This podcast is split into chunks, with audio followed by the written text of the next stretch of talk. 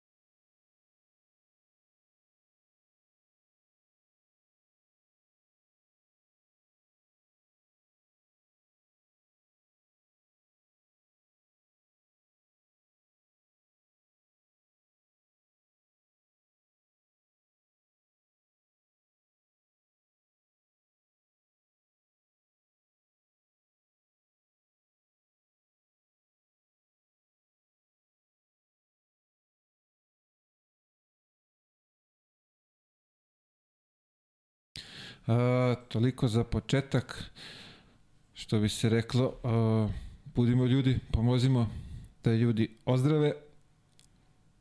Nije nešto mnogo, možemo svi da izdvojimo toliko za, za po jednu, dve poruke, pet, nebitno, ali ovaj, imajte srca, pošaljite poruku. A, kao i svake, ovaj, svake srede, svake emisije, imamo zadovoljstvo zahvaliti se na podršci Matijašića Vinograda i Admiral Beta, što su od nas, uz nas.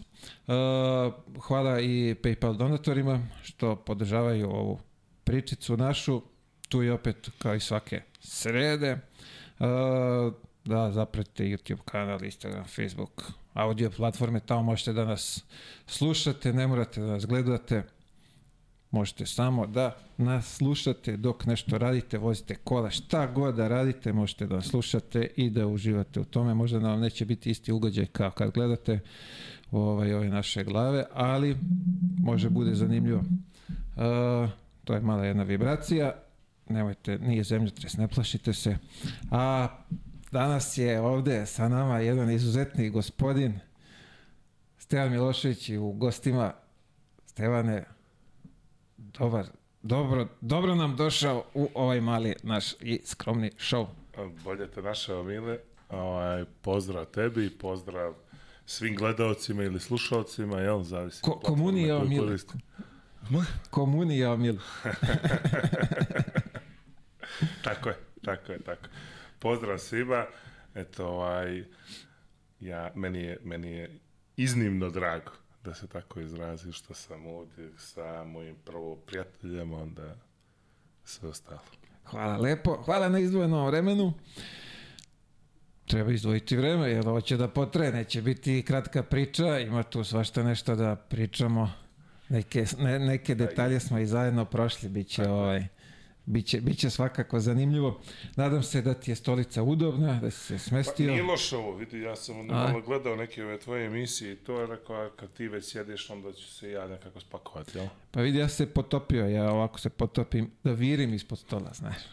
Da ljudi ja misle... Ja ne mogu nisko da sjedim, jer onda odmah imam problem s leđima, hoće kod da sjedim na podu. Tako da sam morao malo da se, ovaj, nemoj sljutiš. Ne ljutim se ja, vidi, lep si mi, što bi vi rekli, ko slika. Vidi kakav si mi. Pu, pu, pu. Lutka. Lutka. Da me ne urekneš. Tamo posla. A, kako idu ti penzionerski dani? Pa dobro.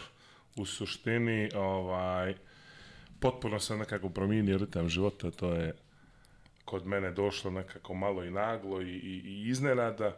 Ovaj, 2017. godine ono, završio sam sezonu u Olimpiji i nakon toga plan je uvijek bio da se ovaj, nastaje dalje, čak i postojala opcija da ostanem tamo, međutim, a, otac se razbolio, ubrzo preminuo i onda nekako je ovaj, prioriteti su moji ovaj, okrenuti na, na, na drugu stranu, porodična firma je bila nešto što je u tom momentu bio, ajde kažem, neki prioritet da se ovaj nastavi i ja sam donio odluku da od nas trojice braće ovaj, to budem ja.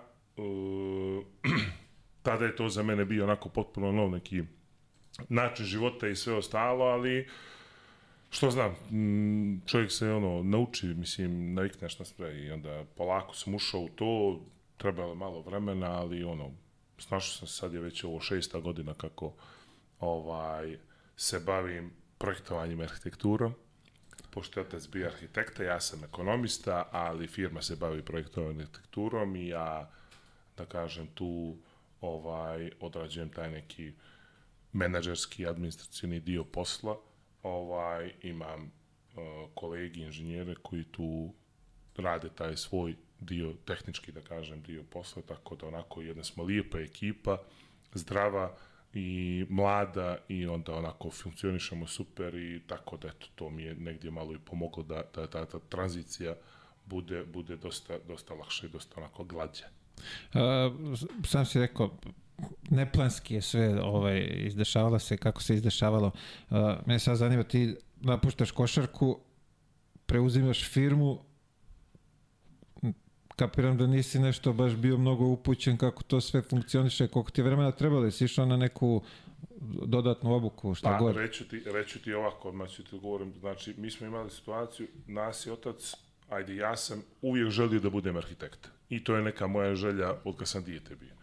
Međutim, ti znaš kako je ovaj profesionalni sport, oni tebe već Uh, nije to sa 18 godina kad potpišeš prvi ugovor, nego već i 15, 16, 17 godina ti ulaziš u jedan drill, gdje ono, vrijeme, to neko, oni u, u suštini neku luku ti, ti klubovi ovdje, ajde nećemo se možda dotaći te teme kasnije, ovaj, uslovljavaju te da, da ti malte ne napustiš školu ako hoćeš da se profesionalno baviš sportom.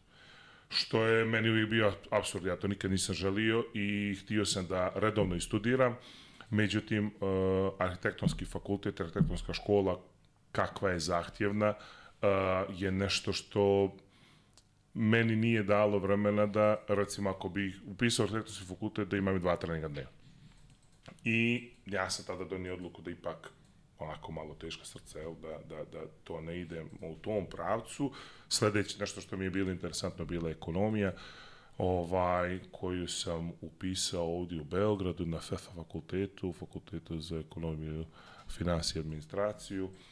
A, to je onako jedna, jedna fantastična institucija gdje sam ja ovaj, prve tri godine dao maltene sve onako u roku, onda četvrtu godinu sam malo odugovlačio. Ovaj, tad sam već otišao igrao u inostranstvo i bilo je malo teže. ali, ali da se vratim da, da, da odgovorim na tvoje pitanje, uh, otac nas je, braća su inženjeri. Nemanja je uh, građevinski inženjer, uh, Miloš je uh, elektroinženjer. I uh, otac, je, mi jesmo to kao želje da budemo inženjeri, imali te, oni su u Americi završili, u Americi opet malo to drugačije, oni ti ispro, isplaniraju kompletno tvoj dan od treninga do škole, do tutora, sva i svega ostaloga. Ovaj, I oni su to tamo odradili, otac to, međutim nije htio nikada da nas uvodi u posao. On je uvijek razmišlja ono polako, ima vremena kad završite karijeru, onda ako budete željeli da budete u firmi, polako ćemo ići korak po korak zajedno sa njim. Međutim, desilo se što se desilo, to je bilo onako iznada šok za sve nas, obzirom da mi smo čitavo to ljeto, recimo, ovaj, Maltene igrali, on je isto bio košarkaš, uh, mi smo igrali čitavo to ljeto 5 na 5. Ja i on se čuvali, ono, igrao je s nama, trčao full sve, bio ono, u punoj snazi. Čovjek koji je imao 60 godina bio je ono, trčao s nama bez greške, znaš, ono, bio je potpuno i došao je taj neki kraj avgusta kad je to sve ovako počelo i ajde, sad da ne ulazim, to je već neka malo ovako teža tema. Ovaj, ali kažem ti, ja sam napravio tu tranziciju, preuzeo sam firmu, uh, najviše mi je pomoglo to što uh, nisam se libio da pitam. I to je ono što ti, uvijek sam ja imao to, znaš, kad nešto ne znam, ja pitam. Ja nisam od onih koji se uvijek prave da sve znaju, da su najbolji, da su najpametniji, ovaj, iako možda jesam, uh, ali, ali sam uvijek, uh, ono, ako nešto ne znam, ja dođem pitam, e, Mile, slušaj, nisam siguran oko ovoga, da li ti ne znaš, znaš li nekoga ko zna. I ono, mi smo uvijek imali onako, uh, još kao klinci, ono, porodično sa braćom od, uh, sa bratom od strici, braćom od tetke, onako priču, znaš, znam čoveka. I uvijek imaš čoveka za nešto. I to, i, i to mi je ono ostalo kao, znaš, to je kao kroz šalu, ali uvijek ono, ok, ja nešto ne umijem da uradim ili ne znam da uradim, pitan ko zna. I, ja, i to mi je puno pomoglo. I ono negdje što sam vidio, mnogo ljudi to recimo ne radi i ne umije da radi. Ja sam ono, prvi dan kad sam došao, došao u firmu, prva ono stvar, recimo, naš knjigovođa, ovaj, jedna divna gospođa Dada, ona je, ovaj, ona mi je recimo pomogla nenormalno. Zato što je ja u tom momentu nisam mnogo znao oko vođenja firme, tih nekih stvari to. I ona me je sjela, ja sam bukvalno znao ono, E, tata je još bio bolestan u bolnici, ja recimo budem čitao noć tamo, ujutro upalim auto rano, dođem, ona je ono radila ujutro od 6 i po 7, dođem kod nje, a, budem po 2-3 sata, pitam je sve i svašta i ona mi ono objasni o tome što, kako, ono sve, kako ovo treba da radi, kako to, šta treba, kad treba, nebitno, od, od računa, kako se plaćaju do nekih drugih ozbiljnih stvari. Nikad mi nije rekla, nemoj, ne mogu sad, nemam vremena i to, nego je baš ono bilo. Nakon toga i, i, i, i očeve kolege koji su radili sa njim godinama unazad, kad je došlo do tog nekog tehničkog dijela, što god bi zvao, pitao, oni su ono bili tu nikakvih problema da mi ono, vjerovatno je njima, prvo oni su, ajde da kažem, možda imali neku dozu obaveze prema, prema njemu, ali s druge strane, ono što mi neko ljudi njih, neko njih reklo, uh, njima je bilo čudno da ja uopšte pita. Niko ih nikad nije pitao. Tako je. Znaš, ono, to je bio kao šok, kao ti si došao, ti nas pitaš, nešto. Ne znaš, ti dođeš i pitaš. Ja sam ono, nisam imao nikakvi problem. I sva ta pitanja koja sam postavio u tih prvih, recimo, godinu dana, su mi pomogla da, da kasnije to sad već onako ide da, da, da ja već taj posao, da kažem, imam imam u rukama. Ja još uvijek učim, ali već sad mnogo lakše se ovaj, snalazim sam u tome. Obično ovde, o, što bi se reklo, ovo podneblje ovaj, velikog gazde je problem to da pita. Znaš, znaš kao, ja sam taj, znam, ne. i sad kad treba, ono, kako I, ja da pitam, znaš, sramote. I prvo, znaš, ljudi valjda negdje polaze od sebe. Mene sad da neko dođe da me pita. Ja bi puna srca krenu da pomogne, ako je to nešto što ja znam.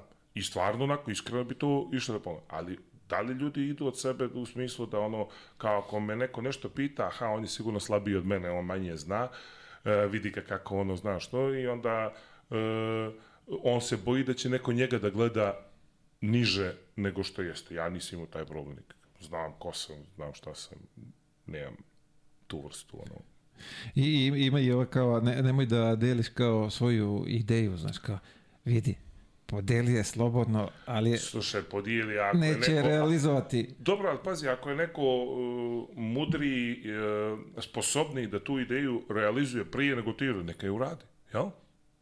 Mislim... A realizacija je mnogo teška. Pa dobro, Svi ali, imamo ali, mi ideje, ali realizacija je... Ali ja ti kažem, tam... ako je mudri i sposobniji od tebe da je uradi, da je realizuje, zašto ne bi on to onda realizovao? Neka, super, meni je to ja nemam problem s tim. Mislim, možda će mi u startu biti malo krivo, ali ono što ćemo sad, naiće nešto drugo. Ali to ti kao basket, vidi, ti radiš jednu vežbu, lupam centarsku liniju i dođe neki mali kome to ide mnogo lakše i brže. Tako je. I šta ćeš ti sad?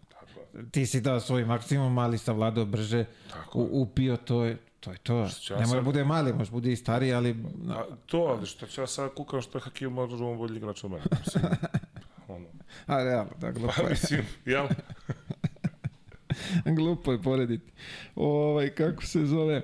Uh, ti nedostaje basket? Slušaj, u početku sam bio ono, znaš, da ode malo da odigram basket, da ovo, ono, i onda sam ukapirao, uh, najmlađi brat, on je bavio se ovo malo 3 na 3. I onda s njima, znaš, kao odem 3 na 3. I onda sam ukapirao da uh, da se nenormalno nervira. Znaš, izađeš iz forme, pa dobiješ par kila, I to i više, recimo, ne znam, možda neku stvar koju si mogao da uradiš i u brzini koju si mogao da uradiš, si ja bio prebrzo, ali opet ono, znaš, ovaj, ne možeš više. I onda dođi i promašiš neki zicer i nešto ti ne, ne ispadne kako si zamislio i to, i onda nervoza, ili te neko probije, ono, znaš, te neke, i to sad nervoza, izgubiš basket, ja tamo, to, da, da, da. i onda rekao, što će meni ovo? I onda sam malo napravio par koraka unazad i reći ti par godina baš jako, jako slabo sam ovaj uh, ono s vremena na vrijeme recimo dva, tri puta ono godišnje da odem, da, da odigram malo ili 5 na 5 ili basket 3 na 3 to je to. ne znam, u zadnje tri godine sam možda 5-6 puta ovaj, odigrao 5 na 5 i još jedno 3-4 puta basket. A, ali u zadnje vrijeme sam, recimo u zadnjih godinu dana, sam primijetio da mi se malo ono vraća, ne nerviram se više, potpuno sam tu ono bonacu našao, da nemam taj više ono, znaš, ono, nego, ok, dođem tu, ako igram, igram, da se izigram, da se preznojim i to je to. I onako malo me pouče sad lopta, znaš. I dalje? Ovaj, pa pouče, mogu te reći, sad smo bili na nekom veteranskom turniru u Sarajevu, prošle vikend baš. I sad, ono, mi smo sjedili na kafi i drug dolazi, ideš nama, rekao, idem, gdje? A on kaže, pa u Sarajevo na veteranski turnir, može. Ko ide, što, kako, aj objasnit ćemo se usput. Ja sam se spakovao tu noć i mi smo ujutro pošli. I ovaj, ujutro sutra, negdje oko 3 sata. I, ovaj, I bilo je kao, s kim igramo, što, kako, kad dođemo tamo polako. Ja nisam imao pojma, ali ono, htio sam da odem, da se družim i to sve. I ja sam imao u planu, kogod da igra, što god da igra, možda dva minuta i to je to. Međutim, ušao sam i, znaš, no, povuče te lopte, čak se kontru koji istrčao, znači sve me bojilo, pa dana. Dobro, da nije ništa puklo. E, to je odlično, vjerujem. Ali znaš kako, rekao sam sebi, dok god mogu da zakucam, ne moram ozbiljno trenirati. A, to te vidi, ja nisam basket bacio na koš, ja nemam pojma. Ali stvarno, loptu da, da sam zavrljačio, ne pamtim. Pa pazi, A nešto ja me sam... i ne, ne, privlači, ne, ne vuče me. ja sam ovaj e, imam ono, znaš, vidim ljude da igraju, da ovo ono priđem kao šutnem, ali sad da me ono Ja, ali nekako sam užio da gledam, znaš. E, Sad ali ja moglo- mogu da gledam, ja, ja, ja sad isto, e, mnogo, mnogo više volim sad da gledam nego dok sam igrao. Dok sam igrao nisam toliko uh, volio da gledam utakmice drugi, znaš, bilo mi je malo iskreno mm, ne znam, ono kao gledaš utakmicu i onda znaš, vidiš kako ovaj griješe, vidiš gdje ovaj radi ovo loše, vidiš ovo, znaš, potpuno sa drugim očima gleda utakmicu dok sam, ono, dok sam. I onda mi je bilo malo, ne znam, valjda previše toga. Ova, a sad više volim da gledam, ali isto biram šta gledam. Ne mogu da gledam ono nešto baš sve, to mi je isto ono, ono, biram šta gledam, ali ono, volim da pogledam dobru utakmicu. Baš mi je ono, i sad mi je recimo ovo fenomenalno što recimo i Zvezda i Partizan igraju Euroligu i budućnost igra dobro i Cedevita, jer opet, ajde, igrao se sva četiri tima. Bravo. Pa onda ovaj, volim njih da pogledam, recimo, to mi je ono uživanje, znaš. I onako Ti nisi igrao u CDVita, igrao si u, u Olimpiji, pa Olimpiji, dobro, to je da. Olimpija, ajde, moja greška stvar, to je Olimpija, nije C9. Ovaj, I ono, to mi je, znaš, volim te, da volim, znaš, volim da pogledam i NBA dobru utakmicu i ovo sad reprezentacije kad igraju, onako, znaš, dobre neke utakmice volim da pogledam. Kvalitetna. A dobro, vidi, Euroliga je sad stvarno prekvalitetna, ovaj, tu aj kaž, malte ne male su razlike, ni- nijanse Tako, su u pitanju, tako, ovaj, tako. ne znaš kad će ko koga da, da rokne i, i gde. Pa mislim, tebi u suštini poslednja ekipa može da dobije prvu i da ne bude iznenađenje. Bukvalno ti ono kao, ok, možda su ovi blagi favoriti, ali nisu sad da, da, da ti ono 100% ćeš taj kuće da da Kako je stanje u, u što bi se reklo, ovaj, kod vas dole u crnogorskoj košarci, kako ti to vidiš? Pa dobro, znaš kako. Ovaj, stanje je, generalno ti kad pogledam, znaš, reprezentacija, ide na ova prvenstva, uh, evropsko, svetsko, sad ovo evropsko je bio jedan, da kažem, solidan rezultat. Oni to iz te strane, dobro, imaš uh, budućnosti Mornar koji koliko to uspješno igraju ABA ligu, imaš tri ekipe u oba dva ligi. S te strane, kad pogledaš, Ima, ima tri ekipe u ABA 1, je li tako? Da, tri u ABA Tri u 1, ABA tri u ABA 2. da, da, tako viš je. da ABA Studentski, dva- viš, njega sam, njih sam preskočio. Bravo. Izvinjavam se. Nemoj filijale za, za zaboravljaš, molim te. ovaj, I mi imamo s te strane, kad pogledaš, sve je to super. I to onako ima smisla i to sve. Onog što ja konkretno vidim kao, kao a, problem i smatram da, da, da nije dobro i da dugoročno će stvoriti mnogo veće probleme je to što mi nemamo a, kvalitetan zakon o sportu i nemamo zakon o finansiranju sporta. I to su neke stvari koje, gdje, znaš, ti klubovi, ok, to je sad sve super, ali opet zavise od jedne ili dvije osobe. I onda šta, šta se dešava ako, znaš, neko odluči da više neće da finansira taj klub. Sad, ne znam, Dragan Bokan voli, oni kažu, meni ovo sve bilo super, više me ne privlači toliko da ja finansiram u sportu, košarku, u budućnosti. Šta se dešava sa klubom? Hoćemo li naći nekog novog sponzora da radi isto što je radio on, na istom nivou, ili nećemo naći nikoga, ili ćemo naći nekoga ko će to da radi na mnogo nižem nivou i onda ćemo da imamo ispod prosječnu ekipu. Jer realno mi samo moramo da budemo svjesni, sve zavisi od financije, od toga koliko koji klub je spreman da izdvoji novce da dovede određeni igrač. Druga stvar koju sam ja primijetio i sad ja sam imao i neke razgovore sa ljudima koji su u košarci u Crnoj Gori koji onako uh, dijelimično se slažu sa mnom, dijelimično ne, ali ja smatram da recimo da se kod nas sa mlađim selekcijama jako slabo radi. I mi imamo situaciju da ti sve manje i manje izbacuješ nekih naš igrača koji su spremni da igraju seniorsku košarku. Sad, ja, pazi, uh, jako je bitna stavka, ja sam kad sam bio klinac, nisam to razumio. Ovaj, stric moj je znao da mi kaže ono kao, vidi Mičko, ovaj, da dođeš ti do nivoa da igraš seniorsku košarku, pa ćemo da vidimo gdje ćeš te. Ja sam mislio ono, ma kako, kao ono, kakva se, kao seniorsku košarku to, ili Euroliga, ili NBA i to, je, s ti meni da ovajaš. E, a, mi sad recimo u Crnoj Gori, čini mi se u Srbiji da to nije toliki slučaj, ali u Crnoj Gori je definitivno ti recimo ne praviš igrače za prvu crnogorsku ligu. Za tu ajde ABA 2 ligu, koja je recimo neki stepen iznad. Ne praviš igrača koji će sutra na ovaj ili onaj način da žive od te košarke. Ako on nije talenat za Euroligu i za NBA ili eventualno neki jači Eurocup, uh, on nije zanimljiv nikome. Znaš, oni to, stručnjaci ovi, procijene u, u godinama, znaš, on ima 12 godina, 13 ili 14 i oni procijene da to nije to i tu je kraj e, prestali smo da, da, da znaš ono, da, da razmišljamo način, ok, zašto, znaš, i onda se pitaš zašto nema domaćih igrača u klubima. Pa pazi, ako ti praviš igrača koji će samo da igra na tom određenom nivou, a ostale zanemaruješ, onda će taj, taj kad dođu seniore, on neće da igra, on, on će da ide dalje.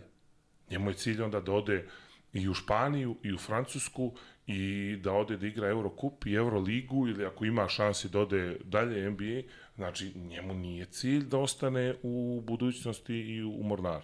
Mislim, kogo god sad to možda nekom zvučalo, a budućnost imao super, odlično, ali Barcelona je bolje. Tako. Znaš, Fener je bolji. Uh, Unix je bolji.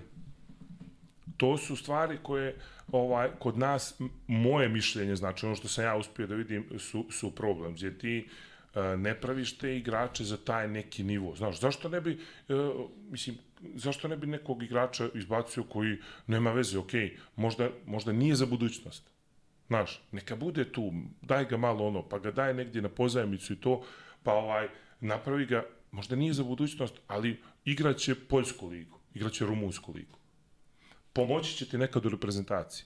Nismo mi e, da imamo, ne znam, 10 miliona ljudi, da imamo ovaj 500.000 košarkaša i sada možemo da biramo koga ćemo ovaj, u reprezentaciju. Mi imamo fond igrača koliko imamo. To je to. Ako razmišljamo i o reprezentaciji, moramo da razmišljamo taj način. Znači, zašto ne bi taj neki koji, ne znam, igra i Belgijsku ligu, Mađarsku ligu, uh, Rumunsku ligu, nebitno, ovaj, uh, došao da ti, da ti da bude tu u sastavu reprezentacije i to. Ti imaš, e, imaš mali fond i još hoćeš dodatno da ga suziš. Umesto da tražiš način da ono, ok, pravimo igrače, nebitno, ne mora da bude to baš ono ekstra, ekstra, ekstra, neka bude tu. Neka ti momci živi od košarke. Nebitno, 5 godina, 10 godina, neka živi od košarke, 15 godina, neka živi od košarke. Nisu to, ne znam ja, ne mora to da bude plate, ne znam ja koliko je ogromno, ali vidi, to je, ti znaš sam, to je jako lijep život i u tim ligama oni uzimaju ovaj, od par hiljada do, do, do, do do 10.000 eura mjesečno. To je lijep život. Kako nije još u tim godinama? Pa mislim, jel? Samo što, ko, ja bih rekao ovdje kod nas, uh, pa sad, ne znam, malo si me, a, ne, ne, ne znam kako kažem, nisi me zbunio, ali uh, mi ovdje, ti mladih igrača, i to malo nešto što napravimo, ne mogu dobiju šansu da igraju. I t, vidi, sad mi imamo drugi problem, jer ovdje ne može dobiju šansu u, u Zvezdi u Partizanu da igraju, jer dolaze ove kao, znaš, mora rezultat, onda da i ove skuplje sa strane, a vi, momci, tu čekićajte, pa ako dođete na red... Još imaš, još imaš onu situaciju, znaš, mor, najveći problem, ajde, mora rezultat, pa kao nešto to. Najveći problem kad mora rezultat i u mlađim kategorijama. znaš, kao je prvak, juniorski prvak Crne Gore. Koliko je to u stvari nebitno, čoveče, da, da ti budeš juniorski, kadetski, šta god, prvak zemlje. Svijet šta god. Svijet, ajde. Tebi se karijera može završiti posle dve godine. Tako je. I to može... I to, pazi, ne pričam uopšte o tome, ne da Bože, povred. Uopšte ne pominjem to. Nego, samo da se ne snađe nego, u seniorskoj košarci. Tako je. Znači ideš nekim svojim putem, tak, tak, tak, dođeš do jednog, pora, o, jednog stepenika koji ne možeš da preskočiš. A on se najčešće dešava u tom momentu kad ti imaš 18 godina i prelaziš u seniore, i dolaziš u klub, to čak ne mora ni biti klub što ti sad kažeš imaš problem Partizana i Zvezde koji jure rezultat i ne mogu da uh, formiraju mladi igrače. Ne mora bude to. To može biti i manji klub gdje jednostavno je uh, složeno to na taj način da, ne znam, imaš možda neke stari iskusni igrače koji neće ti pomognu, ne umiju da ti pomognu, uh, imaš upravu koja ne prepoznajete, trenera koji ne prepoznajete neke stvari. Razumiješ? Mislim, da bi milion se postao, tu stvari pazi, može da se... igrač, to nije ono kao uradi to, to, to i to i bit ćeš igrač. Ne. Uradi to, to, to i to ima šansu da postaneš igrač. Znaš, ono, to je kad Mala ispuniš... ti je veća šansa da postaneš Kad sve čekiraš, onda imaš šansu. Ako sve ne čekiraš, onda malte ne nemaš. O tome se radi. Jer ti, onda, onda ti kad sve čekiraš ono što je do tebe, E onda ide onaj dio što sudbina. Znaš, se desilo, se nije desilo. Jer, mislim, sad, dođe ti neki igrač, ti si sad, ne znam, mi smo obojica bili petice. Sad ti si kao petice, dođeš i stariji ti igrač, neko ko igra 35 minuta po utakmici, ne vidi igrač ekipe. I ima neku glavu, neće da, da, neće da se makne iz te pozicije neće te naučiti što ti dođeš na trening, on te bije, on te udara, on te lakta, on te... Znaš, no, milion nekih stvari. Ti ništa od njega nisi naučio. Došao si tu i dvije godine, recimo, potpuno stagniraš. Ništa nisi naučio. Ti kao treniraš, ne igraš, treniraš i ništa ne naučiš. Propast. Kraj. Nemate. Gdje si? I onda ajmo traži, daj klub, ajmo negde niže, ajmo niže, niže, niže. Sad ti objasni nekome da tamo to se tako desilo. Ti znaš kako to sve sad funkcioniše. Uh, menadžeri, klubovi, ovo ono, oni imaju igrača, sad je to buljuk, znači ovo posebno amerikanci koleđa koji dolaze, to ti ono dolaze za bud zašto. I onda on tamo ima, menadžeri dođu, menadžer, mislim, on ti priča da ovaj, će da sve uradi za tebe, ali on ima još trojicu na tvojoj poziciji koji ma isto to priča. I možda ovi, ovi bi igrali džabe. Pa. Da, daj mi stan i hranu. Otprilike. Znaš, nezgodno je, mislim, ti da dođeš u situaciju, pa, znaš, to mora baš mnogo stvari zbog mala je ono sad situacija gdje ti ideš i ono stvarno dominiraš i stvarno je to vidljivo i to nekako ide samo po inerciji, ono maltene se ne, ne, ne pit, mislim, nije da se ne pitaš, ali ono, više nema ko da te, da te zustavi. Znaš, to je Dončić, ili znaš, on nije... Jedan u hiljadu, pa, ono, a možda i u pet, deset hiljada. Pa da, to je Dražen Dončić. Kako vi stojite sa dole tim mladim talentima? Pa ja, ja mislim da ih ima.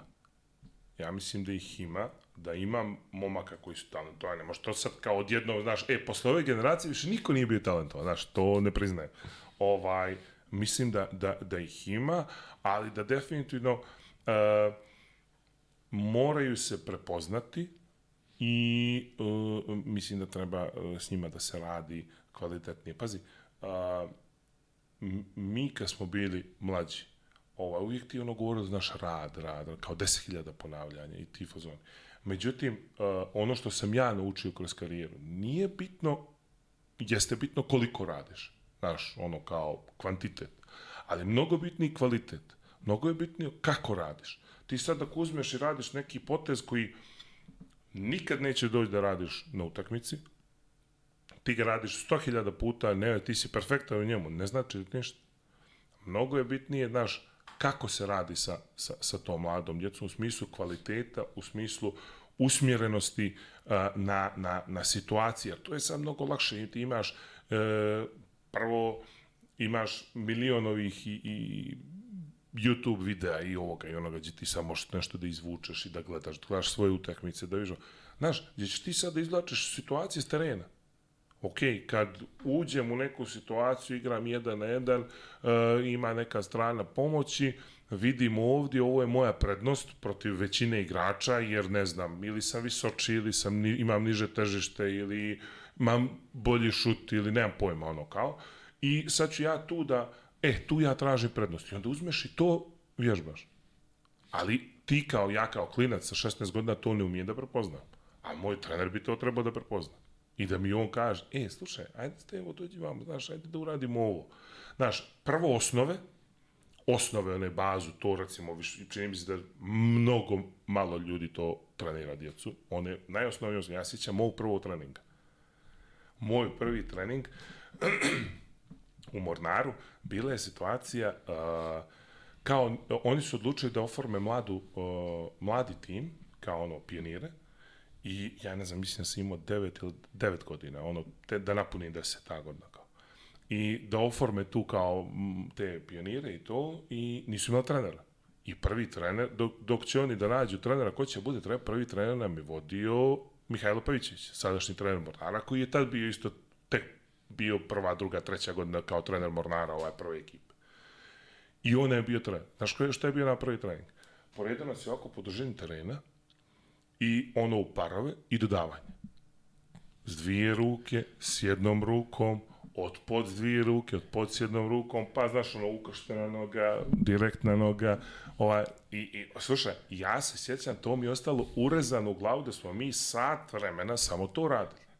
I posle toga je išlo dvokorak, desni, dvokorak desni u krug, svi ono tak, tak, tak, onda lijevi, onda nam je dao 15 minuta kao evo lopta pa kao malo igrajte 5 na 5 ko bojaki. Ali uh, to je bio trening. I sad, u tom momentu ja sam došao kući, on kao ja bio na treningu, ništa nismo, znači ono kao ljud, znaš ovo. E sad, uh, iz ove perspektive kapiram da to tako treba. U suštini, jako, ti ako bilo koji, ako ne naučite osnove, znači dodavanje, ono školsko, znaš, s grudi na grudi, a, izbačaj, kako treba da ide, desno polaganje, lijevo polaganje, kasnije sve ovo malte ne nema smisla. Ti možeš posle to, ali nikad više ti nećeš naći sebi ovaj, naravno, to nije dovoljno, ali kažem ti, to je prva stvar i onda ideš polako, vadiš situacije iz igre, iz utakmice, ono što će ti koristi, opet kažem, to je ono što trener treba da ti prepozna, a ne... A to je to, sad dolazimo do, do, do toga da li su treneri, ovaj, ajde kažemo, kvalitetni da to prepoznaju, da znaju da, da, da znaš, to je sad. Slušaj, evo, ja opet uh, vraćam se u taj neki period kad sam počinjao, kad sam bio klinac. Uh, ja sam imao, recimo, situaciju koju sam opet tek mnogo kasnije ukapirao. Jer, kažem, kao dijete, ne, ne znaš, ti si dijete. Ovaj, i, i, i nas je, ono, mi smo kao trenirali, sva trojica. Trenirali smo u klubovima, ono je prvo bio Mornar, posle toga je tu bila neka fuzija između Mornara i Primorke, tada je bila Primorka isto u baru. I ovaj, onda smo posle kao to i Primorci isto trenirali. I ja sjećam, otac nas je u jednom momentu kao uh, poveo na trening kod profesora Pera Blaževića. I profesor Pero Blažević je neko koji je njemu bio trener, kad je on bio mornar. I profesor je inače uh, uh, nastavnik u osnovnoj školi i onako pedagog i neko, znaš, i on je uh, školu uči iz knjiga. I igrajući pomalo i to, ali to je ona stara generacija, znaš. I on je onako te osnove, taj fundament košarke ima u malom prstu. Znaš, i to je recimo osoba koju ja dan danas kad vidim, ja stoko obradujem, jer je uh, ono, bukvalno mi bude, evo, znači, bude mi puno srce, jer to je čovjek koji je mene naučio uh, svemu što znam u smislu tih osnova košarke i čitava ta neka baza košarke koju ja znam, koju sam ja posle nadgrađivao kroz druge trenere i sve ostalo, on me naučio. I da me on to recimo nije naučio, ja pitanje da bi ja danas ono, da bi pričao s tobom, da bi bio možda prepoznat kao neko ko je igrao neku košar pozbiljnu i tako dalje. I on je nama recimo ono, on je imao one neke svoje vježbice, on naš napunio uh, vodu dva litra Coca-Cola, napunio pijeskom ili, ili vodom, znaš, i onda postoji kao čuner, jer nisi imao ništa drugo, znaš, i to su čunjevi i sad ti ideš, ono, znaš, kao, i sad prednja promjena, ono, znaš, kao, pustiš loptu, pa je vratiš, pa pustiš, pa je vratiš, pa međunožni, pa lezni, pa onda povezuješ, pa to, i mi smo to radili, znaš, prvo uzmeš, radiš potpuno polako, znaš, kao, potpuno polako kreneš, pa ono, znaš, da usavršiš pokret, pa tek onda ideš, ono, kao, brže, pa brže, pa brže. I onda je on u jednom momentu, znaš, sa mnom radio i tu kao leđnu tehniku, ne znam, onaj spin move koji sam ja, ono, to čitave, od njega sam naučio. On me naučio to, znači, to je ono što je, ovaj, uh, o, o, recimo, uh, od njega sam naučio, ovaj, on, mislim, od njega sam naučio. On, on mi je ono pokazao prvi to da je ono kao dribling u sredinu, 1-2 horog, znaš ono, sad, da ne radi horog kao čabar što ga je vuko odavde, ali znaš ono da ga sramena pa to sve on to meni detaljno polako, ja sam bio klinac tad u tom momentu možda 12 godina I mi smo kod njega išli na trening, pošto je on bio nastavnik osnovne škole, mi smo morali prije škole da idemo kod njega na trening i to je bilo recimo u pet i po ujutru, pet ujutru. Znači. Uje. Da. I, ovaj, I ono zimi recimo mrak i ono otac nas ono probudi i mi idemo, znaš, vozi nas tamo, a, vid, a on u sebi psuje i sebe i nas. I, sve. I mi idemo na trening i slušaj, ali nama je to bilo uživanje. Ali baš uživanje. Ono, jes kao ustaneš ujutro i to, i posle toga ideš u školu i onda sve ostalo redovno i redovni treninzi i to. A recimo, ja sam tad imao situaciju da ono, treneri kao su saznali da radim kao individualno, bili su kao ono, znaš, kao, eh, on ide tamo na trening. Ide kod ovoga. Kao ide, tamo šta je. Znaš, ono, ali hoću da ti kažem, te osnove su, onda on, recimo što je radio, dođe neki dan, vjetar duva, hladno, ja pospan, ono nešto, našo, i on dođe, ima jednu malu kancelariju, pali jednu kvartnu peć, mi sjednemo, kaže, si gledao sinoć utakmicu, ne znam, igrala, recimo, u budućnosti, tad igrala Euroligu, ono, protiv Panteniko, se sjećam se jedno je bilo. I se vidi ono Tomašović kad primi loptu, pa kad mu oni, znaš, kao kako izbaci pas tamo, ovaj Vukčeviću kako izbaci pas ovome, kako znaš to, pa jesi vidio ondje kako se on izbori kad oni tamo šutiraju sa suprotne strane, on suprotne strane dođe, uđe ispred svog igrača, leđi, mu uhvati skoku napada i to. E sad, meni u tom momentu, on je meni to pričao, meni to momentu ništa nije znači. Ja kao ono jesam, ali kao ono... Uh, on je mene tad učio da ja razmišljam na pravi način o košarci, kako da gledam utakmice svoje, tuđe, znaš, kako gledam podređene situacije, pozicije i to. Meni je trebalo puno godina posle toga da ja to shvatim. Znači, ja sam već zašao u, u, u, u profesionalne godine, profesionalne, igračke godine, ovaj, kad se ja to ukapirao. Kad se ja to počeo onda baš pravo da koristim.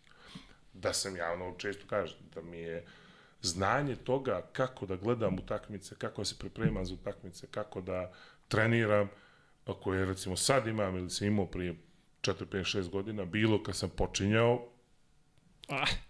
ali dobro, ajde, sve je ono negdje škola i to, ali opet kažem, nije moje da ja to znam sa 16 godina. Ili ali 18. treba neko da zna da, da, to, da objasni. Tako je, tako to, je. to treba da bude trener koji će dođe ti objasniti, kaže, to je to ne kažem ja, i mi smo kao klinci bili, ono, znaš, tinejdžeri, pubertet, to, kaj ti meni pričaš.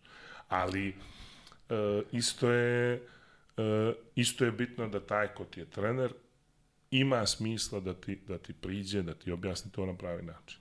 Ja mislim da, da, da ti ovaj, treneri moraju isto da prođu neki psihološki test, pa, nešto, pazi. nešto mora to da ovaj, S obzirom kakve scene se sve dešavaju ovde kod nas na, na, na tim trenizima i utakmicama, da je to žalosno. Vidi, uh, trener definitivno mora bude neko ko ima debele živce.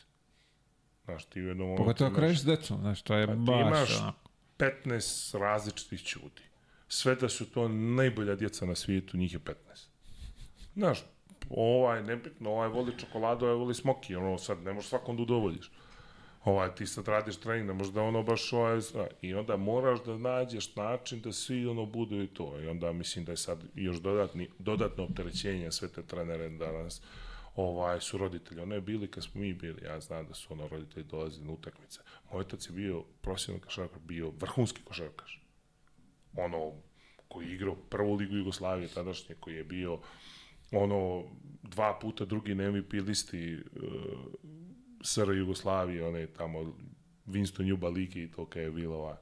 Znači, koji je bio vrhunski košarkaš. On je uh, on nikad nije, mislim, dolazi on da me gleda, ali to je bilo ono da ga ne vidim. Iz ćoška nekoga negdje, znaš ono, da nikome ne smeta, on nikad, nikad mi, znaš posle utakmice bi mi rekao, znaš, možda si mogu ovo, možda, s trenerima mojim nikad nije pričao, nikad ga čuo nisi. Znači, neko ko je, ajde da kažeš, imao puno pravo sa nekim svojim integritetom, legitimitetom da, da to kaže.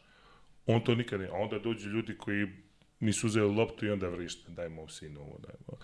Toga imaš Ali- danas sve više i više. I to je, recimo, dodatno opterećenje trenerima koje ja razumijem, ali opet ono, i mislim da, da to je negdje gdje treba možda i sistemski da se nađe način da se to prebrodi, jer potpuno Pa to je neka, i ajde, kažemo, to je neka kultura i iz kuće koju ti Tako je, ponese, ali znaš, znaš, ali... Sad ja ako dođem... Što i si, izvini, i što si manje ostvaren, da to si, to si veći kompleksaš. To sam E, htio da to je kažem. to, i to se I, javlja. I, znaš što je stvar? Ja kao dijete, ako vidim svog roditelja da vrišti tamo po dvorani, da se dere, da urliče i to, kako će ja se ponašati? Apsolutno. Pa neću sigurno biti ono kao Dobrice, ja taj je nemoj. Pa to je to. Ne. Pa, Vidi, to je, roditelji su uzorice. Kako vidiš njega, tako ćeš i ti. vidi ti do maltene 20 i neke godine ti, što god ti roditelj kaže, on je u pravu. Ti tek kasnije polako, ono, znaš, počinješ da razmišljaš, pa okej, pa vidi, možda ovi moji nisu baš sve znalice, možda i nisu ono, znaš, možda su neđe i oni pogriješili. A ti do, čak do 20 i neke godine, ovaj, kap, ono, u, u, u glavi, većine ljudi, roditelji su oni koji su sve u pravu. I on sve zna najbolje, jer ti ne znaš za drugačije. Znaš, ono, od, Tako je. I sad kad si spomenuo Ćale i, i Liga i sve, a možete hoćeš da ispričaš kako je ono, jel beše iz Grčke, odakle se vratio kad Da. je rekao neću više? Pa nije on je ovaj, e, znaš kako, on je otišao u Grčku da igra i to je bila neka 80 i e, devet. E, Duće još nije bio rođen, najmlađi brat Miloš Duće.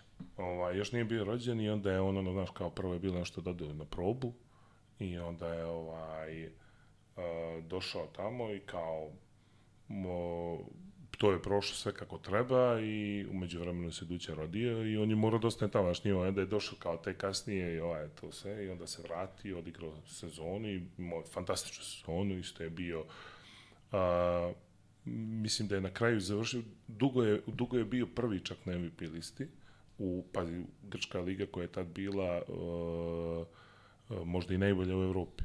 Ono, sa Galisom, Janakisom, Fasulasom, znaš, i oni su, ova, i on je tu, mislim, na kraju da je završio, da, u prvih pet u svakom, da treći ili nešto tako. I ovaj, igrao je za Esperos iz Atine i treba je da ostane sledeću godinu, čak i on nešto i počeo tamo i onda se vratio. I vratio se zato što ono je bilo kao neće, ono, znaš, njemu je tamo bilo super, sve ovo ono i došao je i tad je ono bilo Ante Marković i to i plate nenormalne i njemu onda ovi iz Mornara ponude posao jedan drugi e, platu u klubu, znaš, to je tad bilo, bilo je svega i on ono, kući je, mislim, ovaj, i dođe. A to je onda bilo sledeće godine kad je on ovaj, htio da ono ostane i sad više nije bio Ante Marković. I to je malo ovaj, bilo je to, oni su kao nešto i onda je otišao da igra u Nikšić. I onda se iz Nikšića vratio i onda opet u Mornaru. Ali bilo je ono kao u fazonu da će batali da neće više ono i to. Ovaj, ali onda je sa drugom ovaj, njegovim jako, jako dobrim Vanjom Vujadinovićem, oni su zajedno pošli tada u Nikšić da, da, da igraju i Vanja iz Nikšića i onda se opet vratili u Mornar i to je pa se vidjelo.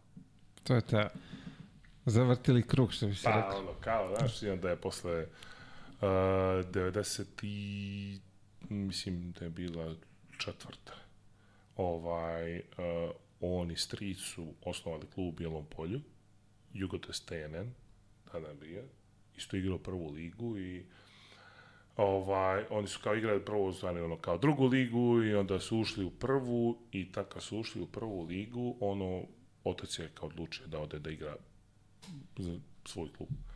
I, I te, onako, imali su interesantne rezultate i onako bila je ta dvorana u, u, u Bijelom polju je bila puna dupke, to je bilo ono, svaku utakmicu, baš ono, mi smo kao djeca ono, išli da, da, da gledamo ono, majka nas na voz, znaš, sa, i tad su bili ono vozovi puni da stojiš, ovaj, sve full sa, sa onim krmačama, torbama koje nose raznorazni pune sira, paprika, svega, ono, znaš, ti si tu, ono, znaš, ideš da gledaš oca, dijete iz škole, nas majka pokupi i. I, ovaj, bile, sjećam se, bile utakmice protiv Partizana, Partizan je tad bio, ono, gromjak. I o, dvorana, znači, ne vidi se ništa, bukvalno. I u nekom momentu je neko od navijača, kako su oni tu skakali u ono, slučajno kabel povukao. I taj kabel isključi ono 30 sekundi da je bilo. I sad nisu oni znali šta je problem, samo vide ne radi 30 sekundi. I ono, a radio i drugih i ovo ono i bile kao varijanta, ajde, to ćemo da ono, međutim, ovi iz Partizana rekli, ne, ne, čim ne radi, mi nećemo, oni vidjeli dvoranu, vidjeli ono, ono, u tom momentu neko ne uleti, ono. i ovaj, kao da se odloži utakmica za sutra. I onda se odložila utakmica sutra, već sutra nije bilo, bio radni dan i mnogo je manje ljudi došlo, onda ono, Partizan dobio tu utakmicu naravno, ali ovaj bio ono, mnogo veći favorit, ali b, je, Jugotes imao onako dobru ekipu i, i onako imali su i to u Bijelom polju ih je jako teško mogo dobiti.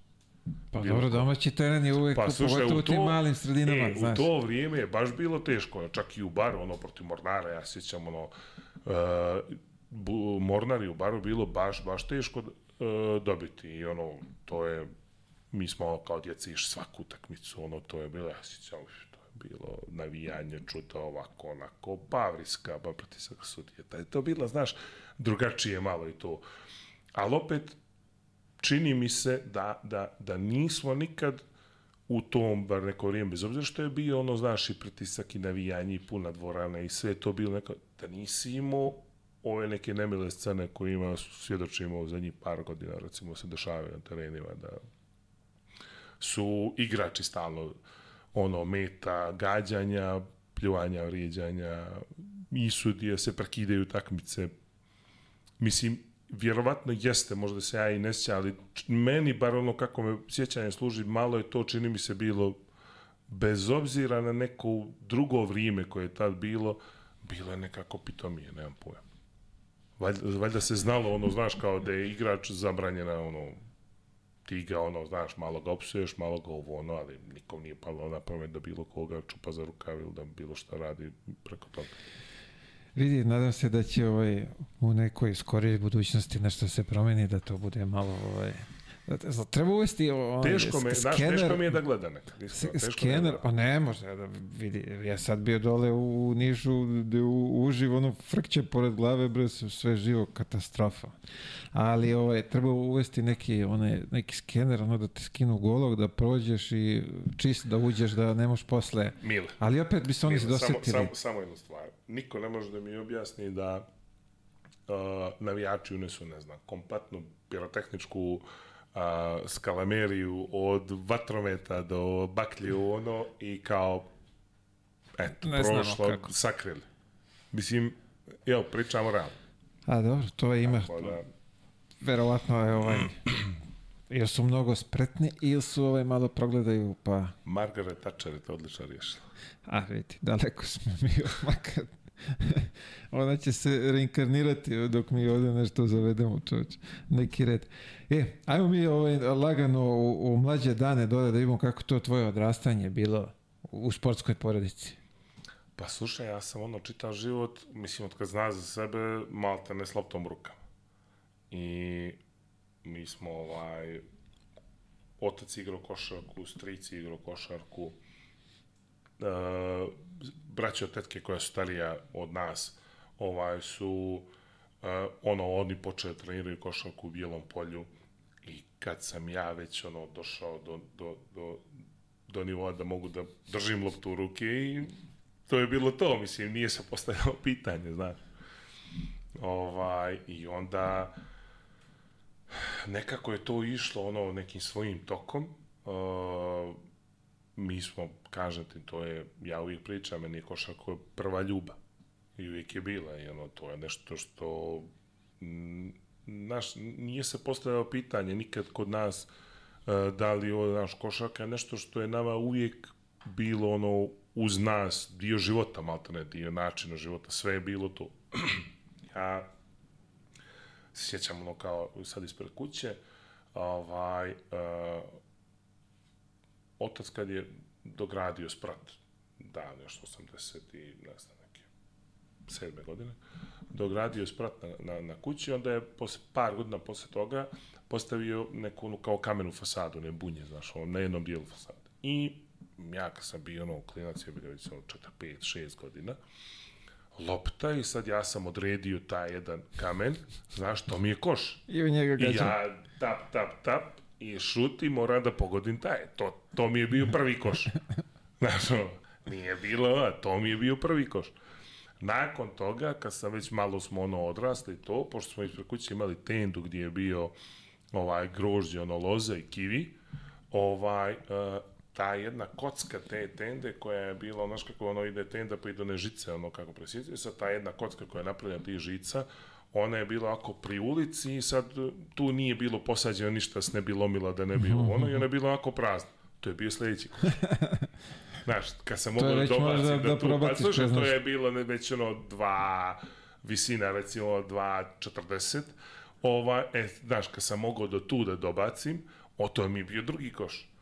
I onda je to, ja sjećam kada je otac je bio na evropskom prvenstvu u, u Grčkoj 95. da, da gleda i odatle nam je donio ovaj, naručio, pa je onda organizovao i prevoz i to, donio nam je koš.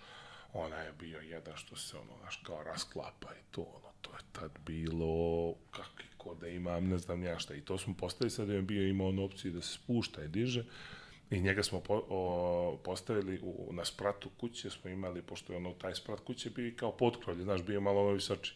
To smo ga postavili u tom nekom hodniku tu i ovaj, i tu smo ono bili, znaš, sad baba koja je tu živela sa nama, ono, ono prestanite da mi skačete po mozgu. Ali to, to misli, to su neki pa, to početci, to, to, znaš, to, to, to su početci.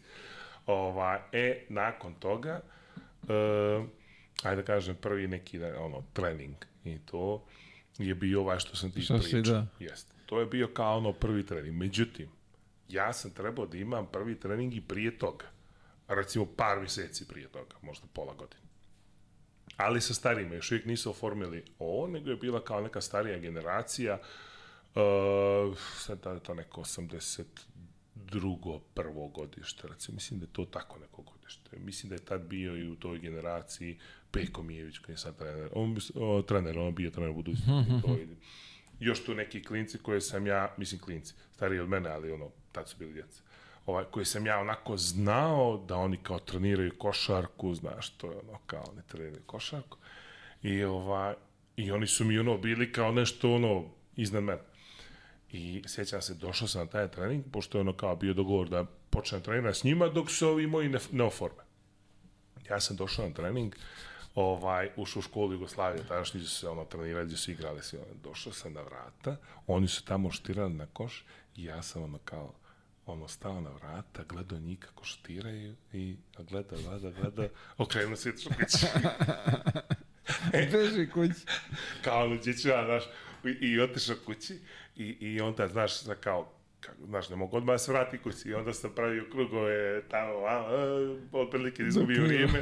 To, kako je bilo trening, pa dobro, ono, znaš, i to je, naravno, odmah su kući znali da nije bilo trening, kao će, nije došlo, znaš. Pa kako je bilo? Pa dobro, pa šta ste radili? Pa da, kao, mislim, o, trenirali kao, znaš, štirali na koš, mislim, što... Tako da, to, to mi je kao, treba bude prvi trening, ali nije, onda sam sačekao... Sačekaš svoju ekipu.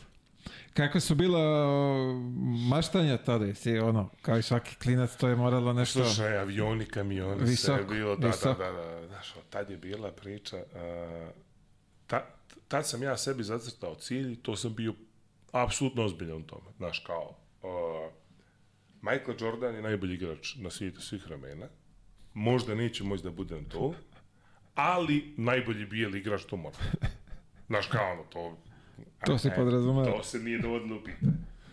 Ovaj, to je tako tad razmišljanja bilo. I sad, ono, naravno, to je trebalo da ide samo tako, ja sam odlučio i to tako se desi, jel? Što sad ja sad tu moram nešto posebno da, ali da. Krenulo je, znači, fantastično. A dobro, vidi, najbitnije je da imaš cilj, čoče. Da. Cilj nas vuče e, ka slušaj, nečemu. Ovaj, da. stvar, to je, to je uh, ono što sam do sad shvatio, to je generalno za život najbitnija stvar. Ja uvijek kažem, s kim god da pričam, ono, i društvo, i braća, i svi, ono, znaš, a, a, kad kažem, o, znaš, uđu, često se to desi, znaš, uđu ljudi, znaš, nije to depresija, ali to je ono neki blagi osjećaj, znaš, kao da nisi dovoljno vrijedan, malo si ono, znaš, što, ovaj, često se dešava upravo zbog toga, što ti uh, uhvatiš sebe da ne znaš šta ćeš sebe. Znaš, ono, i najgora je stvar kad ne znaš šta dalje. I, i ja uvijek kažem sebi, uh, i, i svima s kojima razgovaram, najbitnija je stvar postaviti cilj. Nebitno koliko nerealan bi. Mile, hoćeš da budeš astronaut. Je ti to najveća želja? Je to stvarno ono što želiš da budeš? Jeste, odlično. Ova, ti sad imaš 38 godina i ti hoćeš da budeš astronaut.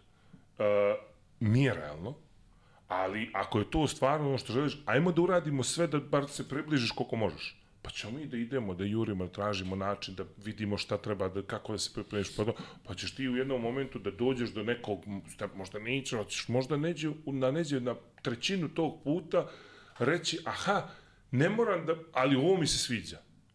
Ali ako nemaš taj cilj koji je gore, koji je glavni, znaš, nemaš ništa, vjeruj mi. Taj cilj, glavni, kog god nerealan bio, to je ono što svi moramo da imamo. Ja sam imao, kad sam igrao košarku, imao sam taj cilj. Meni je taj bio cilj da ono, a, da budem najbolji igrač na svijetu svih vremena. Da budem ono, na, bijeli. Bijeli. Bijeli. Ovaj, nije možda bilo realno, ali, znaš, ja sam to tako tad odlučio. Sad kako si stariji, ti vremenom i sazrivaš, neke stvari realnije shvataš i sagledavaš i sve ostalo i onda kažeš sebi, ok, malo je sad to, znaš, drugačije ovo ono, ali dalje je taj cilj tu. Sad, možda je malo skaliran, ali ono, i dalje imaš neki cilj Jasne. ka kojem ideš. Ako ti nemaš cilj, gdje ćeš, šta ćeš onda, znaš, on stojiš u mjestu. Ili ideš unazad. Reci mi sad, kad smo kod ciljeva, je, pa, pa, praviš ciljeve i sad posle, da. posle ovaj, penzije? Da. Pa pazi, u ovom poslu on je onako specifičan, to je projektova arhitektura, građevina, u tome si sad ja ovaj, konstantno imam. Uh, E, neke, neke želje i cilje kako, pazi, ja kad sam ušao u firmu, imao sam jednu ideju kako, sam, kako ja zamišljam da ta firma funkcioniše. I sad, moj otac je to vodio na jedan način, jer on vodi, mogao da vodi na taj način. Posebno što je on bio arhitekta, pa je ono imao to. Ja ne mogu to da vodim tako, ja i ne sagledavam stvari isto kao on, ja to hoću da radim na drugi način. I onda imao sam neke svoje uh, vizije i ciljeve za, za, za to kako treba da izgleda. I ja sad idem ka tome. Uh, korak po korak, neke stvari mi se brže dešavaju, neke malo sporije, ali ono, idem i uh, generalno postavljam sebi stalno ciljeve i onako ovdje je kod mene specifična situacija još dodatno što ja uz to konstantno jučim novo, pa onda kako nešto novo naučim, sagledam, onda mi je i cilj mogu da unapredim. Tako je. Znaš, on, i onda i to stalno ovaj mi, o, ovo, znaš, najbolji bijeli igrač svih vremena je onako, znaš, ti sad ne možeš da deš mnogo preko toga, jel? A ovo je već nešto što, e, znaš, ja stalno kad naučim nešto, ovo kaže, aha, vidiš, e, ovo mogu da iskoristim za to i onda ću ja, i uvijek se postavljam cilje. Bra, to mi je ovo što me mi je- zanima, jel to radiš na, ono, na godišnjem nivou? Ka, kako praviš te ciljeve? Pa, pazi, ja generalno cilje pravim prvo dugoročno. Ok. Gdje ja sebe vidim Šta je to, za 5, 10 godina? Pa, pa da, gdje ja sebe vidim za 5 godina, za 10 godina, znaš. Gdje ja sebe vidim za 10 godina, kad e, budem imao to, to, to i to i tako otprilike. I sad, hoće li ja tu stići za godinu ili za 15 ili stvarno za 10, to je sad ono, ali na taj način ja Mhm, to gledam. A onda, e, kratkoročne ciljeve te, ono, znaš, na mjesec dana, godinu dana, to polako pravim, ali e, to je dosta sklono izmjenama. Znaš, nije to nešto što ti sad možeš baš da zacrtaš u, u, ovom poslu, sad kažeš to mora biti tako ako ne bude, znaš, nego to je mi uvijek ono klizno. Ja otprilike stavim sebi neke ono u glavi crtice, čak nešto i zapišem i onda ono, ali to je uvijek klizno, uvijek se ono hoće, neće, bude, ne bude, polako, Da. žurimo. Zato što, ovaj, kako se zove, ja se krenuo nešto da zapisujem, znaš. Onda ja imam to na nekom godišnjem nivou kako to treba da izgleda, šta, šta hoću da, da, da postignem, a i onda trudim se da... Jel može ovdje još jedna tura? Na, na račun kuće. Ovaj, I kažem ti, zapisujem to sve, pravim i onda pokušavam da to neke, ovaj, ali ja idem tu na, na godišnjem nivou, znaš, kad krene, kad se otvori godina, onda lepo sedam, to pero, što bi se reklo, ispišemo sve k čemu Pa pazi, težimo ja, evo, i, sad, i sad jurimo. ti da primjer, ja, ono, znaš, u firmi sad ja otprilike znam koje projekte imam, koji su u najavi, mogu da se dese, ne moraju, koji su izgledni i manje izgledni. Ja to sve onako stavim, znaš, na papir i otprilike napravim šta od tih projekata mogu realno da ostvarim, šta ne mogu, šta će biti, šta neće biti, onda, znaš, ono, napraviš druge stvari, ono, znaš, to je ti manje više kao neki finansijski bilans, ali onda to iskoristim da kažem sebi, e, odlično, sad ja, ako ovo bude to i to, ja ću to da iskoristim da uradim ove stvari koje su meni jako bitne. I sad, recimo, ne znam, došao sam već neke situacije, neke stvari sam već odradio, znaš, malo smo naprijedili te neke kancelarije gdje se nalazimo, pa ovaj, pokušavamo da da kompletnu tu neku infrastrukturu koju koristimo i saradnike i njihov način rada i to sve, sve nekako da izdignemo na korak iznad, znaš, da pratimo malo to sve i tehnologiju i sve ostalo što ide. Tako da ima ovaj e, pravim to, ali to ti kažem, napravimo onaj, znaš, imam neki cilj gdje ću da Bravo, budem, kažem, bravo, bravo, 50 godina, onda ovo ostalo pratim, idem ono, with the flow, što kažem. Ne, vidim, mnogo je bitno ovaj, da, da,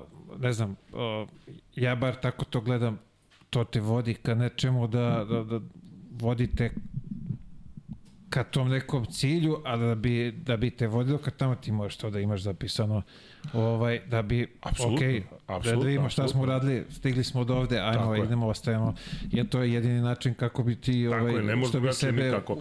A, vidi, a, ako, znaš što sam ja primitio? A, kad uzmem, nek, znaš, imam neko, nešto, neku ideju, nebitno, ne mora bude ovo sad pričamo, da imam neku ideju, imam bilo što, zapišem na papir. Ja taj papir mogu da uzmem da bacim smeće. Ali ja onog momenta kad ga zapišem na papir, kad sam, znaš, napravio tu neku ono muscle memory i to, ja razmišljam o tome. Ako je to meni samo ono ušlo, prošlo negdje, aj čao. zaboravi se, Ali znaš, ja sam uzeo neko vrijeme, pa sam napravio neke crtice, pa sam to zapisao, pa sam napravio malo to. razmišlja Ja- o tome, pa ja taj, tamo.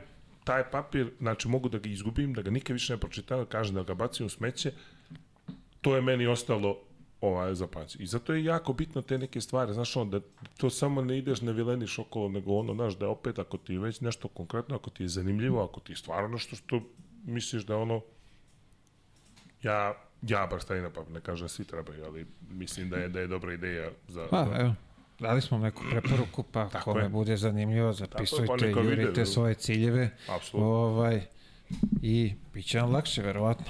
A, pazi ovo, ti koliko zaostaješ u, što bi se reklo dole u, u bar, kad prelaziš za, za Podgoricu? Slušaj ovako, ja sam živio u 17 zemalja. A onog momenta kad sam otišao iz bara, to je bila 2001. godina. Ova, ja znao da ću se vratiti u bar. Ja sam 2001. godine otišao u Podgoricu.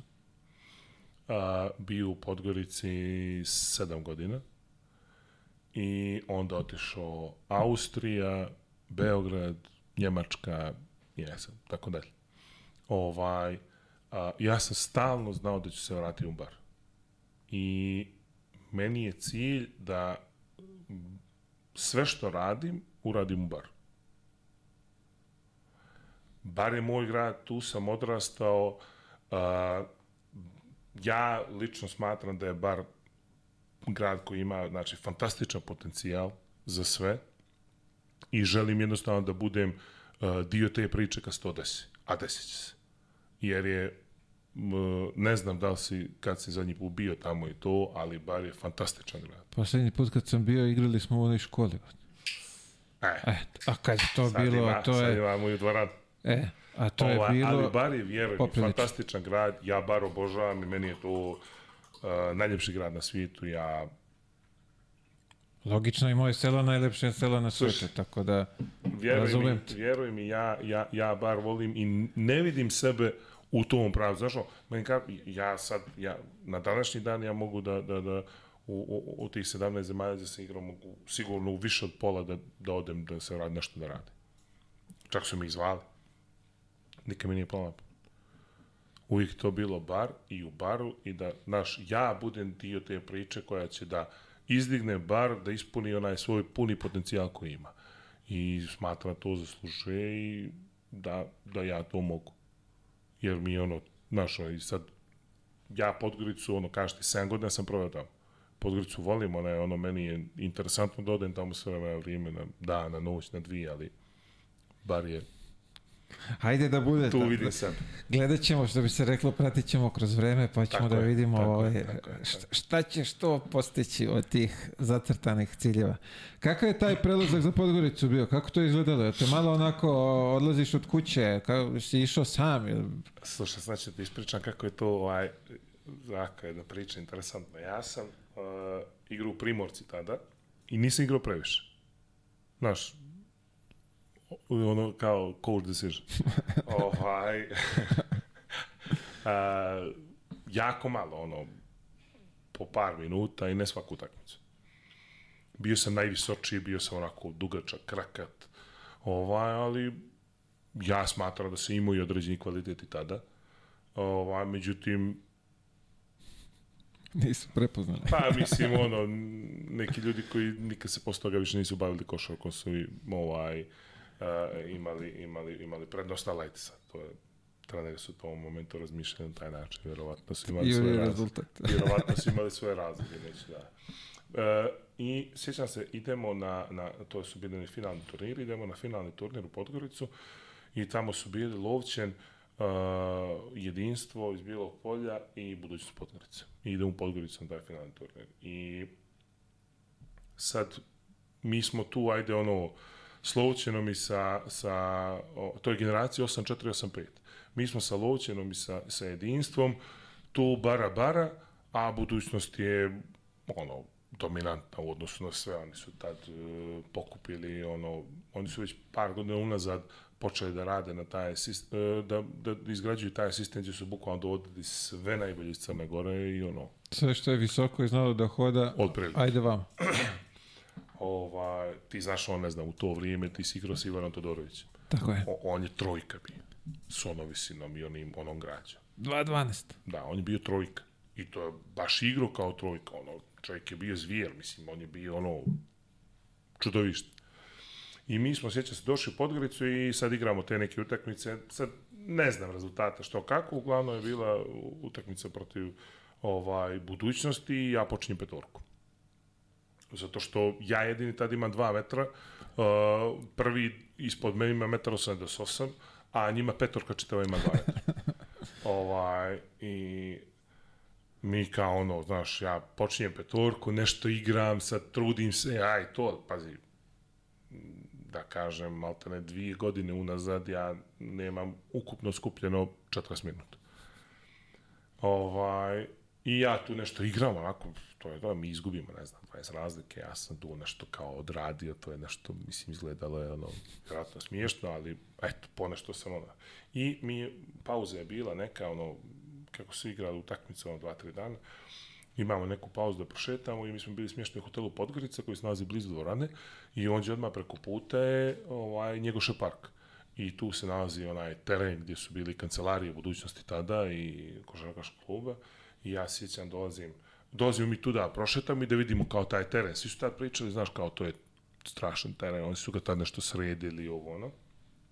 I Uh, to je teren inače koji je prije nekoliko dana dobio ime po ovaj preimenovao se po ime po Draganu Ivanoviću. Uh, uh, koji je bio ono legenda budućnosti, inače Braduška Ivanovića koji je preminuo prije dvije godine.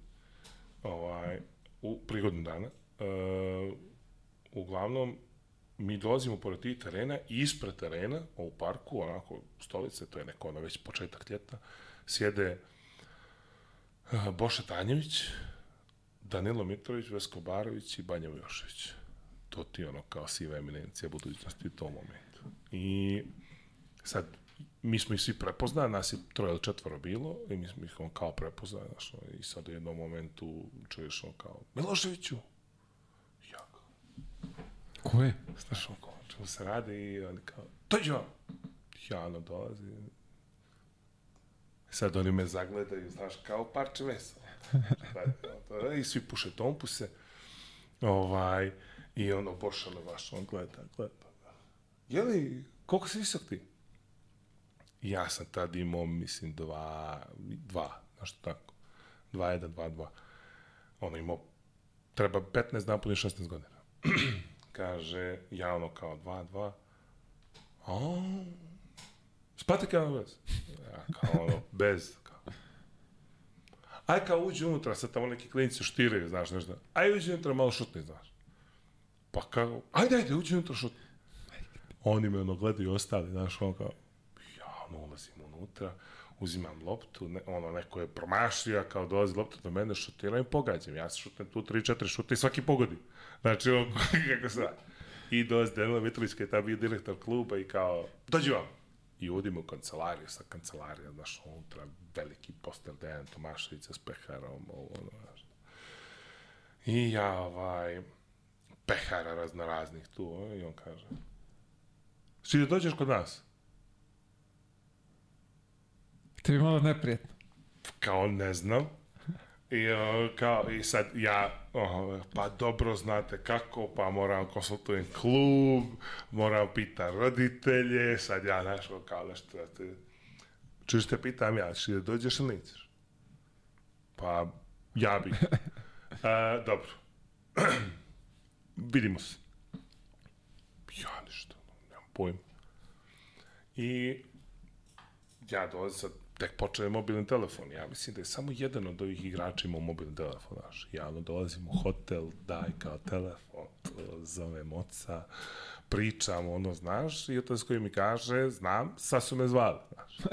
I ja, pa šta ćemo, pa kako ćemo, pa sad, polako, Mičko, polako, znaš, pa kad dođeš kući, pa ćemo pričati, pa sve u. E, to ljeto ja, ovaj, pređem u budućnost. I to je bilo, ono, znaš, sad, uh, prvo je ono bilo, znaš, majici da se objasni, Ovaj, to je bilo, ajde, ona je to prihvatila. Tu je blizu, neće da. Slušaj, ona je to prihvatila. E sad, sledeći korak je bilo, trebalo je objasniti, ne, prvo majice se objasni, pa treba se objasni babi, koja je tu bila naša, ono sad, njoj isto to treba da se prođe i to. I sledeća instanca je bila, ovaj, aj, braći su bila mlađa, oni su isto onako to malo, znaš, ja kao najstariji brat koji sam tu neki bio i neka mala zaštite, nešto je to, znaš, nije bilo baš ono svejedno ali recimo ono što mi je ostalo upamćeno, jako je bila onako bitna stavka u tom momentu, trebalo se objasniti u mojoj razrednoj gimnaziji. I majka je sad išla priča s njom i ona koja je bila ono, ja to ne dozvoljavam, to ne može, oni će njega tamo da pokvare, on je dobro dijete, ona je žena počela plače, ovaj, čuvena Rada Suđić, i, ovaj, i to je ono bilo, znaš, to je ajde, to je prošlo je taj neki, taj, to prvo da se objasni svima da ja idem. I ja sam ono stigao u Podgoricu upravo o, negdje krajem juna mjeseca, ovaj, da se tamo ono smjestim, da ovo ono, da se vrati u bar i onda sam u augustu ono pošao ovaj, upisao školu tamo ovaj, gimnaziju u Podgorici, koju sam isto išao redovno, iako ono je bilo pritiska na mene da idem vanredno i to, išao sam redovno. Čekaj, pritisak iz kluba da se ide... Da mislim da sam ja tada u tom momentu e, znači, no sigurno tri generacije iza mene i tri generacije ispred mene bio jedini koji je išao redovno u srednju školu. I to je po meni katastrofa. Ja mislim da je to jako loš pristup, mislim da djeca moraju da idu redovno u školu, jer uh, nije to samo stvar uh, škole kao škole, mislim, ti škole naučiš, ali nećeš ti sad, ne znam ja, ono, nije zbog toga što si naučio to, ali ta neka socijalna uh, inteligencija koju ti razvijaš uh, družeći se sa djecom, znaš, ja uvijek kažem, uh, znaš ono, kad ti izmaknu stolicu, ono, znaš, u školi i to, to te nauči nečemu. To ti posle da nešto tamo da budeš i oprezniji, pametniji za neke stvari ovo ono. Ako to nisi prošao, ti uvijek kasneš. I, ova, i ja sam ono išao ovaj, ono, redovnu gimnaziju tamo završio, ono u Podgorici to bio onako jedan, znaš kako, bez obzira što je Podgorica tu, ja sam malte svaki vikend ili skoro svaki vikend išao, ono, usjedem na voz i dođem kući.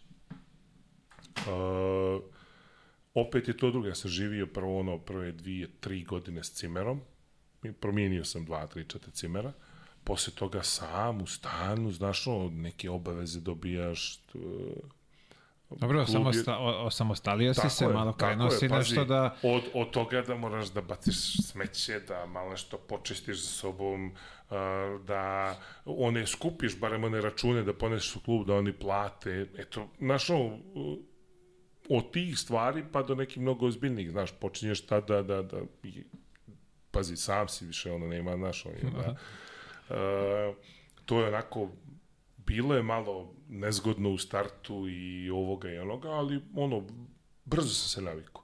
Znaš, bilo je, meni je nekako bilo u startu najveći problem, što, došao sam tamo u Podgoricu, uh, I sad od sukuda nekakvih raznih mangupa ovoga, onoga, znaš, ti što su trenirali sa nama i sve ostaje, znaš, sad ja dođem, ja sam kao neki novi, još sam ja tu bio najmlađi i sad kao vidi ovoga ko je ovaj došao, dakle su ga doveli, što sad on, kako on, znaš, a, i sad, znaš, o, klinci, oni, znaš, što tu gleda, znaš, nisu baš previše voljni da ti pomognu.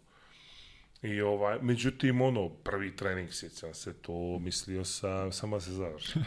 ovaj, u Morači, ono, Poli Bojanić trener i, i ono, znaš, ja samo da se završi trening, znači, e, samo da što prije dodem kući i fora završava s trening, ja ću da krenem kući, oni su svi krenuli prije mene i ja se izgubim ne znam da dođem do, ja. do, do, do stane, ono, naš pre, pre, i onda tamo kruži, onda kraju naš. a, a to ti to, to je opet čeličenje. Škola, šta ti... škola, sve škola. Pazi, ja gde god da sam išao preko, kad dođem u novo mesto, znaš, on kad ti daju auto, ja sačekam onaj nek, neko, neki noćni termin kad nema nigde nikoga i onda u kola i... Tako je. Ajmo, kruži, kruži, Tako, ja kruži dok volim, ne, ja ne sam, pokapiram ja gde šta nalazi. Pješke da radi. I kolima, obavezno, jer onda bi navikao sebe će šta, znaš, imaš posebno Evropa, da imaš nekih jednosmjernih ulica milion i ono, znaš, da bi te neke stvari savladao, ali, ali volio sam pješke, znaš. Uzmem i onda napravim jedan krug dobar i, na, znaš, ono, naučim to mi je tu, to mi je tu, to mi je tu, ok, i sutra mi treba da opet nisam ono sve, ali to mi je već onako dovoljno da, Popularno sad imaš mapiranje. Google Maps. Sad, Pa, tad nisi Google, sad imaš Google Maps, možda radi s njim što ćeš, samo ukucaš i vozi. to, to, to, a mi smo ma- mapirali pre Google. mi smo mapirali pre Google. Tako je, tako je, tako je. Mi smo preteče Google. Kako se zove? U, koje su, koje su je bio, pošto je budućnost, tad svi su bili u budućnosti, koji je, malo pre smo rekli, koji je li malo nešto znao, oni su ga dovukli dole. Pa, bazi, ja, znači ta generacija 8485 koju sam ja, znači prve te neke treninge u budućnosti radio, onda smo, ono je nekakva bila šaltanje neke generacija tad je ono bilo kao ti kadeti više nisu, mislim, nešto su im to spustili generaciju niže, pa je u stvari ta moja generacija bila 85, 86, pa posle toga je bilo, uglavnom, 84, 85, ne znam, 84 godište tu je bio, uh, pomenuo sam Ivan Todorović, bio je Damjan Kandić, uh, Nikola Bulajić, Puli. Da, ti si sa svima njima ono neki Tako je, tako je, da, ali sad kad me ono podsjećaš. A, bio je... Uh, Lukas je kloća. Sekloća. Tako Da. je, tako je, bio je, bili su još ti, sad ne znam, da, da, da se njih sjeća, Gorašević, Nikčević, a, Novosel, to je sad taj nekad ti momci koji su iz Podgorice, koji su bili onako isto fantastični talenti, možda ne na nivou kao ovi, ali bili su fantastični talenti i na kraju nisu uspjeli da naprave neke karijere upravo zbog toga što su uvijek gledalo, znaš, u ove, a, a ne u njih. A, a to je bila generacija, mislim, ono, znaš, onda je 8-5, smo, sam bio ja, bio Marko Popović, bio Filip Goranović iz Budve, to je bilo kao ono, a, a, da kažem, mi smo bili tu kao, ajde, naj, naj, najbolji, naj, ne znam, talentovani, i onda je 8-6 ovaj išao gdje je bilo malo više ljudi, bile ovaj Marko Sekulić, uh, Boris Bakić, uh, uh, Marko Ćalić, da se njega sjećaš, on isto što Poznato mi, da, poznato mi. uh, Uroš Kovačević, uh, Ivan Maraš, Pra. Da, oni su, znaš, to su sve ovaj, momci koji uh, koji su ono, znaš, bili, bili talenti, koji su isto, neki su bili iz Podgorice, neki su dovedeni od vamo tamo, koji su ono, znaš, ja sjećam, mislim, tad je bilo nešto 8-6 godište, e, u petorci e, reprezentacije u Slaviji su bila tri igrača iz budućnosti, bio Marko Sekulić, čak mislim da Maraš e, je kasnije ono se priključio toj reprezentaciji i on je posle isto bio u reprezentaciji jako dobar. No, Marko Sekulić, Boris Bakić i bio je momak iz Nikšića Žuti Živković. Znači, ono, koji su ovaj, bili su petorku iz budućnosti tada, znači sad ne pričamo, sad opet Ja, vraćamo se sećamo na onu priču. završni turnira, brate, E, kad se dođe. vraćamo na onu priču, znaš, no, ništa ne znači u tim godinama, Tako je. to, ali da je bilo talenat, da je bilo tu kao potencijala, bilo. Kako ste dobili šansu vi za, za prvu ekipu? Mi smo imali situaciju prva ili druga godina ABA lige. Uh, I budućnost te godine igra Euroligu, igra ABA ligu, igra domaće prvenstvo. I nešto su im te godine doveli pff, nešto boljeg igrača. I ovaj i i i sjećam da je bila situacija u ABA ligi su baš onako imali slabiji rezultat. Iz Evrolige su nešto ono isto ispali odmah u nekoj grupnoj fazi i ovaj kao odlučili su se fokusiraju na domaće prvenstvo da probaju opet osve. Je li to po Dejem? Kad je Dejem? Ne, ne, ne, ne, to je mnogo ranije. Aha. To je, mislim da je, da je to uh, godina kad je počeo Sreta, posle su išli uh, uh, Kadija, pa završio Darko Rus, mislim da je tako Ok, nešto. ok, ok. A, da, mislim da je, mislim da je to ta godina. Ova, I sjećam se da je bila situacija ono kao u ABA ligi, treba završiti ABA liga i oni uključe sve nas klince da treniramo. Zvezdo Mitrović je bio uh, pomoćni, ali nije bio samo pomoćni, bio kao koordinator za mlađe selekcije. Mm -hmm, to, pa, i, I Zvezdo je tad kao bio odlučen da on vodi ekipu u ABA ligi, da trenira, a vamo kao prava prva ekipa sprema za domaće prvenstvo. I onda su priključili sve nas, kadete, juniore, sve i par nekih ovih mlađih igrača, Balša Radunović, Bojan Bakić, uh, Saša Pavlović, uh, ne znam ko je bio, ono kao su dobili tu neku veću minutažu i sjećam se Koljević i sjećam se da je uh, tada, ne znam, Nenad Mijatović koji je 87. godište, ovaj, bio najmlađi igrač u istoriji Evrope, ono da igrao ovaj, seniorsku košarku, tad je on imao nešto 14 godina. Ovaj, e, da je, da je, tad je on igrao i to igrao. Ja sjećam da je, te, to su bile još dvije utakmice do kraja te o, kao lige i on je igrao tipa 10-15 minuta igrao, da on neke košu, on igrao je, znaš, on, i oni su vam tad dali te, šansu kroz to, onda posle opet nije se osvojilo to prvenstvo, oni su kao podmladili ekipu, ali nije baš bilo mjesto za nas full mlađe, nego su ono kao, znaš, tad su došao Čakić, Čabarkapa, stvari Čabarkapa je već bio, ali došao Čakić, došli su mislim Milutin Aleksić, ne znam koji su tako kao naš doveli još par nekih mladih igrača iz okruženja, gdje su htjeli da probaju da naprave neku kao mladu ekipu koja će nešto u ono i onda iz te ekipe su ono otišli tada u NBA i Slavko, Saša i Žarko, a ovi ostali su uh, da, Žarko, Žarko Rakočević je bio isto ono, Žarko, da, bravo. U, ajde, on nije bio Žarko, je došao kasnije, on nije bio kad sam ja tek stigao u Podgoricu, nego je on došao kasnije kad sam ovaj, uh, negdje sa, sa njegovih, recimo, 17 godina, 18, on je došao u Podgoricu.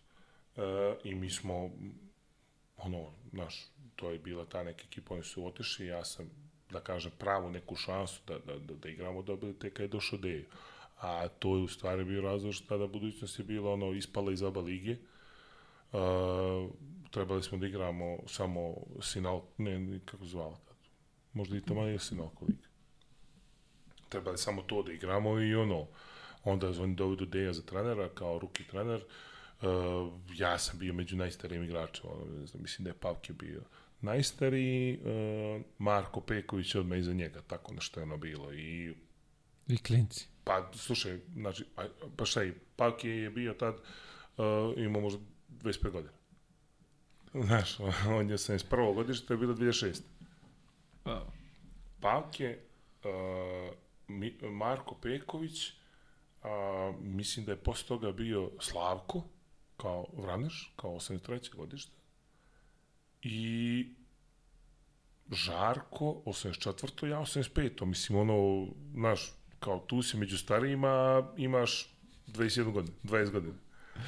I ovaj, ono, baš full mlada ekipa bile, mi smo, mislim, s dva poraza smo završili tu Sinalko ligu i onda smo igrali onu Super ligu i tad smo dobili ono hemofarm izbacili i prošli da ušli u oba ligu. Ali to je, mislim, pazi, e, tako se desilo. Ja znam, znaš kako, ja, ta tranzicija kada je bila iz, između, iz e, prvo, iz, tačnije, juniora u prvi tim, bila je malo nezgodna. Mi smo tada, ono, moj prvi neki seniorski trening, e, trener je bio Bale. I ne znaš šta da ti kažeš. Ovaj, e, mi smo te neke imali pripreme i ono, mi mlađi tu su, znaš, često se pitao što mi traže Jer ono, bilo je malo da ja sam recimo sigurno u toku sezone, a je pripreme manje više, ali u toku sezone mislim da sam 80% treninga odradio na tribinama. A, tad, Kakav je to poraz za, za mlado Pazi, u, u, u Morači, to je bilo prije renoviranja Morače uh, za Evropsko prvenstvo 2005. Znači, imao si i dalje onaj sektor, ako si bio, onaj sektor gdje su varvari bili, koji nije imao stolice. Nego je samo išlo ono kao, znaš, jedno metar visine, ono kao, znaš, one, ovaj, tribine. Kao, Da, da, da. Samo betonski, evo, čašak. I mi smo tu, a, on, on kaže, znaš, kao mi odradimo neko zagrijavanje, bilo je često ono zagrijavanje bez driblinga, ono, znaš, kao to, odradi se to i Stevo ide na tribine. I moj trening na tribine je bio taj tu, znači, idem iz dubokog čučnja, ovaj, skok na sledeću i okret 185. Na sledeću, onaj stepenik, taj od jedno nekih, ne znam, 80 cm visine, ti kao možeš tu da skočiš. I penješ se gore do vrha, spustiš se dolje tako da se pute. U zavisnosti od toga koliko si brzo završio, ide još jedna tura ili ideš na sledeću još. Sledeća još je bila Spider-Man. A Spider-Man ti ono, znaš, na ruke, noge ideš oko terena, znaš. E sad, e, to nije nešto što treba mladi igrač da, da radi. Posle na treninzima prve ekipe, gdje ja sam tad, ne znam, na svojoj poziciji imao Dejana Milovića, od kojeg sam definitivno mnogo, mnogo da naučim. Da, jel? da. I ova, međutim, Ajde, Znaš, ono, ja sam ponekad, smo mi dolazili u situaciju da možemo treniramo s njim, da, znaš, ono, pazi, Dejan je tad bio jedan najbolji igrač u Evropi. I ti si imao prostora od njega da, znaš, ono, bar na to treningu da naučiš nešto i to se, mi smo ponekad imali neku situaciju da možemo s njim da odigramo jedan jedan nešto ono, kao mlađi i to, ali uh, najčešće je to bilo ovako. Posle toga Bale, kad, je, kad su njega slonili, došao je Zora Martić, E, ja sam se na pripremama kod njega povrijedio uh, ova metatarzalna kost uh, na stopalu i i tu isto bilo malo, znaš, ono, znaš, kao mlad igrač, ti, eh, kako ti da se povrijediš, znaš, možeš ti da se povrijediš kao... Pa, prijatelj, kako sam vama po ovim ne možeš pločama... ti da se povrijediš kao mlad igrač i nisu mi vjerovali. Dok ono, ja sam na, na svoju odgovornost, mislim, na svoju ruku, otišao uradio snimak tada i ono, pokazao je snimak stres fraktura metatarzalne kosti, da mora da se ovaj, pauza minimum dva mjeseca, ovako onako, i to je bilo da. I recimo to su mi uzimali za zlo čitavu sezonu, ja kad sam pričao neko puta sa trenerom, ovaj, uzim, uzeto mi je za zlo kao ti si pauzirao dva mjeseca. Ne, u stvari ja sam pauzirao i više, ja sam pauzirao tri, tri i po mjeseca zato što uh, su me na svaki 15 dana vraćali na trening. I me ja opet to malo dodatno čačnem i onda. I to je. Znaš, ono sad, to kad gledaš, ono, znaš, ajde, mogo je da prođe bez toga, ali to ti, ono, isto nešto što, Pritom vidi, što prolaze i Pričamo o budućnosti. sigurno nisam jedin. Pričamo o budućnosti, bre, koja je kao, ajde, organizacija, ali ima kintu u tom momentu, šta god, ono, trebalo bi da to izgleda i ole profesionalnije, a u stvari je, ovaj, što dalje ovaj, dovodi do zaključka da nema tu neke velike razlike I onda je tu sezonu, tu sezonu, ovaj, e, pazi, ja sam imao maltene dvije sezone gdje sam bio u sastavu možda pet utakmica. I igrao tri od tih pet. Ovaj, I onda tu sezonu završi Muta kao sa ekipom I ono, znaš, mi smo kao imali nekih, ne znam, sjećam se 13 poraza za redom i to je onako bilo baš loše sezone. Ispadnemo iz ova ligi. I onda sledeće godine kao potpuno rekomponovanje ekipe, svima istekli ugovori, svi slobodni igrači, oni samo ono mladi igrači koji su tu, koji su važeći ugovori i ono doveli tad Micova, doveli Paketa, Marka Pejkovića, ne znam više neko. da- Čekaj, ti godinu posle toga odlučuješ se za, da, da, da kreneš Ne, dvije godine sam bio sa, uh, tu kod Eja, znači tu godinu Sinalko ligi, sledeća kod Naba ligi i onda posle toga ovaj, idem dalje. A isto da se vratimo nazad, ja sam ovaj, mi smo uporedo to kad smo igrali, ajde, ti, ja u prvoj ekipi nisam, kažem, dobio, ali imali smo mi drugu ekipu, bio je Naj Ljubović, pa je posle bila i Budućnost 2 se zvao. Ovaj, I tu smo mi igrali, to je bila Crnogorska liga i bio je, ono, Crnogorska liga i kao uh, Savezna liga, grup, uh, Savezna B liga, grupa Crna Gora. Tako nešto bilo. I ja sam tu igrao i sad mi smo svi mlađi igrači tu igrali, komplet. Ova, I to je bila jedina dobra stvar. Jer smo imali minute s te strane. Možda nismo imali, znaš, ovo, možda te neke minute koje smo mogli, gdje smo mogli malo još dodatno da napravimo, ali baš smo imali neke minute u nogama, nismo bili potpuno Da, bez da, da, utakmice. da, da. I to je bilo super, ja, ali isto je bilo onako, sjećam se često je na, na nas tu stvara neki pff, vještački pritisak, znaš, o, ovaj, koji možda i nije to loš bio, ajde da kažem, e, možda i to nekad i trebalo malo, ajde, ovaj, da, sjećam se ono, ne znam, imaš neku utakmicu od 20 poena, 7 skokova i ono, znaš, kao svi ljuti na tebe. Znaš, jer ono, to se očekivalo nas sedam barem, da svi imamo po 30 pojena. Znaš, tako je, takva je e, stvorena atmosfera. I sjećam se neku utakmicu sa e, baš protiv Mornara u baru. Mi smo tu utakmicu izgubili 15 nekih razlike. Mornar je tad bio nešto bez poraza u toj e, B ligi. Ovaj, baš su ono bili kao dominantni.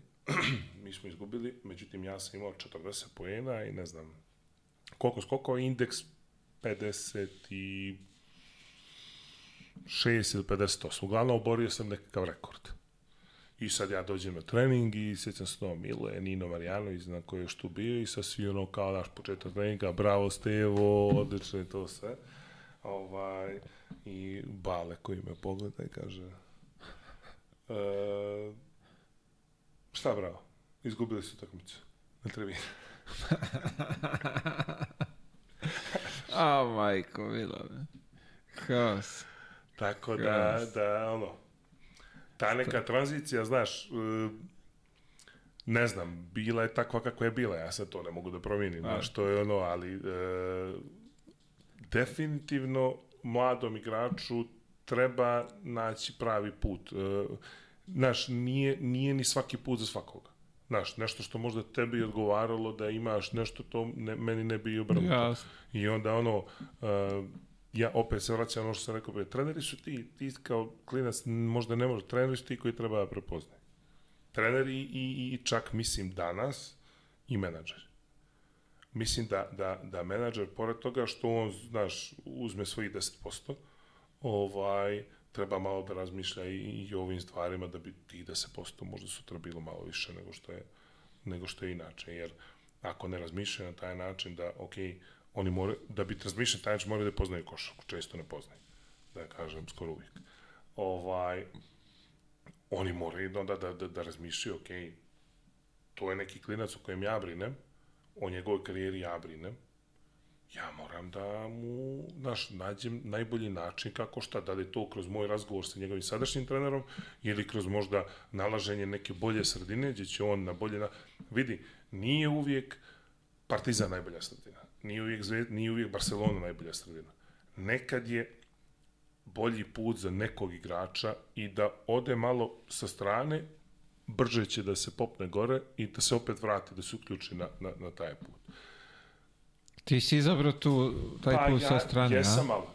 Jesam malo, jer ja sam uh, to iz budućnosti bio, znači, kao četiri godine senior, ajde da kažem, dvije godine ovako, dvije godine kod Deja, ovaj, gdje i, jesam igrao i nisam igrao. Deja je bio trener početnik koji je gradio autoritet na pogrešan način po meni tada. Na, na Ovaj. najmlađim, pretpostavljam. Pa mi smo svi bili najmlađi. Nije taj bio, ali on je eh, htio da gradi autoritet na način što ono, znaš, ni sa kim nije htio da priča, nego ono, uvijek je bio mrki stav, to tu, ovako, onako, uvijek to, ili ne progovori, ti mu kažeš dobar dan, ono. I ti neki, o, onda je imao, znaš, ono, konstantno neko kažnjavanje, kažnjavanje, kažnjavanje. Uh, mi smo svi bili mladi momci, imali smo neki novac, pa smo, znaš, o, ovaj, malo, i mi, znaš, udariti malo i na ego sa nekim svojim takvim stavom, pa ti hoćeš kao nešto da i odgovoriš, ovaj, e sad, e, nije ni kod nas bio tu, ne znam, nije ono, baš katastrofa, sada do, ali da smo imali neke možda sitne ispade, jesmo, ali sa pravim pristupom i sa razgovorom, ja tvrdim odgovorno je to moglo da se, ovaj, on je išao u drugom pravcu, ja kažem ti smatram da je pogrešno i onako to je nešto što što meni je možda tad u tom momentu karijere trebao taj neki pristup trenera, da me malo, znaš, ono, spusti ovaj, gdje što mislim da bi neke stvari bile mnogo bolje. Nije bilo tako, ja neću da kažem da sad uh, vučem neku, ne znam, ja, ali da, da, da, da zamiram na određen način, da jer smatram da, da nije način da se to, ne znam, ti, nije način ti sad uh, igrača zato što se nasmijao ovaj, na treningu jer je tri puta dao koš na isti način i ono je bilo kao malo, znaš, ono, manguski, ono, Dobro, ti to je uvek ima peckanja, da. Ovaj, da, da ga izmršikaš trening. Recimo, nije, znaš, ili tako neke slične stvari koje su se dešavale, mislim, opet kažem, bio je početnik, moguće da nije, nije znao, ali evo, ne znam kakav sad ima pristup, nisam ovaj, imao priliku da, da mnogo razgovaram na tu temu sa bilo kim koji je ovaj, sarađivao sa njim, jer, no, ali, ali eto, kažem da je malo, ovaj, to je sad, ja sam nakon toga, nije mi to više odgovaralo, znaš, ja sam u jednom momentu ovaj, otišao u klub i rekao da ne želim da igram, da mi smanju ugovor, da mi uzmu sve pare, ovaj, tačnije rekao sam tada da, da, da oni izaberu koliko treba da mi daju, samo da me ne kažnjavaju više. I to je tada shvaćeno kao da ja sam na što se žalim ili pravim, ne znam ja. To je to, ne, ne smeš ništa da kažeš. ne. ne. Ostalo mi je ovaj još jedna godina ugovora i to ljeto sam ja razgovarao s njima iz kluba, oni su mene nešto kao suspendovali, kao ovako, onako, nemam pojma, zbog ničega. Ovaj, i ja sam tada to ljeto razgovarao s njima, ja sam rekao da hoću sledeću sezonu da igram za džabe.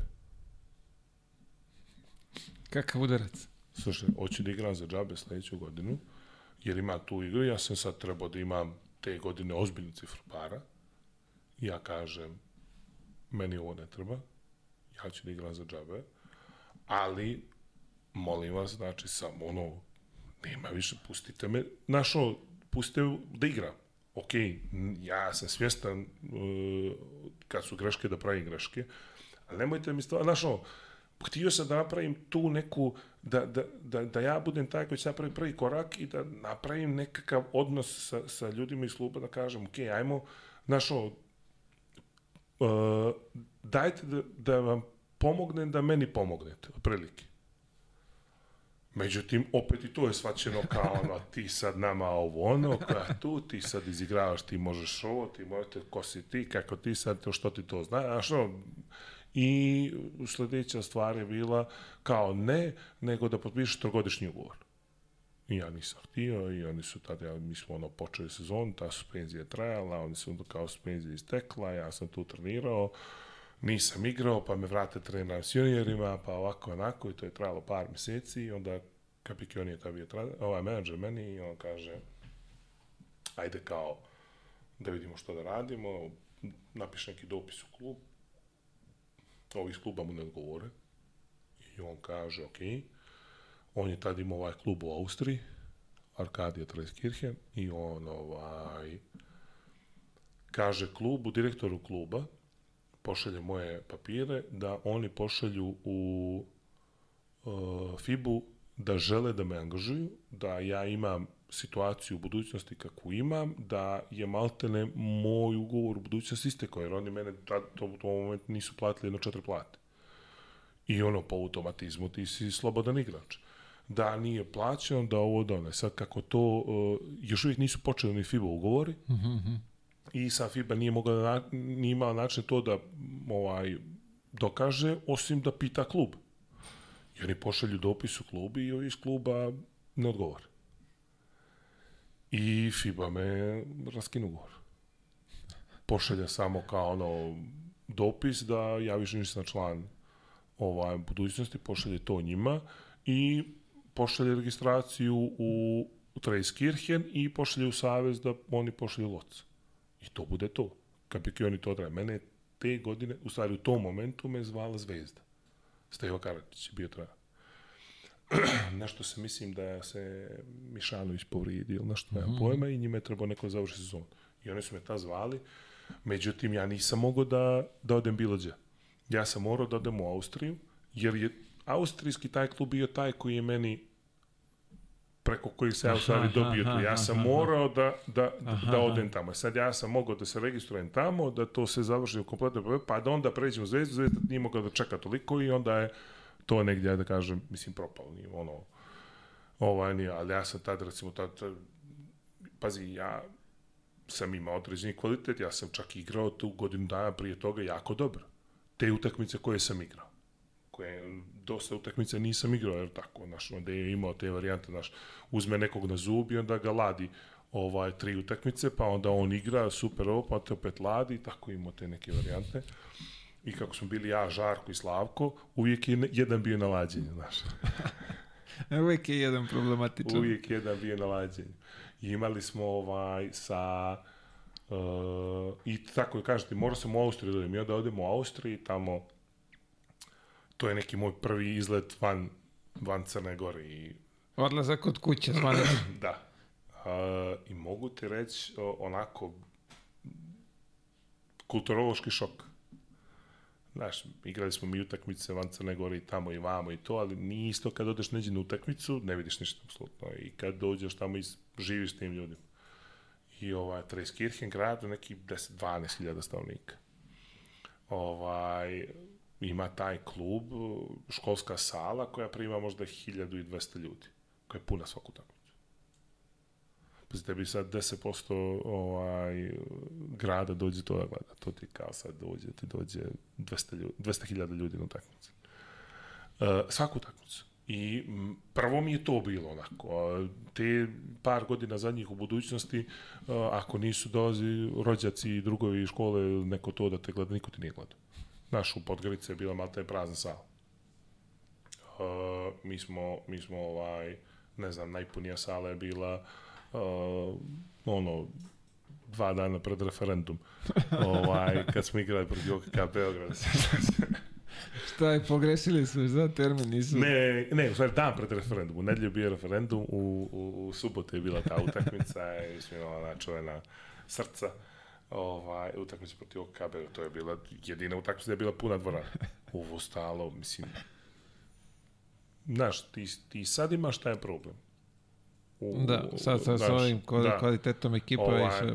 Ono kad je budući igrali Euroligu i to malo je bila neka euforija i to i godinu posle toga, sad vidim opet da su malo, znaš, ono, a tad posebno, tad ono... Pa so, to se, evo ti, ovdje ja ti problem i sa zvezom.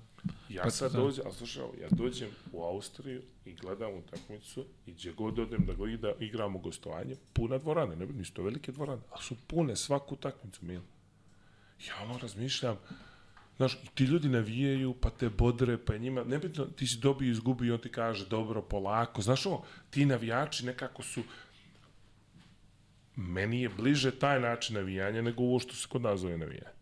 Znaš, on tebe bodri, dobio, izgubio, navija za klub svog rada, bez obzira Tako na šta. Je. Znači, bez obzira na sve, on navija za nebitno igra treću ligu u drugu, on navija za tebe. Ja svima pričam, smo imali fantastična situacija bila. Keln. Par godinu posle, dvije. Igramo u Kelnu takmicu i sad borba za opstanak. Keln onako u nekoj finansijskoj malo krizi, mislim finansijskoj krizi, i dalje isplaćuje se par redovno. Samo što je finansijska kriza sledeću godinu Oni već znaju da je sledeće godine jako teško. Neće imati para. Jeste. I onako, to je sad već sve onako to, borba za opstanak i mi kažemo, ovaj, i, imamo dva gostovanja jedno s drugim i uh, jedno od ta dva moramo dobiti da bi ostali u ligi. Prvu utakmicu odlazimo i gubimo nešto malo, par, po, par pojena.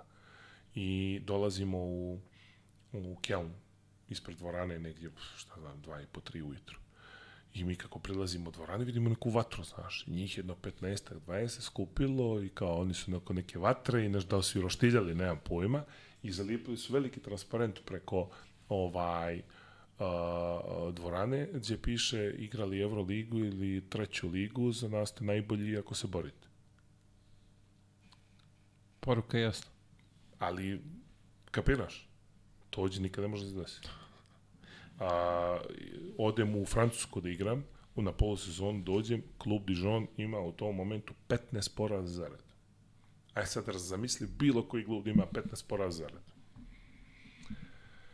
Znaš ono kako dođeš na utakmicu jedno sat i po, sat 45 prije. Ja dođem na sat 45 prije, prva moja utakmica tamo. Ja dođem i ulazim, ja se uvijek volim, znaš ono kao uđem u, u salu, samo ostavim torbu i izađem na teren čisto kao onako, ono, u civilu, izađe na teren malo da već jedno 300-400 ljudi na terminu.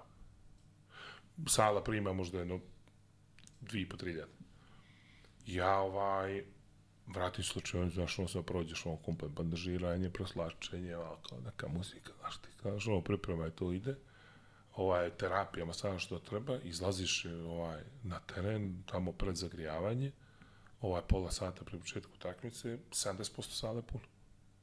Do, znači, mnogo prije početka utakmice sala bila puna. 15 poraza Mi dobijemo tu utakmicu, oni se ispuste na teren, krenu da dižu, da su ovo.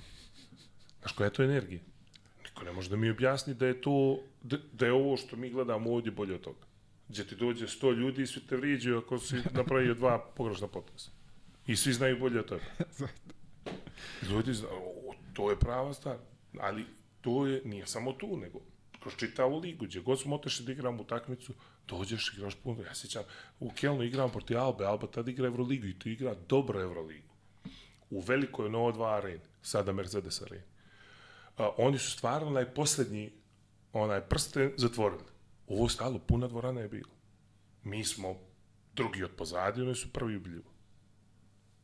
Puna dvorana su došli da gledaju, nebitno mi igraju proti zadnjeg, oni su došli da gledaju. Teško je ovde, pazi, te, kod nas i ovde sve se deli na Partizan i Zvezdu. Ili su Partizan ili Četnici ili Partizan i Zvezda. To je, uvek je podela neka i ti sad imaš, odeš u bilo koji grad da odeš, tamo, stižeš, nema, dođu familija, samo najbliža, dođe li Partizan i Zvezda, krca, to ne, ne može uđe, ne može se diše u, hali, će svi da vide kad, eto, tu smo mi, zbog toga ja o, o, delimično i pizdim, Pa ti, ti si lupam iz Valjeva, podržavaš svoj klub, navijaš za taj metalac, brate mili, nek su ovi došli. Tako to je tvoj klub, bude treba budeš ponosan na to. Vidio si neke dobre igrače, ali moraš da navijaš prvo za svoj klub. Kako ja mogu, ne znam, kao uh, neko ko je iz bara i, i neko ko je, ajde, ja volim da kažem, ja se opet dijete budućnosti, jer tamo sam gradio sebe kao igrača i to u nekom, ajde da kažem, bilo kom ozbiljnijem smislu. Ova, kako ja mogu da navijam protiv budućnosti? Protiv bilo kog da igra. Znaš, meni je to absurd. Nebitno sad, ono, kao klinac si uvijek i ono bilo ili si partizan zvezda, ovo ono, ali ja ne mogu da navijam protiv budućnosti. Mislim, meni je to potpuno, onaj, ne umijem, ne znam kako sad ovo. Vidite, treba će tu mnogo ovaj, stoljeća da prođu, da to, da ne dođe na neke promene, nešto, ali ajde. E, reci mi ovo gore, za, zatičeš Nemanju u, u Austriji. Je li on bio tad s tobom? Jeste, jeste, jeste. On je nešto bio povrijeđen kad se ja došao i onda se priključio malo kasnije. Pričamo o Bjelici. Da, da, on je povrijedio zlob. Ovaj, on je povrijedio zlob i onda je došao kao, ono, bio u Beogradu kad sam ja došao u, u Traiskirchen, ovaj, pa se priključio malo kasnije. Bili smo on i ja, bio je Dragan Zeković. Bravo, Zeka, e, bravo. Zeka je bio. I onda je bilo su uh, dva momka, oni su ovaj Hrvati, ono, mislim sad ja ne znam kako su to kod ovaj Herceg, Bosna, nemam pojma. A, Znam, to, ono, Bosanci. Hrvati iz Bosne tamo, to, To, je to, Bosanci. bosanski Hrvati. ovaj, koji su uh, sad, ja mislim da su čak obojice i rođeni u, Gore, a? u, jeste. Ovaj, Kristijan Bokanović i Davor Lamešić. I onda je ta, znaš, oni su tu bili, onako, to naše govorno područje, onako s njima smo se prvo negdje, ja u stvari sam došao prvo s njima, ono, negdje malo, ovaj. Svakako lakše ti je bilo... Apsolutno, apsolutno. A kasnije, uh, kasnije, kako se zove, e, a pored toga bio je Bjelorus, Rumun, Amerikanac, Kanadjanin i još neka država bila, ovaj, trener je bio Italijan, trener Italijan, pomoćni trener Bosanac i ono, ostalo smo pokrpili sa strijancima. Bukvalno. ovaj, ali onako jedna lijepa družina, zdrava, e, sve su bili onako neki momci bez niko tu nije bio s nekom, znaš da kažeš, sujetom, bilo koje vrste, nego su baš svi bili ono, okej. Okay. Mi smo igrali, ja sam došao, trebalo mi malo da se uklopim, nisam igrao par mjeseci, ono, znaš, kako sam bio po tom nekom suspenzijom budućnosti. Ovaj, I to je bilo odmah posle nove godine i ja dok mi malo trebalo da se uklopim, ali sam se ovaj, posle kad sam počeo da igrao, igrao sam dobro i onako smo fino, znaš, mi smo došli do polufinala i ajde možda malo i izgubili u tom polufinalu te godine, ali, ali onako smo napravili fino tu, a interesantno je bilo da, sad, ajde svi ti to ono, međutim, taj uh, trener Italija iz Brindizija. I sad on me pitao, ako ste iz Crne Gore, a iz Crne Gore, odakle iz Crne Gore, iz bara, a stvarno jeste što, kako i sad, što je to interesantno. Brindisi se nalazi tačno preko puta bara. I 90. godina kad je ovaj su gliseri radili. ovaj A šta kao danas ne radimo? to je to je to je to je bila ta linija ovaj koja je išla i on je između ostalog kao klinac Ovaj, on je to meni posle pričao, kao klinac, njega su ta, i ti italijani angažovali da im nekad vozi gliser kasno uveče i tako dalje, jer on je znao da vozi brod. Imao je svoj neki mali brod i, onda on to meni pričao, te neke dogodoštine koje su bile. I ovaj, I onda je on, znaš, pita me, znaš li ovoga, znaš li ovoga, ja sve ono, Nikad čuo. nemam A, pojma. Carski. Reci, vrati, odeš u beli svet i naletiš čoveka Ali koji vozi. a, a znaš kako on to pune lana onako priča i njemu vjerovatno to bilo kao nešto wow, znaš, a on, a on kaže ja sam tad bio baš klinac. Rekao pa kapiram. Ovo. A, dobro, ekstra kinta, vrati, šta? A slušaj, sigurno je bilo. Nije za džabe vozi. A onda je u baru bilo puno ljudi iz Brindizija, jer ta neka, ta mafija, jel? Italijanska, oni su, znaš, u to vrijeme 90. godina bježali u Crnu Goru, jer tu nije bilo ono, Što bi rekli, u to ovi, vrijeme još uvijek nije bilo zakon. ruka ruku mije. Tako je. Ovaj, e, kako je bilo sa Bjelicu, poznaješ gore, kako je izgledalo to, ti njegovi početci? Pa pazi, on je bio, ja, eh, reći ti ovako, ja idem u Austriju i sada, uh, kao tad, ono, znaš šta ćemo, kako ćemo, pa ta Austrija, i sad ja pričam sa uh, Lučanom i meni on onako to objašnjava šta je to, kako on to zamislio, taj klub i šta to treba bude. Između stalog on meni kaže, tu je i Bjelica i Zeković i ovo ono, sad, ja sam znao ko je Dragan Zeković, zato što je on igrao za mladu reprezentaciju Crne Gore. Uh -huh. Za Bjelicu nisam čuo. I umeđu vremenu men, meni se javlja Boki Tanjević i sad uh, Boki koji, ja sam njega upoznao možda par godina prije toga, ova, jer mene uh, da kažem, u agenciju Winter Performances uh, uključio Slavko Hotnik. On me negdje gledao i onda je on to preporučio u Ćanu i onda sam ja otišao u Rimini na taj njihov neki kamp i to je tako nekako krenulo ja sam tad ovaj, potpisao za njihovu agenciju i ajde da kažem, ja Boki upoznajem par godina posle toga. I onda sam imao sa Bokim onako jednu sjajnu komunikaciju, imamo dan danas, on je jedan od mojih boljih baš prijatelja, iskrenih i ja ga mnogo volim, on je onako drug, baš ono.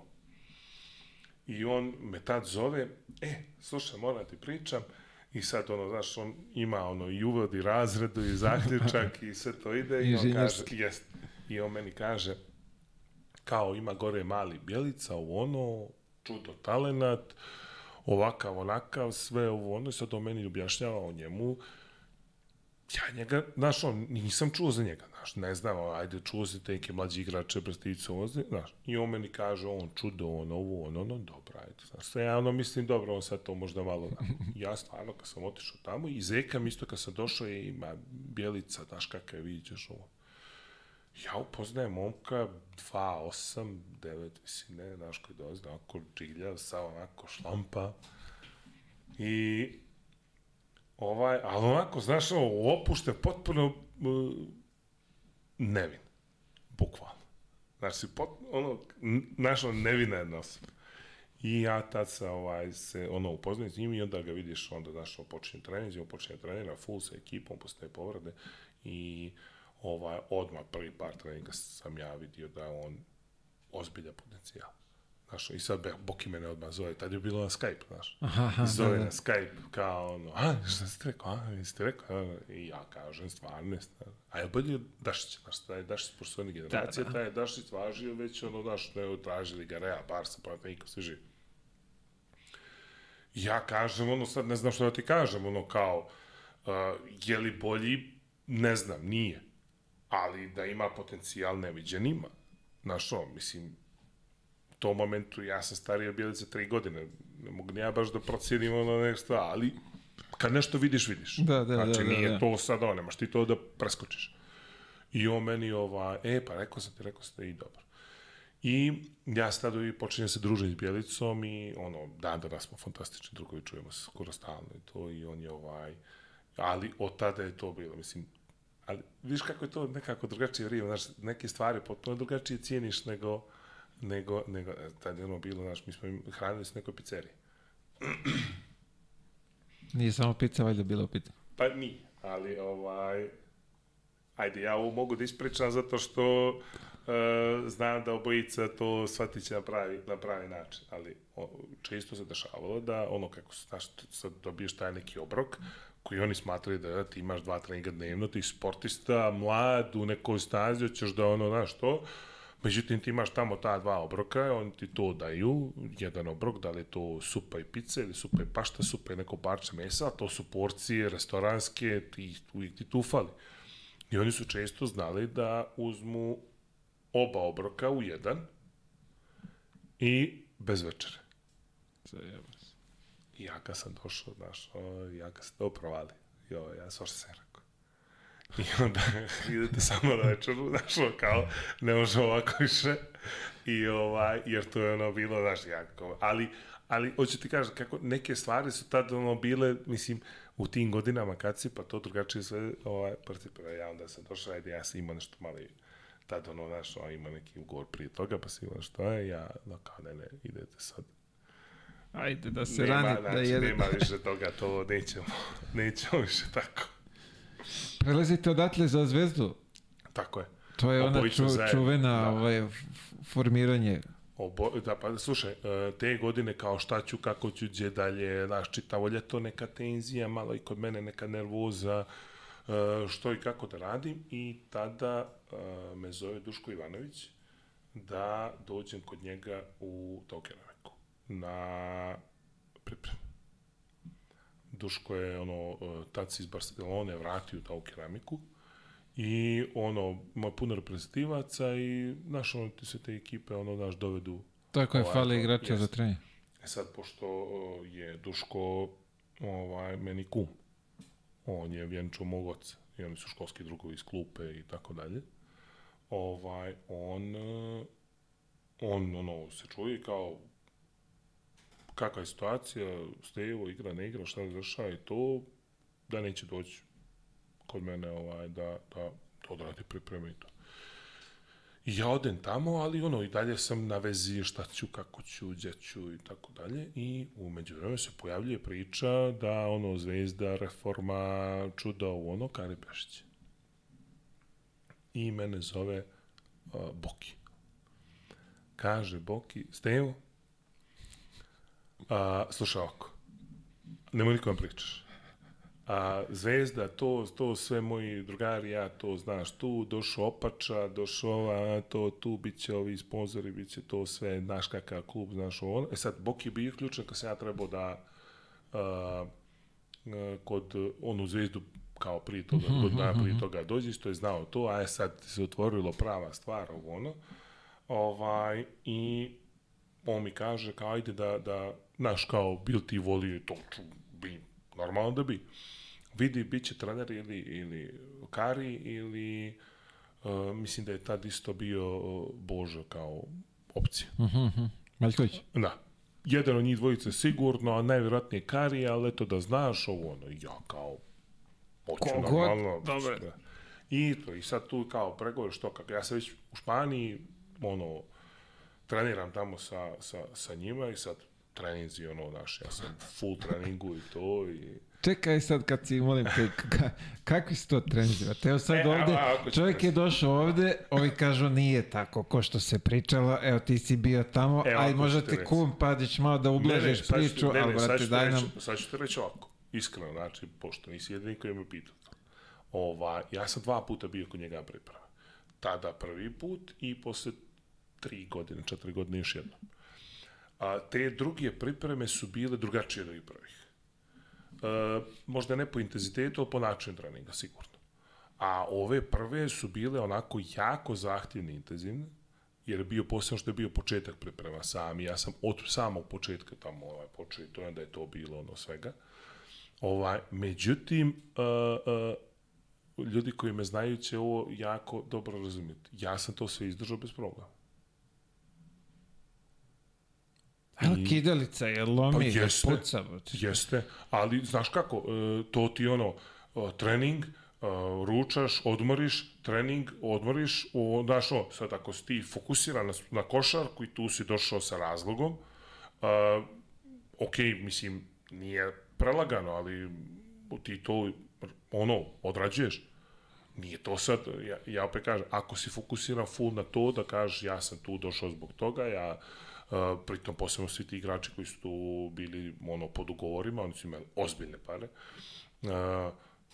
majstore, to je moj posao, ja to radim. Nisam ja ovdje došao da, ne znam ja, da šetam, da izlazim, da idem na večere lijepe, da ono, nego si došao to da. I ako to si, sa tim mindsetom, nemaš nikakvih problema. Pazi, mi smo imali, uh, ono, ujutro je recimo trening, izađeš ovaj, na, blizu dvorani ima jedna šuma kao park i tu se kao trče 40 minuta, ono, tempo, dobar tempo. Kondicijni trening njima bio uh, španski reprezentativac na 3000 metara, olimpijac, ono, znaš kao. I sad on nama udari tempo, on, ono, znaš, čak on ide prvi, pa se vrati, ko je od nas poslednji, pa te ubrzava, pa ono, baš je bio ovaj, i on nama kaže, ovaj, on nas, uh, ono, to kao ide 40 minuta, sve to i ti kao posle toga se istegneš, misliš tu si završio, kreću istračavanje, sad ta istračavanja se pretvaraju u sprinteve, znaš, ono, 30 metara, 60 metara, ovo, ono, tu sad radiš raznorazne ne varijante onih istračavanja sprinteva, te ovo, ono. I to je ono, baš bude opasno i ja sjećam u jednom momentu idu baš sprintevi parovima i ovo ono i sad tu čak oni ono malo naprave ima ko je brži. I Duško je tu imao foru, ono, znaš, kao priđe, znaš, on mnogo se ne miješa u taj dio, samo onako prati sa strane.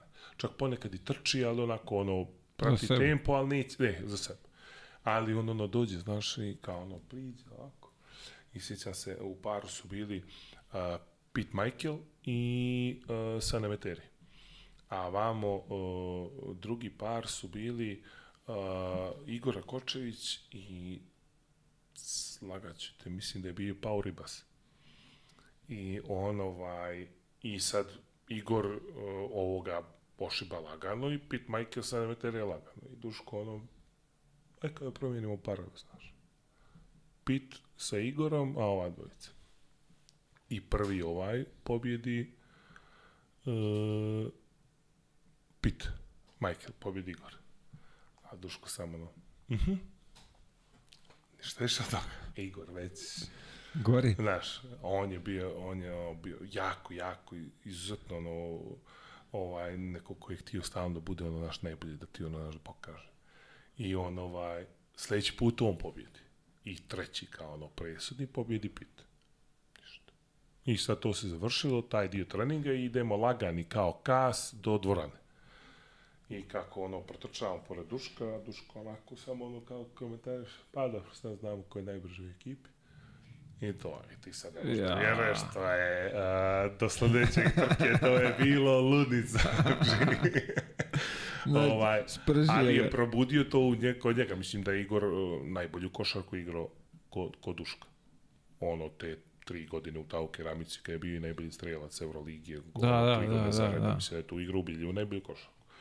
Ova, e, uh, posle toga uđeš u dvoranu i u dvoranu se postaje stanice gdje svaka stanica e, imaš po tri ili četiri vježbe koje radiš on super setove, ne, znaš. Jednu odmah završi, on te se ponavlja, recimo jedna, odmah prelaziš drugu i to se. I dok prođeš sve te stanice, i to se kao, kao taj kao teretana dio, i posle toga imaš malo šut. Taj jutarnji trening traje 3 sata. I onda te čeka još... Ideš kući, ručaš, odmoriš, ideš na večer trening, na večer trening i košarka. Ali to trening, znaš kako Duško je nama govori, ono, uh, ako ti treba da se zagriješ, dođi ranije. U Kad šest uđe- počinjemo pun gas. Tako je. I meni to recimo apsolutno ima smisla. Možda nisam uvijek bio takav, ali definitivno ima smisla. Jer ono, ti imaš sat i po ili dva za trening i to je to. Sledeći pripreme kad sam došao, to je bilo već malo ovaj, mislim da je čak intenzitet ostao isti, ali je drugačiji sistem treninga bio.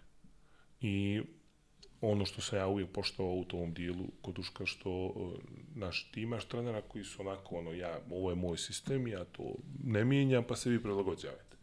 On je te prve godine imao uh, Tiaga Splittera i Will McDonalda na petici, koji su obojice jako mobilni centri, koji su ono, da, mogli, i oni su, ne znam, u odbrani se iskakalo, stizalo, ja sjećam, znači, jer, pazi, ja sam morao da pratim to, jer nisam bio ovaj, E, I onda sjećam se, znači moram da iskočim skroz do centra, da skroz zustavi ovaj dribling, da se vrati na mog igrača, ako je neko, nekim slučajem neki pas pošao prema moj igraču, pa je neko morao da pomogne tu, znaš, kao da preuzme mog igrača, ja moram da izađem u ćošak tamo da, da uzmem toga da stignem. Mislim, to je... Raspad. Ali to su bili ljudi koji su to mogli da odrade. Sledeći put kad sam došao, njemu je prvi centar bio Stanko Barać, koji je potpuno drugi tip igrača. Svi su branili u dropu.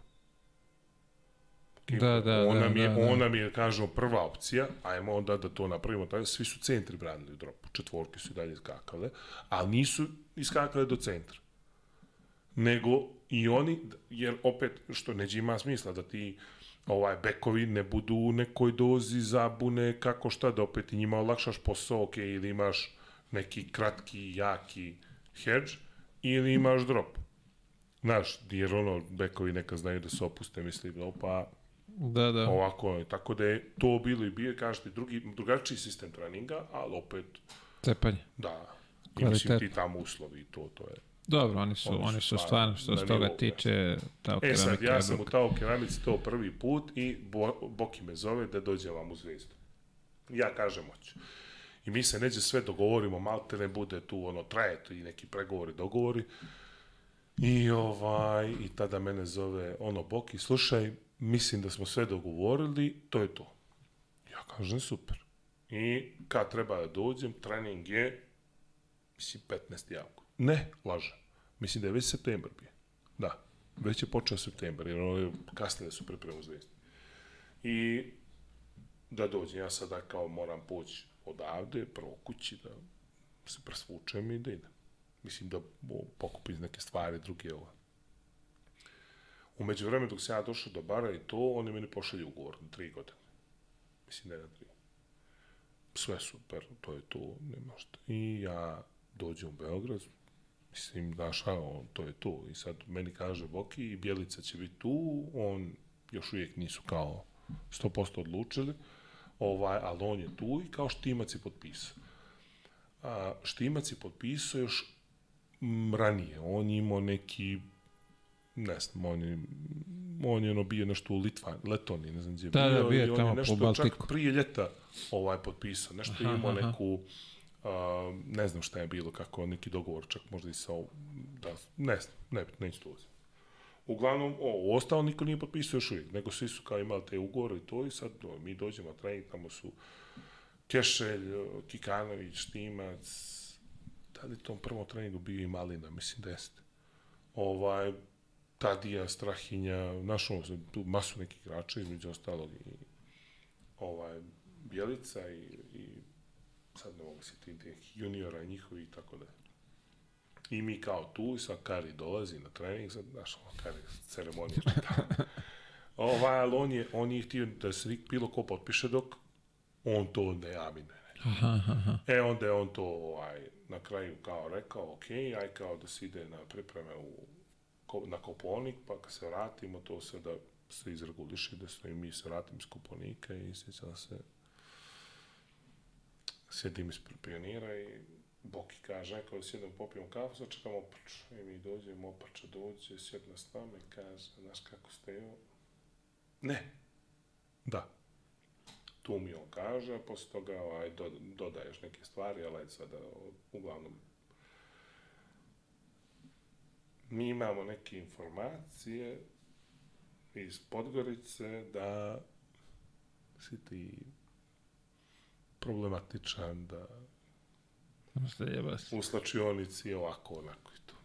E sad ja sam u tom momentu već pretpostavljao s koje adrese je to došlo, ali znaš kako to, sad u tom momentu nemaš ti se boriš protiv toga. Da, da, da, to je rečeno Ja i sam, oni ja su... sam već tad ukapirao da je to rečeno, da je to prihvaćeno i sada... I ja tad potpišem taj trogodišnji ugovor sa Zvezdom, ali uz opciju da oni imaju izlaz u decembru. Uh, 31. decembra. I ja sam znao da će to da iskoriste. Mislim, to je ono...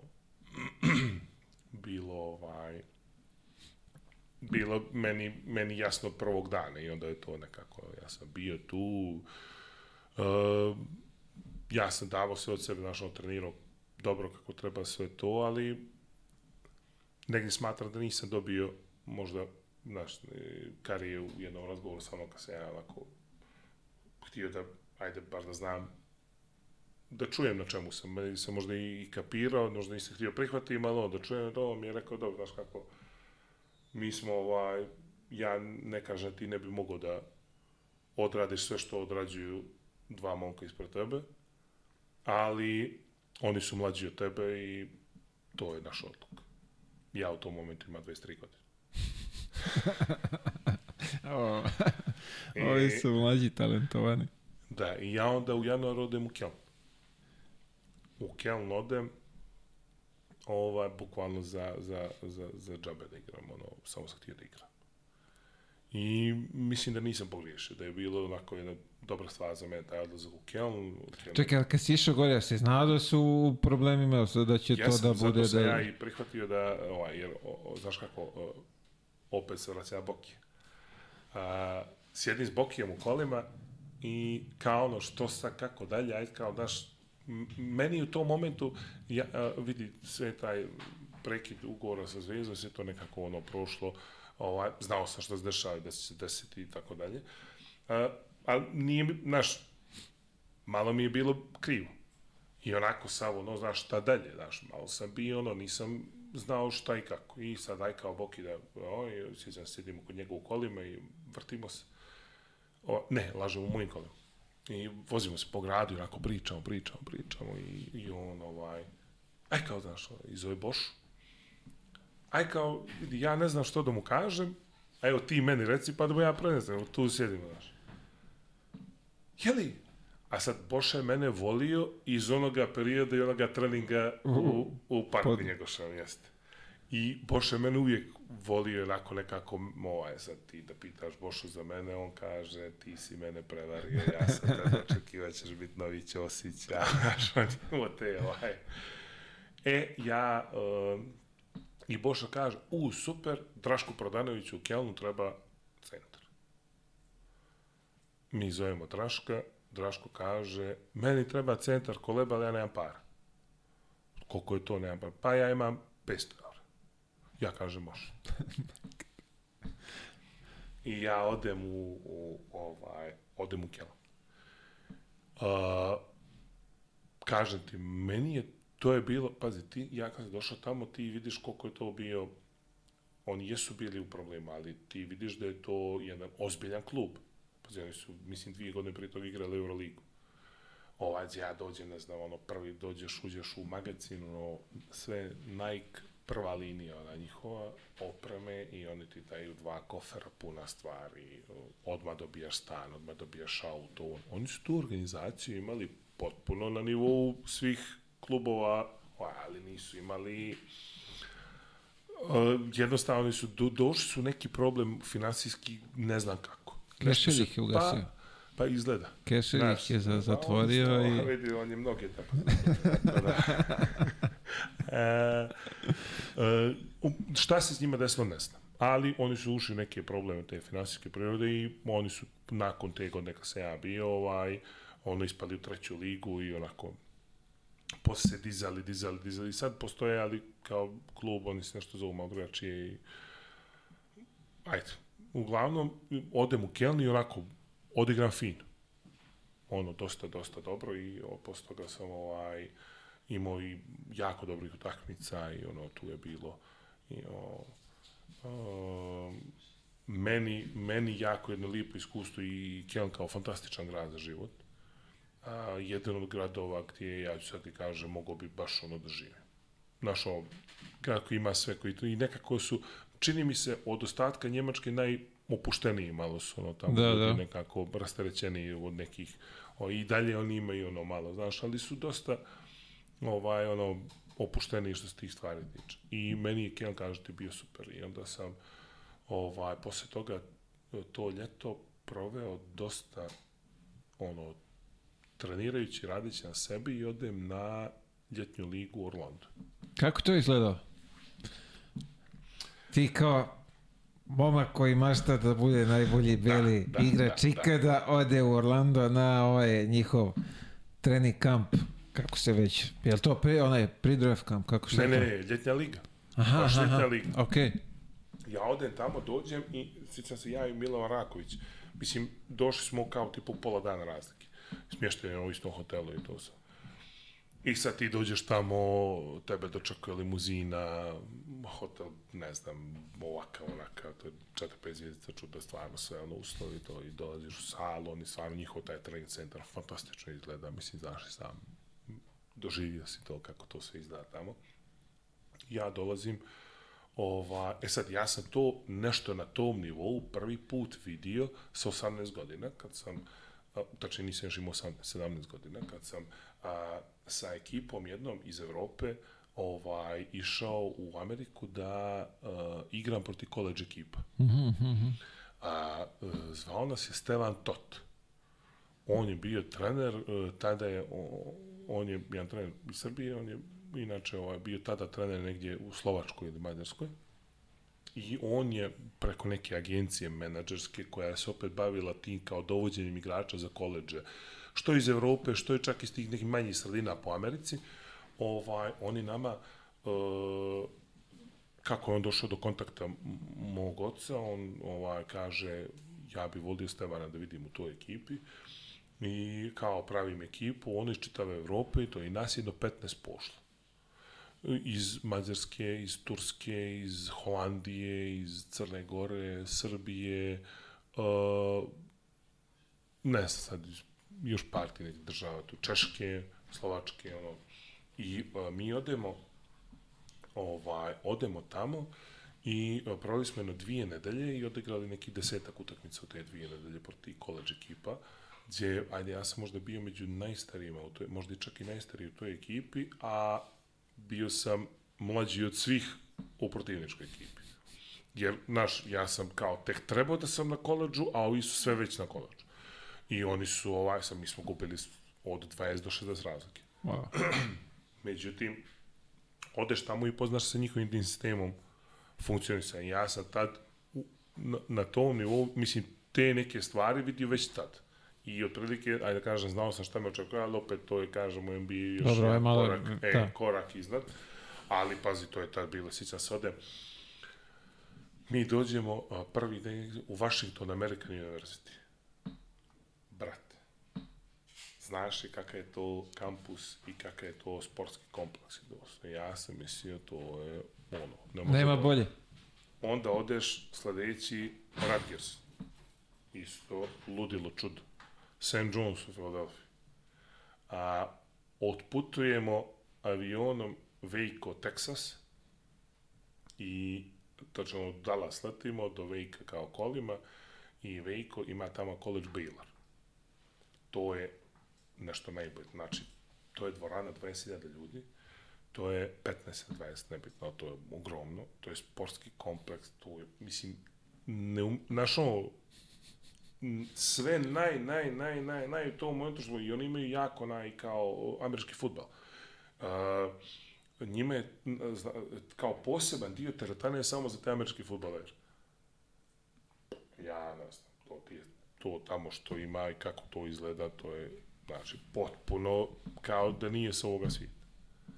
I onda, znaš, ti to kad vidiš, onda kapiraš koliko je sve ovaj...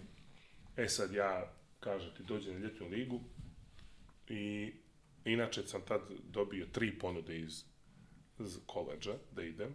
American University, Rutgers i uh, ne znam koji je bio treći. Sjetit se. I međutim, uh, znaš ono, tad je bilo ono pravilo, ako ti matični klub podnim to ponudi ugovor, moraš da ga potpišeš, Da, da, inače, da, da. e, i to padne u vodu. Ovi su iz Radgersa čak htjeli da dođu po mene u Crnu Goru, ono, baš bili, to je... I sad iz ove perspektive, ne znam u kom pravcu išao moj karijer da sam možda naš otišao tamo. Mislim da, da možda je za moj i način igre i nešto, i moje tijelo, možda je bilo bolje da sam A dobro, vidi, ti tad, ajde, uh, ne, ne znaš, zelen si, nema, apsolutno tu nema ne ko da ti objasni i pri tome imaš treću stranu koja Tako je. Tako, hoće pod, Tako po, pod, da ono, pod to silu je- da te potpiše i to je to. Ali eto ono, samo kažem šbbkb. Da, da, da, ali opet dobra je stvar ko ima priliku da iskoristi za edukaciju, za sve. Apsolutno, to je nevjerovatno, ljudi to često pocijenju, ali taj moment gdje ti možeš da se školuješ u isto vrijeme, se razvijaš kao sportista je mm, strašno. Ta- Takav Ne- sistem za sad, koliko ja znam, u Evropi ne postoji. Ne, pokušavaju nešto, ali na tom nivou ne. Sad ja odem u Orlando na ljetnu ligu i tamo, pazi. Dođe, ne, prva dva treninga sam odradio sam, još uvijek niko nije došao, nekako se mi potrafilo da ja dođem prije svih. I, tačnije ja i, i, i Raki. I mi ono kao, ovaj, tamo treniramo i sad ono, a mislim, znaš kako ti sad sve pokušaš da pokupiš one pozitivne stvari. Oni, znaš, neđe, ajde, neću kažu oduševljeni, ali zadovoljni s tim što vide. Ja sam u tom momentu, znaš, 2.11, uh, dosta mobilan, ja sam trenirao čitavo ljeto, došao onako fino spreman, i ovo ono, i uh, ono, trčim solidno, znaš, sve to negdje ima, funkcioniš ovako, imam dobru tu neku koordinaciju, posebno kad primim loptu, šta, kako, ono, sad njima to sve, ono, oni onako se te gledaju detaljišu, znaš. I oni to gledaju, ja sad radim te neke mini vježbe s njima i to sve oni vidim onako, ono, zadovoljni, zadovoljni, meni ono već malo, znaš. I ja, o, me, i u tom momentu se dešava u Orlandu da Marcin Gortat o, hoće da ide i hoće da potpiše ugovor, jer oni njemu nude produžetak ugovora, a mu nude mali ugovor, a on je rezervni centar i za Dwight Howard. Oni su godinu pri, oni su to ljeto u stvari igrali finale protiv Lakersa. I uh, oni da bi pokrili, tad dovode Vince Cartera i da bi pokrili i platu i njegovu i ovih i onih, oni znaš kao ne mogu mnogo da mu daju Da, para i kao ono da ne mu neke. Međutim imaju opciju da ga mečiraju. Ovaj, ali Marcin Gortat koji već tad planira da ide u Dallas. I već on zna da će Dallas da mu ponudi neki veliki ugovor, tako dalje, da Orlando vjerojatno to neće da mečera. I oni traže zamjenu. I sad, s obzirom da je Gortat igrao u Kelnu, dvije godine prije mene, Bro. njima je to dodatno bilo interesantno. Sad Gortat se tu pojavljuje na treninzima i on tu dolazi, sad on priča malo i naš jezik i ja ono, znaš, malo s njim i onako priča i to i on mi kaže, brate, ovi su kao za gledaju te ovo, ono, znaš, meni sad već ono, To je to. ali kad je došao, kad su svi skupili, kad su došli, onda kapiraš da je to drugi svijet. ali ne u smislu kvaliteta, nego u smislu mentaliteta. Ja sam očekivao, ok, igramo košarku. Oni igraju drugi sport. Jer o, o, njima je to borba za život. Oni su došli tu, posebno naši i Amerikanci. Da, da, to, kidaju. njima je to borba za život. On bukvalno tebe gleda, ti jesi s njim u istoj ekipi, ali on te gleda kao smrtnog neprijatelja. Ti mu uzimaš mjesto. Ja to u tom momentu nisam shvatao, meni je to bilo ono kao, ok, igramo, tu ćemo, ono, znaš, pa kao neki pick and roll, pa ću ja dobijem neku loptu, pa ću ja tu nešto da rola moje, znaš, ono, baš, to trikane.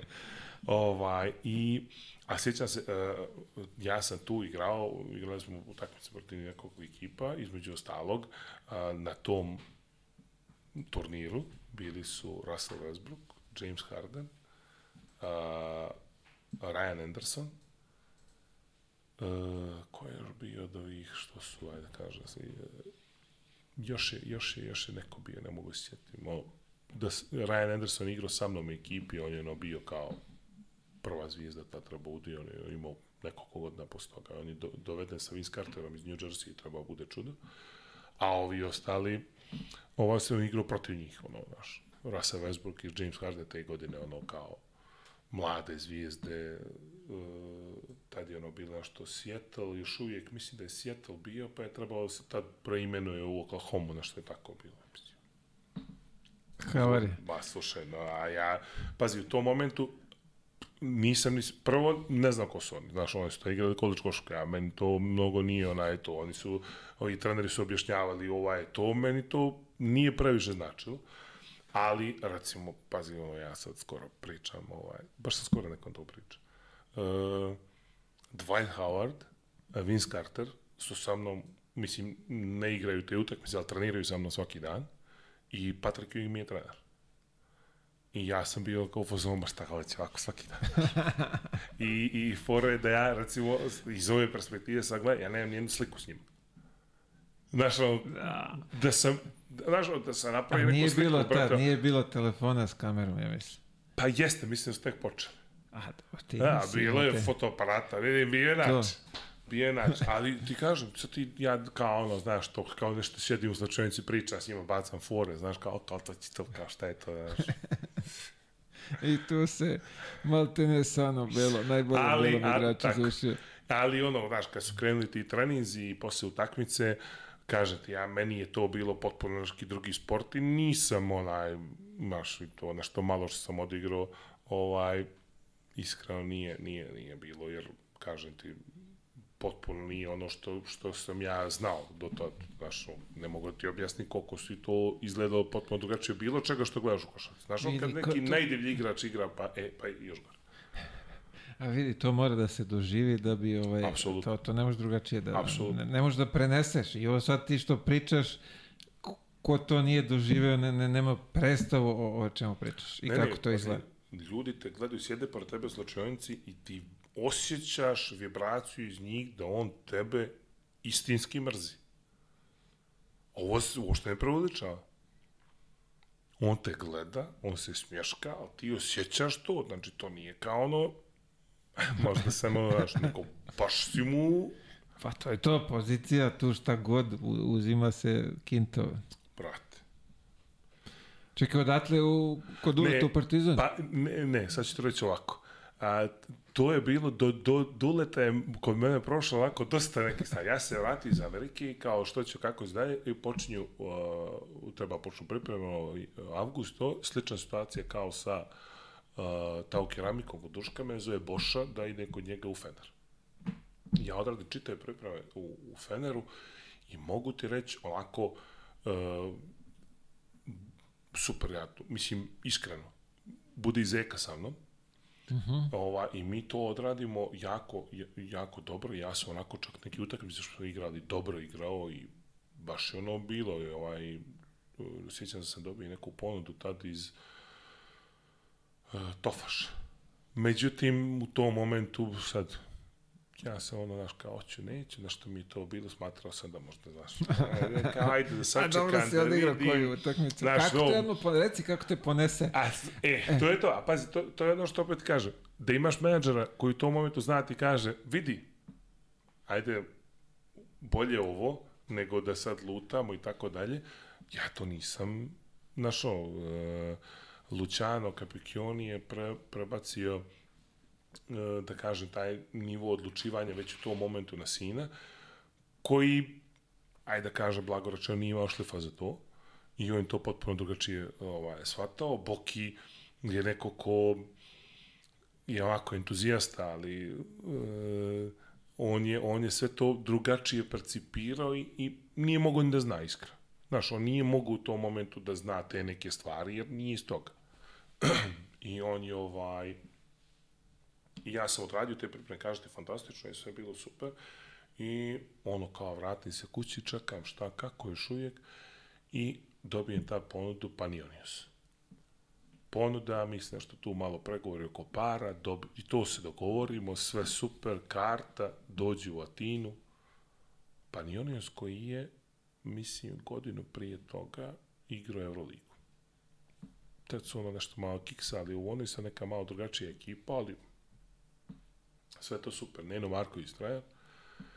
I ja tamo kao ono, znaš, ovo sad dobro, znaš, sad malo i meni ono, Čale igru u, u, u Grčkoj i sad, ajde, znaš, sad ja, kao to je dobar je znak.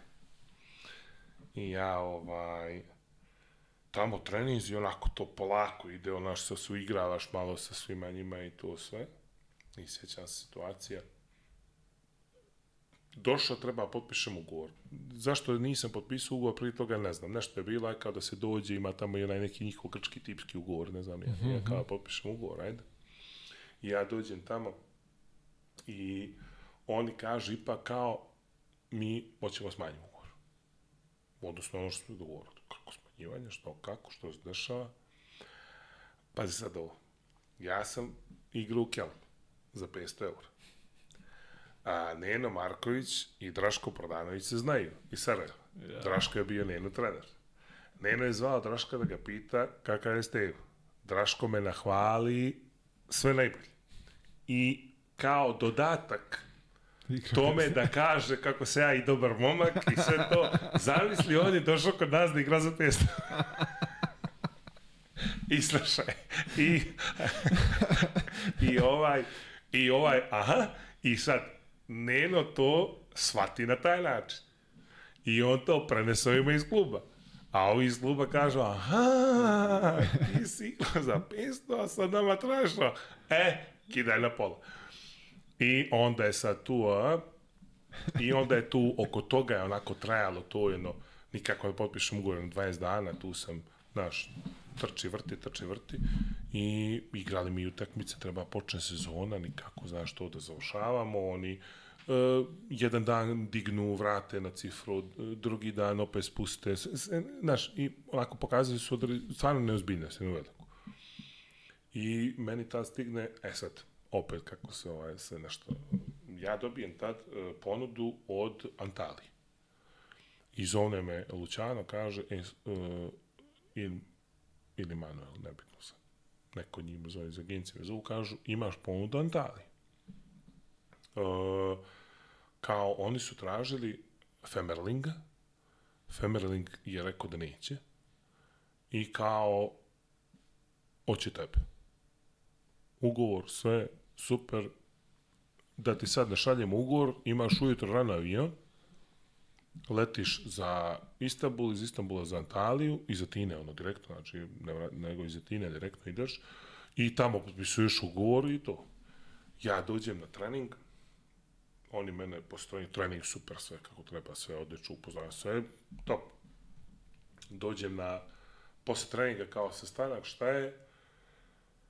Dok sam ja letio iz Atine za Antaliju, Femerling je zvao i rekao da se pre- predomisli. I oni meni nude tada da potpišu ugovor i sa mnom i sa njim.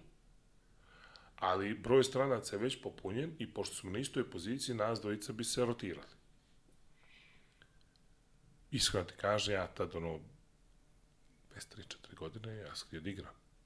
Nije to bilo, znaš, to je stvar para, ne znam ja, ali meni je više bilo bitno, znaš, sad ja da razmišljam o tome, da li trener razmišlja da Femerlin koji je u tom momentu neko ime, pred kraj karijere će biti više ispoštovan nego ja koji možda će pokaže više od njega i to, ovaj, ja odustanem. I iz Antalije se vratim za Beograd.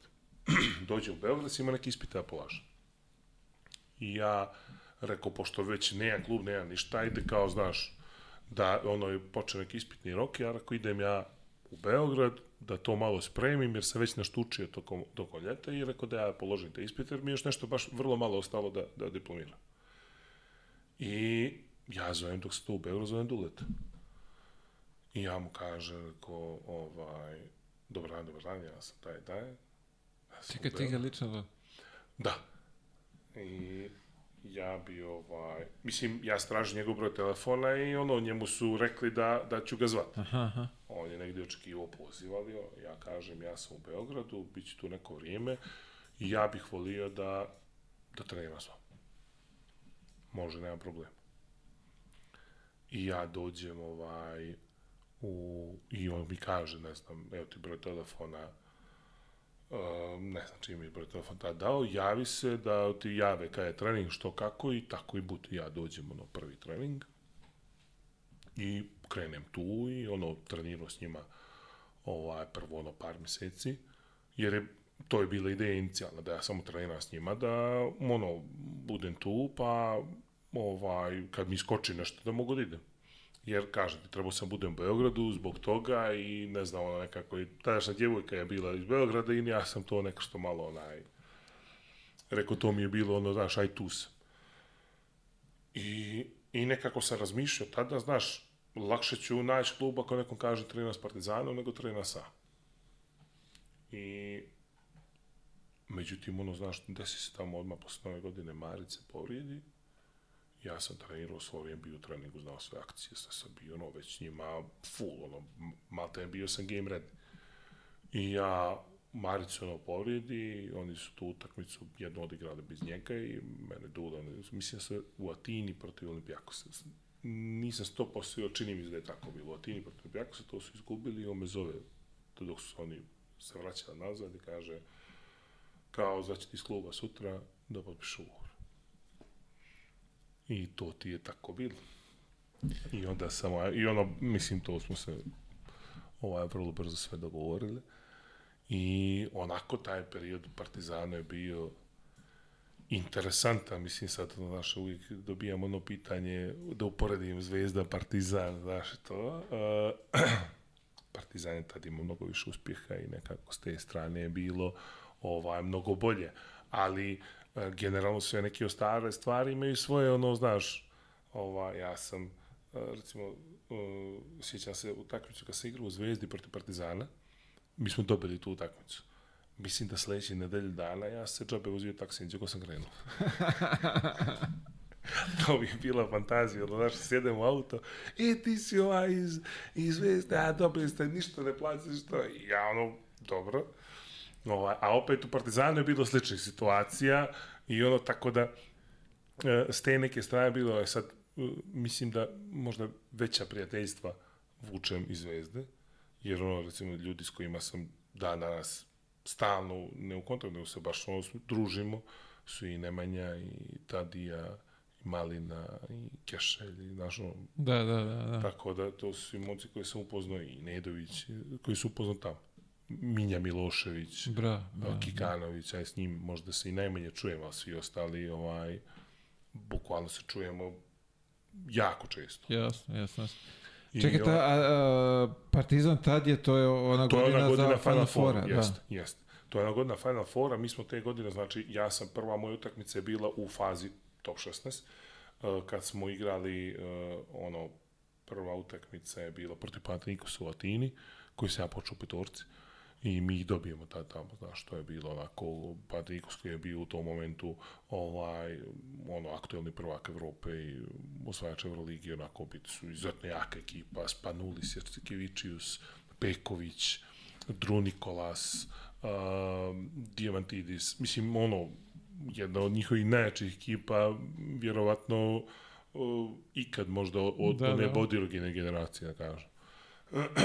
I onda su, i mi ih dobijemo tad tamo, onda uh, dobijemo Barcelonu kući, ona čuvena utakmica ovaj, s onim uh, košem, ovaj, tačnije promašajem, i uh, posle toga uh, još jednu utakmicu u Euroligi sam igrao protiv Marusiju u Atini, gdje nešto izgubimo nešto je bilo, kao malo smo se možda i opustili tu utakmicu, ali na kraju se postavio da ona nije bilo mnogo bitna, jer oni prođu dalje na ovaj, e sad ja, bile su to par utakmica, je bilo, bilo budućnost Zadar, i ne znam ko je još Bosna, čini mi se, ne znam s kim smo još igrali u oba ligi, to je bilo moje, ja sam tu bio jedno mjeseci po dana, Zvezda, isto u oba ligi smo igrali Zvezde, i ja sam to tu sam ono da kažem, ajde, to je ono što sam ja odigrao za Partizan tih mjeseci po dana uh, i nakon toga, to je ono što sam im potpisao bio i nakon toga je bila priča da da produžimo ili ne. I meni tad stigne ponuda iz Dijona. I oni su čak vali klub i onda ono, Dule priča sa mnom i on kaže, Marić se vratio. Neće biti prilike. Pa, ono, Biće, ali pitanje koliko, da, šta, da, da, kako da. Uh, vidi, razmisli u ovom momentu tvoje karijere šta ti je bitnije. Ovdje možeš da ostaneš s nama, koliko ćeš igrati, ja ne znam.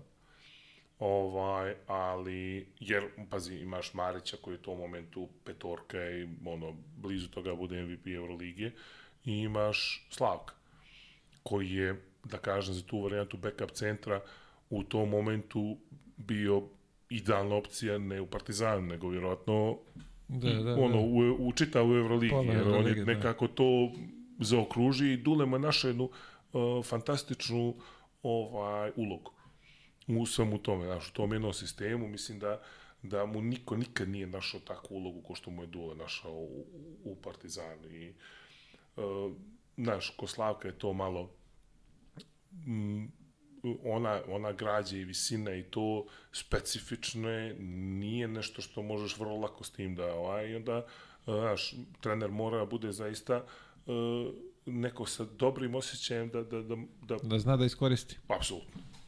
E, ja sam onda to, čuo sam to što mi je Dule rekao, ukapirao sam i prihvatio pon Dižona. Do kraja sezone. Do kraja sezone, tako. I tamo sam odigrao jako dobro, uh, Uh, ne znam, imao sam i neku utakmicu 20 pa na 20 skokova, imao sam ovako, baš sam ovaj, dobro, jer iz tog nekog elana, toga što sam imao u Partizanu, onda dotišao tamo i da, da. Baš, sam, baš sam dobro igrao, i, ovaj, ali interesantno je tu bilo, ja sam uh, izbori Partizan Final Four. I sad, a sad posebno što smo i Dižon je crno-bijeli. I onda izbori Partizan Final Four i to, i ja dođem na trening u majicu Partizana, i ja kažem, reko, ovaj, coach, uh, sad ono treba, ne znam, kao sledeće nedelje je Final Four, ja, mi igramo nema tad utakmica, nešto su i oni pauza, pomenuli, da, jeste. da, bude pauza. Da. I ja kažem, reko, coach, mene nema, reko, četvrtak, petak, subota. Kako, šta? I o sad, e, sa mnom je tu bio Damir Krupalija iz Sarajeva i Nebojša Bogavac. I ovaj, sad oni su znali zašto ja, jer ja ono pre svima to kažem. Znaš. A njih dvojica, coach, bolje ga ono, znaš, kao jer ga nema. I, ovaj, I onda je coach ukapirao šta ja, coach sam bio Henrik Detman. On je finac, on je bio selektor njemački kad su bili ovdje u, u Beogradu. Da, da, da, znam, znam. Kad su izgledali u finalu, e. I on ono ukapira, znaš, i on kaže, a onda u redu, znaš, ja sam bio u Parizu ta tri dana, ono, kao, sjedi, uzeo sam karte, ovaj, ono, bukvalno do terena i tu sam, ono, bio sa njima, onako, bile, bile baš, ono, interesant, puno emocija, onako, znaš, mislim, kompletan taj turnir i to je sve nekako bilo u tom momentu uh, skoro pa nerealno. Pa dobro, vidi, bio si deo, deo toga si do, Da. do skoro bio i onda je, kapiram da, da je imalo posebno neko, ovaj, što bi se reklo, mesto u, u srcu. Je vidio, ajmo da preskočimo malo ovde neke ove tvoje avanturice, to je negde svugde, ajmo u Gruziju. Pa, ajde, samo ću letimično da ti kažem, posle, posle Francuske što se dešava. Ja sam trebao da odem opet Grčka, Marusi. Ma, dođem, potpisao ugovor. Sve, znači, sad sam već potpisao ugovor. Da, sad sam već potpisao ugovor. Sve završeno. Ulazi se u proces registracije, stigo loc. Sve odrađeno kako treba. A, na trening dolazim, ulazi 50 navijača. Pale baklje, čuda, haos je došao. Što je, rekao, pitam ovoga pomoćnog trenera, a on kaže, a, skinuli su predsjednika, doveli su novog i sa slave. Vidim ja nešto mi je to malo. Zovu mene na sastanak, a slušaj ovako, sve smo strance otpustili, ali tebe bi dostavio. Dobro. Kako mi ste otpustili? E, svi ovi ugovor ne važe. Novi predsjednik, novo sve, sve ugovor ne važe, mi tebe to, možda se žališ ovo je Grčka. Dobro. E, hoćemo tebe da ostavimo, ali za 50% ugovora. I ja sad, ono, znaš, kao šta, kako daj da razmislim, da vidim i odustanem. I onda sam čekao, čekao, čekao i odem u Rusiju. E, Tamo- bravo, tamo je bila avanturica isto sa... Nižni Novgorod i odem tamo, baš neđe oko nove godine, Nižni Novgorod, blizu Urala, tamo to temperature od minus 25 do minus 35. Vidi, ja sam dijete s mora. I e, nakon 45 dana sam ja negdje onako rekao da Hvala. Pa, nije to za mene, znaš. I ono, nešto sam i tamo igrao i nisam igrao i nešto odigrao dobro i nešto slabije i ono, i nije to bilo to i, znaš kako, iskreno čini mi se da, da moj dolazak tamo se nije poklopio sa svačim željama. Uh, mislim da čak trener nije učestvovao u mom dovođenju, nego je to predsjednik odradio, pa je to imalo malo aha, onako, aha, znaš. Aha. Onda to mi se nikad nije desilo ko što mi se tada desilo, recimo meni igrači 20 dana nisu dali da uđem u slučajnicu. Kako? Pa ja 20 dana nisam skidao u slučajnici, nego se skidao sam u drugoj prostore. Kako to? Pa nisu dozvolili Ko bre nije dozvolio se? Pa igrači tada to su kao ono, mislim meni je to drugačije preneseno, ali ja sam vrlo brzo ukapirao o čemu se radi. Ovaj, da oni jednostavno, ne znam šta je sad to bilo, ono kao bilo je fora, u slučajnici nema mjesta. Kao nema mjesta u slučajnici, skineš tamo, sve je zauzeto i nakon 20 dana kad sam ja kao, kad mi je dozvoljeno da ovaj, uđem u slučajnicu, ja sam ukapirao da ima, Popravio se mesto. da, Čekaj, tvoji saigrači, tad kad si došao, niste... Tamo mi se recimo to desilo, niđe mi se to nije desilo. Znači ja se mm, skoro 20 dana skidao u posebnoj slučajnici u maloj prostoriji. Čekaj bre, čoveče, ajde, ajde ovako sad. Uh, u Rusiji si, imaš našeg čovjeka za trenera, imaš naše ljude u ekipi, A, jel tako? tri naše saigrače. E, tri čovjeka iz Srbije u ekipi. Ali A čekaj, ko- u suštini, pa mislim, da to- su, mislim da, da, da su Rusi bili ti koji su ono, kao bili, znaš. Ja ne znam njihove razloge, ne mogu, nisam nikad ni htio da ulazim u to sad, da, znaš, ovo, jer Ja ovo prvi put čujem da... Nikad mi se to nije desilo ni prije ni posle, čak nisam ni ja čuo, ali to se desilo. Znači, meni, prvi trening sam došao i kao bilo je u fazonu, e, da, pošto je prije mene bio onaj neki nigerijac, ovaj, kao tu još njegove stvari, nešto nema mjesta, ima mjesta, kao ajde ti skineš ovdje, pa mi tamo kad oslobodimo prostor, onda ćemo te zvati. Ja sutra dan, još uvijek ti ostani ovdje. Pa prek sutra, znaš ovo. Ja jednom momentu već ono, znaš, pitam opet još par puta, svaki put, nismo još, ono, znaš, kao, sad čekaj ovo. I nakon 20 dana, kao, e, kao, ako hoćeš, možda se skineš tamo. Čekaj, me zajebavaš. Ne. Profesionalni košarkaški klub da ima takav stav za... za, za Vidi, za... sve, čak, čak, pazi, mi smo već počeli da igramo odmah utakmice i to išli na putovanja, ja sa svim tim momcima, bar se meni čini imao potpuno korektan odnos. I s tim Rusima onako imao ok odnos i pričali, razgovarali, znaš šalili se, imali to s par njih posebno i to, ovaj, s ovim, da kažem, bili su tu Vuk Šalesić, bio je Paunović, bio Vanja Plesnić, njima imao super odnos, ono, čak i družili, izlazili na večere, ovo, ono, ali, kažem ti, bilo je tako, sad, vidi, Wow. vidi, možda se stvarno nekakve se tri, četiri Ormelića stvorila tek nakon 20 dana, ja ne znam, ali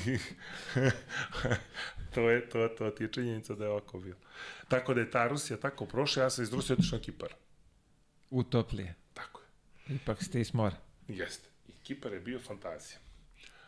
Prvu utakmicu igramo, dobijemo, ja onako, znaš, ovo već malo čak i dobio neki stomačić. Ovaj, drugu utakmicu, jer nisam trenirao, znaš, ovo neko me vrijeme, drugu utakmicu, opet, ovaj, igramo u goste, dobijemo i kao to je to, završi se prvenstvo, mi smo šesti. Nisu oni nešto to, to je tako, nismo mi mogli bolje, ali kao ono, što se dešava između kraja prvenstva i početka play-offa igra se finale kupa. Oni su prošli finale kupa i to im izlazak u Evropu i to je njihova onaj. Ja, Kipar kaže, oni tamo to igramo protiv te neke ete koja je tamo najbolji klub. Ja igram za AL iz Limassola. I odlazimo tamo u Nikoziju da igramo utakmicu i gubimo. I razočarenje u klubu, haos, oni svi vidim nekako pokisli, nema Evrope sledeće godine, to njima znači ko nema neki para, šta ja znam i oni svi onako to i to. Mi sad čekamo, treba play-off da počne, a igramo play-off sa uh, ekipom isto iz Limassola, Apollo. I mi tamo onaj u uh, ono, kao hoćemo treniramo u hotelu, svi smo smješteni stranci u hotelu. Niko nas ne javlja. Ne znam što se žao. Eurobasket posle dva dana, a, a Eli Masolo otpustio trenera i sve strance. Mi nemamo pojma. Mi zovemo ovoga menadžere, svi, znaš, samo sada telefona, što se dešava, niko ne zna da vam odgovori ništa. Zovu u klubu, klub se niko ne javlja. Zovemo Kiprane. Kiprani nam kažu, ej, jeste, jeste. Pa što sad mi da radimo? Ništa, čekajte, tu zvaće vas. Prođe jedan dan, prođe drugi, prođe sedmi, prođe deseti dan. Mi ni treniramo ništa, tu šetamo, izlazimo, Plaža. po neko već plaža krenula, znaš ono. I kao, što ćemo? Ova, zvoni telefon, ova, zvone, zove kapitan i kaže, slušaj, ovakva situacija, otpušten je uh, sportski direktor, trener i pomoćni trener. Uh, treći pomoćni trener je kao ostao. Uh, vi ste svi uh, ovaj stranci kao maltene otpušteni, ali možete doći na sastanak sutra. Kad sutra, toliko tog preksutra počinje playoff. Mi dolazimo sutra na sastanak, kiša pada, sjećam se, i futbalski klub AL ulazi u našu dvoranu, da ima trening, jer je tolika kiša ne mogu da treniraju napolju. I da, tako da mi kao trebali smo imati trening, nemamo ni ta trening, nego puštamo njih, pa kad oni završe. Umeđu vremenu mi pravimo sastanak, gdje oni nama kažu, i tako je situacija, mi su sve otpustili, vi ste otpušteni, ko će da ide, može odmah da javi, dobit će kartu sutra, preko sutra, za tri dana, ćemo kad imaju ono karte i to. A, što se para tiče, to je to. Što Pa. ste dobili, dobili ste. Ovaj, ako vam neko nešto dužan, Zaboravi. tako. I to je to. E, ako nekim slučajem hoćete da ostanete sutra da igrate, možete da igrate, ne morate, potpuno je ono, znaš. Sada, znaš kakvi su Amerikanci, revoltirani. Ono. Tu sam ja, tu je uh, Dragoslav Papić i uh, Dejan Delić.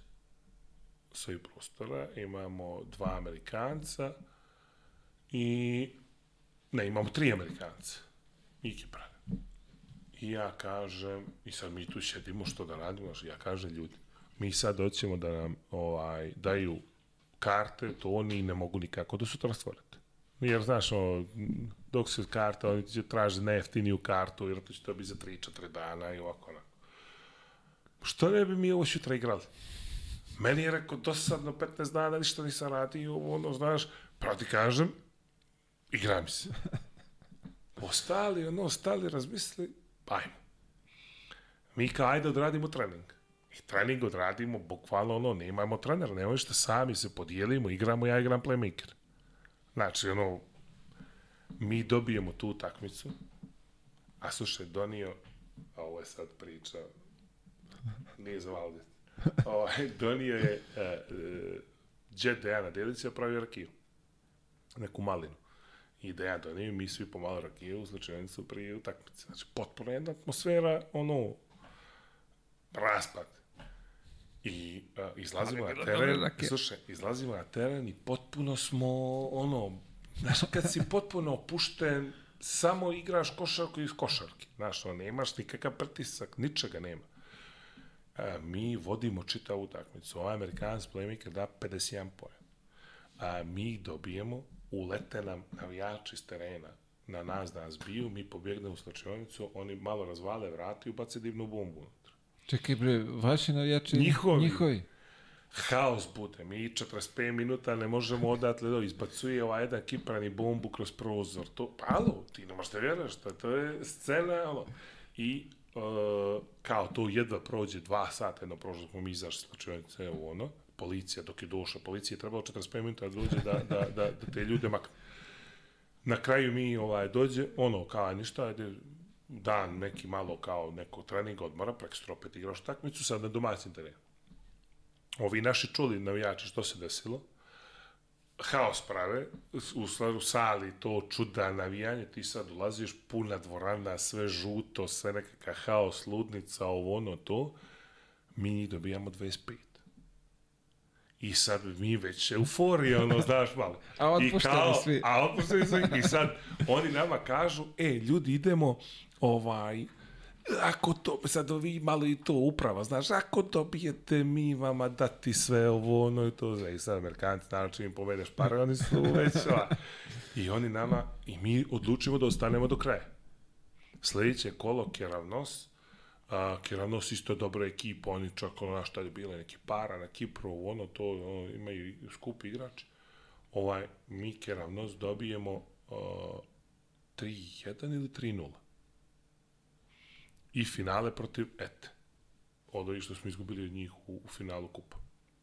Prvu utakmicu tamo izgubimo pet razlike.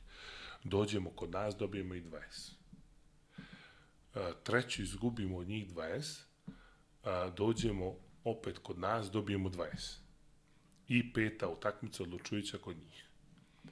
Sudije nas masakriraju. Uh, mislim, šest tehničkih, uh, dva isključenja, uh, pet nekih namjernih onih faulova, čuda, ovoga, onoga. I, ne znam, izbace mene i još dva, tri igrača, još dvojicu ovoga, jednog Kiprane i ovoga, jednog Amerikanca s pet faulova, tipa u trećoj četvrtini. Znaš, ono, baš, ova, i oni nas dobiju nešto, mislim da smo čak nešto nas dobiju dva, tri razlike. Mislim da smo imali mi neki šut za produžetak ili nešto. I on je svoje titulu i to, ali interesantna je bila onako Čekaj, priča, znaš šta je to, znači, i posle ostanemo, svi. posle ostanemo još jedno tri dana u, ovaj, uh, u tri, četiri dana ostanemo na Kipru, ono, šetnja, zezanje, tamo, ludnica. Na račun kluba. Da, E su platili na kraju? ne. I ja, ovaj, e, ja s Kipra odem u Aris. Trebao tamo da potpišem, ali Grčka mi se nije dala. Neće. Ne, Grčka mi se nikako nije dala i odatle odem za ovaj, vratim se ono kući, završena sezona i posle toga sledeća godina je bila godina kad sam o, opet otišao na pripreme Uh, ne, prvo sam odradio pripreme sa reprezentacijom, B reprezentacija Crne Gore je bila, otišao u Kinu, igrali neki turnir tamo, ono bilo kao, i onda dođem, vratim se i odem na pripreme sa Duškom u Tau keramiku opet. I iz Vitorije odletim za Trabzon. Potpišem ugovor s njima. Međutim, m, tamo bude, mi dođemo tamo, ono kao sve super i, i ovaj, pripremne utakmice odradimo odlično i uh, oni imaju neki turnir kupa pred sezonu ovaj, gdje mi izgubimo sve tri utakmice. Ali generalno smo dobro igrali. Ja sam igrao čak i baš dobro, imao i dobre statistike i sve. Ali izgubimo sve tri utakmice i nekako već tu krene malo neka, vidim ja, nervoza, tenzija u klubu i ovo ono, ovaj, ali baš izgubimo, od dvije utakmice izgubimo, primimo trojku za jednu sekundu. Jednu izgubimo od Bešiktaša sa Deron Williamsom.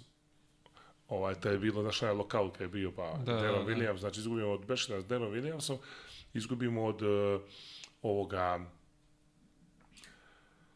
kako zovu oni Pilića što što im je sponsor, oni Koji, brate? Kršijaka, šta ne, oni su one oni pudinci. što je, što je posle i, nema, sjetit ću se. Iako se ne sjetim, nije strašno. Ovaj, I ne znam ko je bio ovaj, to. E, jednu izgubimo, znači primimo trojku u zadnjoj sekundi, a drugu ne, primimo koš u zadnjoj sekundi i od ovoga jedan je bio Amerikana centar, on je bio u Zvezdi isto godinu prije toga centar. Nema se. I ja ovaj, baš nesrećno. I odemo prva utakmica prvenstva protiv Fenera u Istanbul. I to izgubiš, znaš, ono, sad, jebe ga, mi smo ti stranci koji smo bili igrali korektno. Ovaj, međutim, uh, nastaje malo u klubu tenzija, što kako, i ovi iz, uh, ono, pritisak na trenera i trener kaže da bi sačuvao svoj posao, miči sve strance, dovodi nove. I onda ja sam tu, mislim, ostali smo tu još par kola i onda smo ovaj, svi stranci, sve nas je ovaj, ispratio. I onda ono bi, ali Turska je onako, taj Trabzon je specifična sredina, nisam nešto Znam, bio, bili su ovi naši dole i, i pa niko se nije oduševio baš tom sredinom. Znaš kako, oni su dosta onako i to što se tiče neke vjere i to taj tamo dio Turske čini mi se su malo ovaj zatvoreni i onako baš je bilo uh, znaš, na, na, na neki prvi pogled kad dođeš tamo i ti uslovi, ta dvorana i ponešto i ne znam, ja sam dobio neki trosoban stan od 200 kvadrata tamo i ti uslovi, to sve ti se čini kao super, ali čim malo zagrebeš u smislu kvaliteta života, nije to ono Da, što smo da, mi da, navikli. da, da, Evo, jasno, ovako da jasno, kažem jasno, kako treba. Nije to ono što smo mi navikli, Tako znaš. je, tako Nego je to neki drugi stil života koji jednostavno nije moj. Tako je.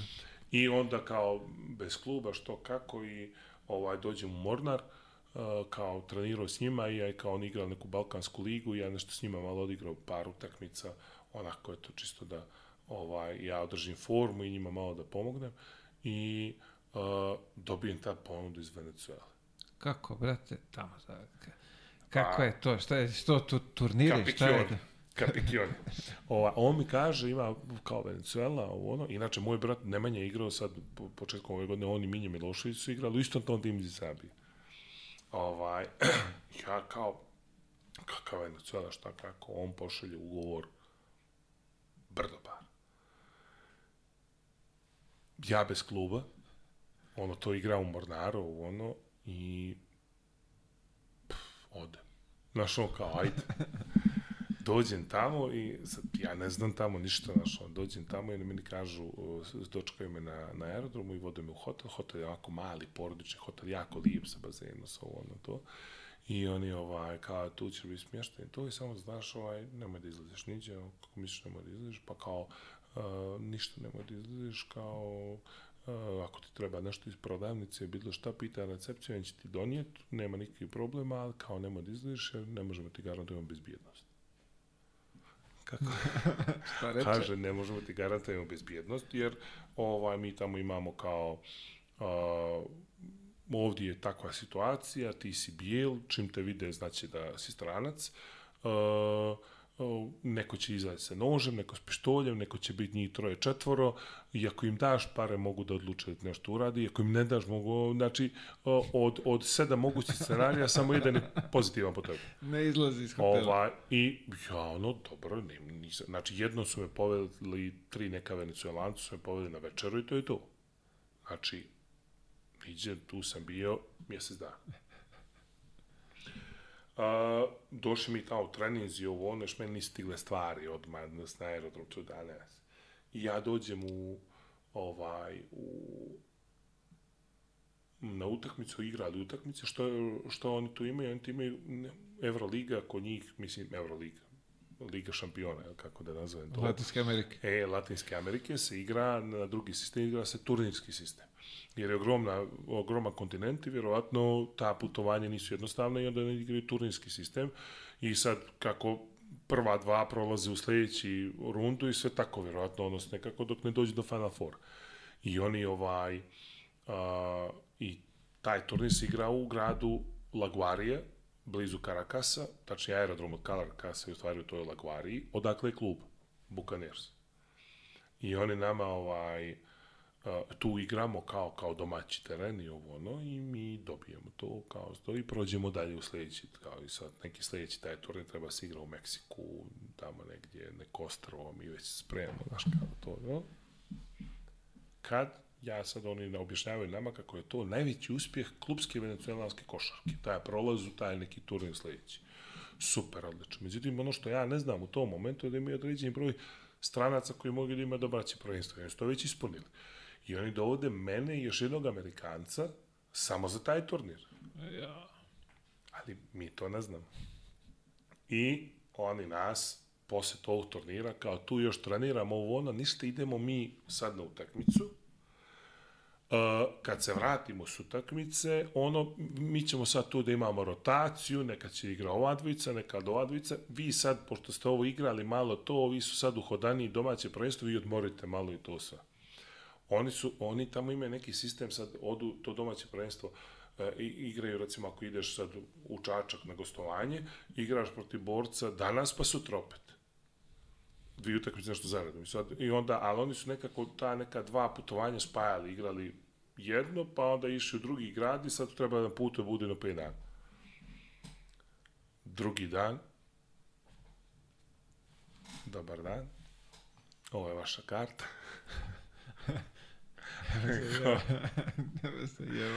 Kako uh, uh, meni su samo rekli da o, ja zovem menadžera, on kao, pa da vidim, ne znam ništa, ovo ono, on zove, ako, kao, pa jeste, oni su rekli kao da je to to, a oni tamo imaju onaj, ne potpadaju pod Fibine one ugovori i to nisu, znaš, Aha, malo za sebe. Oni jedino pravilo koje imaju, znači strance, mogu da otpuste kad doće kako hoće. A jedino moraju da mu plate dan za dan. Znači, on imaš ti kao mjesečni ugovor, ali onda ti izračunaju koliko je to dana bilo i to je ovaj. A Znači, od one E, a- cifre...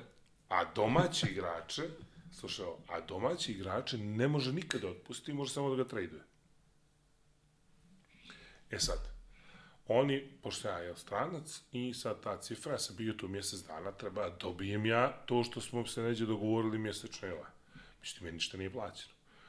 Nešto je objašnjavano kako će taj novac biti plaćen, nešto oni ne mogu, nešto kurs banka, ovo ono, to ide preko nekog računa u Americi, pa se meni šalje iz Amerike u Evropu, pa ovo ono. Sad pitaju, oni meni je to jednostavnije možda da se ode na račun agencije, mi smo nešto s njima već sarađivali, ba, ba, ja ako može za ja njih u agenciju, možete vi to, može, nije problem nikakav, oni to tako odrade. Ja Kartu i kući. kao dobro, aj to će biti tako. Euro ne vidim, ili ti dolar, kako god hoćeš. Ovaj, dođem kući, ono, znaš, to zovem ove agencije, oni kažu, nisu nam ništa uplatili. Oni kažu da su tebi dali pare. I ja sad već, ono, znaš, e sad to su oni problemi gdje, ono, agencije i menadžeri često rade, znaš, ono, radije će da ostanu dobri sa klubovima nego da se, znaš, zamire klubu zbog igrača, zbog jedne plate ili dvije. ili Da, da, da, da, da. I ja iz Venezuele, ono, naš neki taj... Lepo iskustvo. Ah, interesantno. Lepo, lep, lepo E, iskustvo. Posle Venezuele, malo sam bio, ono, ne znam šta ću djecu, neke ponude bile, nisu se realizovale, neke su bile i odavde, i ovako, onako, i nije se re- realizovalo. Ja malo proti kažem, razočaran, razmišljao sam i da tad Da batališ. Jes. I onda sam ovaj, međutim, dođe ponda iz Gruzije. Sohumi. Kod važe čuvenog. I ja u Sohumi, i kao, hoću, neću, i oni stvarno ta ponuda isto neki veliki novac. I ja odem. Mislim, znaš ono, kao, nemam šta da izgubim. I odem tamo.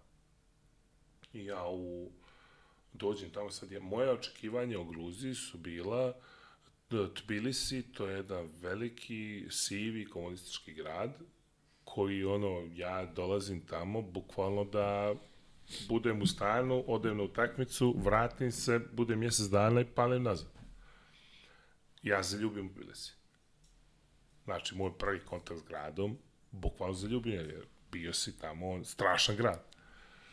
I ovaj, ja kad sam ono to, mi smo to odigrali čak onako, znaš, došli do polufinala gdje smo ispali od ove tvoje mi akademije I ovaj, ali jako, uh, ne, u stvari lažem. U četvrtfinalu smo dobili mi akademiju, nego smo izgubili od armije u polufinalu. Ali armija je bila ekipa koja je tad imala dva evroligaška igrača. Naš uh, Olimpija je tad igrala Euroligu, onaj Woodward je igrao za uh, Olimpiju, on je s polusezone došao u Sohumi, uh, bukvalno za iste pare koje je tamo imao Euroligi. I imali su onoga uh, što je igrao posle u Valenciji, ovaj, četvorka. Do skoro, možda ne znam sad, do skoro igrao Dubljević igrao u Valenciji četvorka Amerikanac. Nemam pojma kome pričaš. Nema se, sjetit ću se. Da. Uglavnom, on ti je, uh, on, znaš, on, ozbiljna ekipa. Znaš, oni su tamo imali ono, bio je i ovaj Jason, uh, Jason Richard, ne, Jeremy Richardson, koji je, koji je sa mnom bio na ljetnoj ligi u Orlandu, uh, i inače isto igrao u Valenciji, igrao NBA par godina, igrao u uh, ne znam, neđe u Grčku igrao, uglavnom isto dobro, znaš, oni su imali, oni su plaćali tad zlato. I sad mi, ajde, od njih izgubimo polufinalu i kao to, i sad ono, Gruzija, a meni to ostane ovako jedan lijep, ovaj, vratim se sad čitavo ljeto našo kao treniran, sprema se, što ću, kako ću, ono, nema kluba, nema ništa, malo već meni ono, naš, vata neka panika, nervoza, ta prošla godina promijenio četiri kluba, nije to dobro za igrača, znaš, koliko god sad ja imam priče razno da, razne, da. generalno za karijeru nije baš najbolje. Ja dođem u, ova, i stižem ponuda iz Olimpije. Olimpiji iz Gruzije, ajde. I onako, fin ugovor, sve to super, ovo, ono, i ja potpišem. I odem tamo i... Koliko ti, na kraju, kako beše, dve i po godine, da, tako? Da, i iskreno ti kažem, meni bude, znaš, jedno, jedno od ljepših životnih iskustava. I ta, recimo, godina tu mi, ono, uh, osvojimo, oni imaju na dva kupa tamo, jedan osvojimo, jedan izgubimo u finalu, prvenstvo izgubimo u finalu, osvojimo super kup, onako, znaš tu, ja tih nekih individualnih priznanja osvojimo, ako bude fantastična sezona, puna nekih ovaj, lijepih stvari, lijepih dešanja, kroz, ne samo kroz sport, nego, znaš, ja, ja vjerujem, ja sam tu upoznao ljude koje opet dan danas smatram prijateljima i s kojima imam ono kontakt i čujemo se i sve, ova, jer je pritom vidio si sam, a, Gruzija je zemlja ono, jako lijepa, ne samo od Bilisi, nego i ostali gradovi, koji ima hiljad, više hiljadogodišnju istoriju. Kušadasije, brate. Da, Ka, kako beše? Ne, Kutajsi. Kukatajsi, kako je, da, ono je... koji ima, znači, uh, istoriju od više hiljada godina unazad, koja je ono puna nekih priča. I, znaš, Čak beše i kad već pričamo njihovo pismo je nešto, je, kako be ima neka... Pa ono ima valjda 11 je različitih pisama na svijetu. Da, o, jedno, to je jedno, njihovo je je jedno od tih 11. Da, da. Ono, liči, ajde, za naše oko liči neko arapsko pismo, a F, f, onako, Pa nije, mislim, ne znam, nije, da, ono, bio nije, ali dole, kažem, ali, da, nekako nešto je, da, hieroglif. da, vrljavo je malo, Da. ali onako to je, Ali i, i, jezik. Ja nisam ni jednom momentu ovaj, ni pokušao da naučim. Ono, da, ne Znaš, ono, da, znam da kažem uh, ono uh, Rogoraha, to ti je kako si, Haumarđus živjeli, Hamarđoba, dobar dan. Eto, to, vidi, znači, živjeli morao si da naučiš. To si mora, To. brate. Koliko, kako ljudi Slušaj, zdrave e, i e, kako e, Ali piju. stani. A, ajde, sad, meni je isto prvi put bio šok. I onda polako vreme, znaš, kad si sam, pa ti malo kod drugačije da, da prihvatiš neke stvari, ono, lakše ih prihvataš kad si sam, jer ono, moraš. Ja sam to naučio. I sad došao, ova, ja bio sam sad na Evropskom opet u Tbilisi kada je bilo ovo. I otišao tamo i gledam uh, ono utakmicu, javio se s tim, tim ljudima tamo koje smo pošli na večeru i sad ja bili ja, brato strica Nikola i najmlađi moj brat Miloš.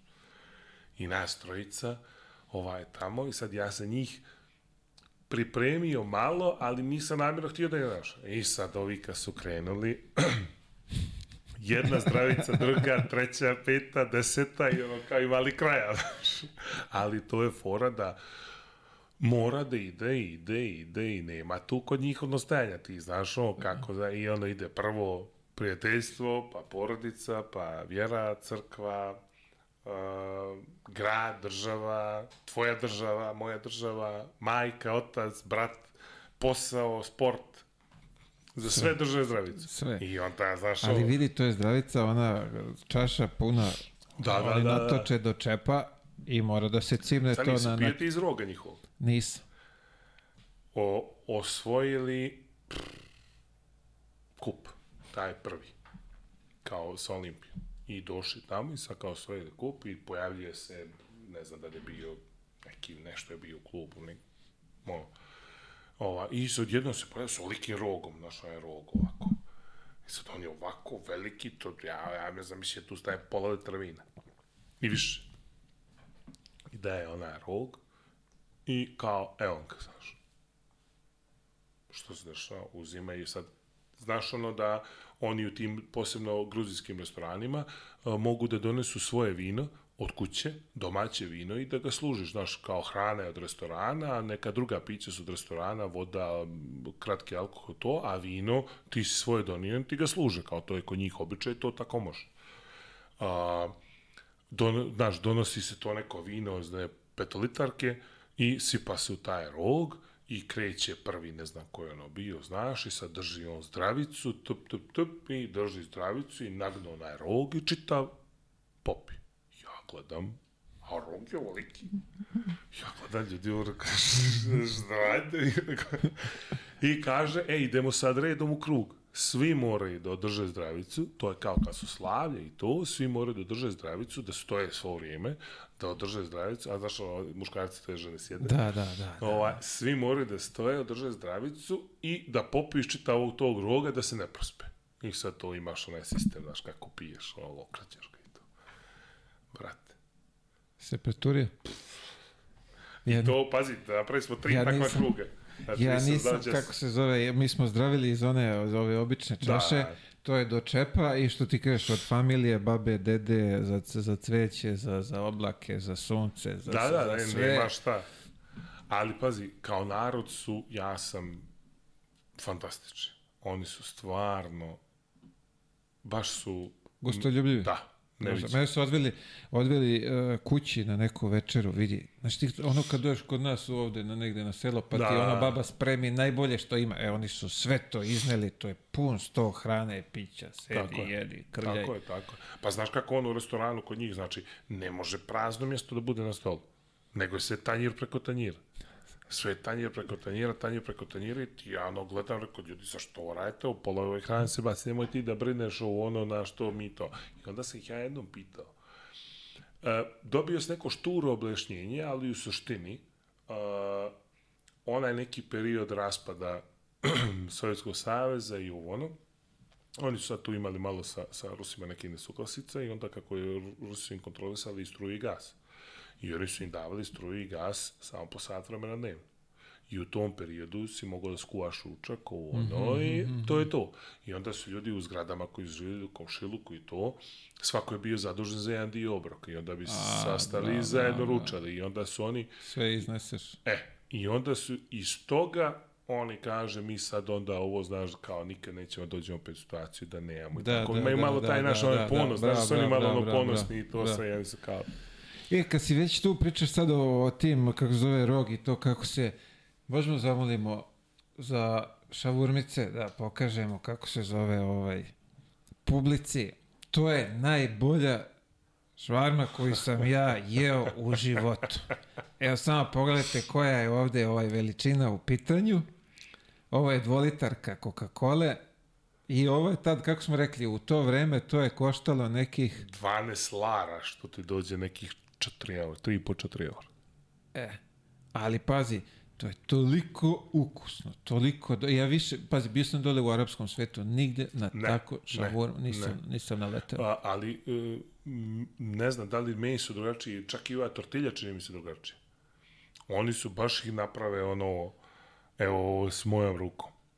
Znači, m- meni je podlaktica onako, Poprilično. pa da, Ne, ne, ne, Ovaj. šampioni, šampioni. A kako, kako se zove, ako neko bude išao, ovaj, daj, ti znaš, bio si sad prošle godine, lokaciju, kako zove šaurma? Pa pazi, sad ih ima svuda, ali bukvalno A čitav ona grad. naša, ta, ono gde smo A, je mi makljali. Pa nema tamo više, o, ima u tom kvartu su otvorili jedno sedam, ali one više nema.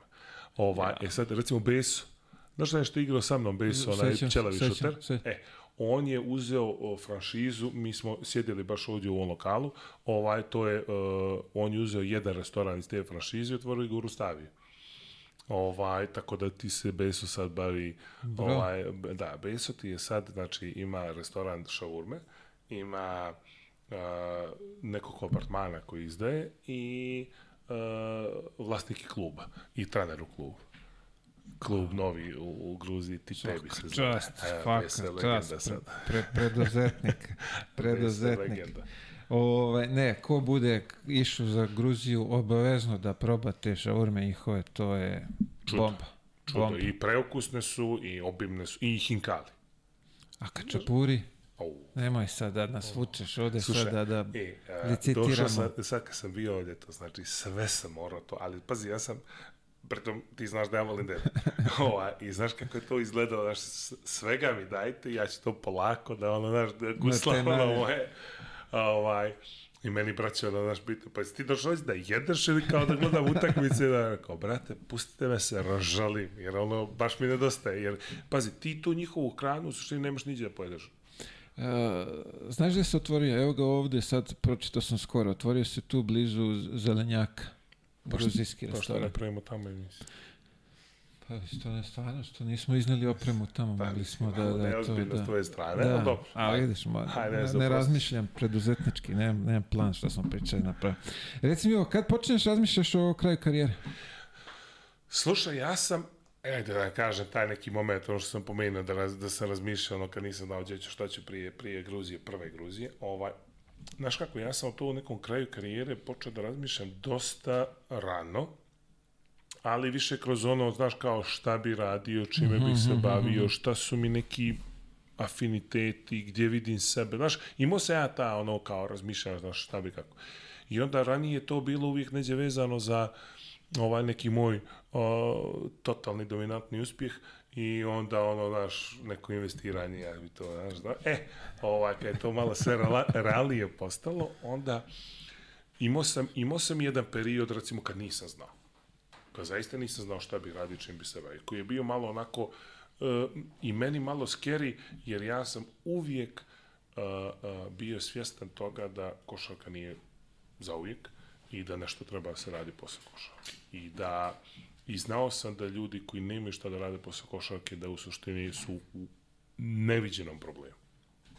I, međutim, vrlo brzo sam sebe, neđe, ima sigurno 10 godina i jače, ovaj, da sam sebe već vidio u firmi porodiče. Uh -huh. uh, na nekoj od, da kažem, uloga koja bi sad konkretno bila, da bi to bila ova sadašnja ili neka druga, ali vidio sam sebe tu, jer uh, to je ono što me zanimalo. Opet ja kažem, ja sam uvijek htio da budem arhitekta, sticajem okolnosti nisam mogao da, da, da upišem taj fakultet, ali negdje me to privlačilo. I onda sam u jednom momentu opet sebe vidio u tome, u nekom tom poslu, sad koja bi, kaže, moja uloga bila nisam, jer mi nije bilo definisano kod mene, ali ono, i sad kako se vreme, vrijeme približavalo ka tome, otprilike se ja već razmišljao kako bi to izgledalo, tako da sam bravo, vidio bravo, sebe bravo, u tome. Bravo, bravo, Divno. Ja se razmišljam na taj način, vidio sebe u tome. Druga stvar koju sam razmišljao i koji sad razmišljam, recimo, ono što čini mi se da i mnogo ovaj, nekih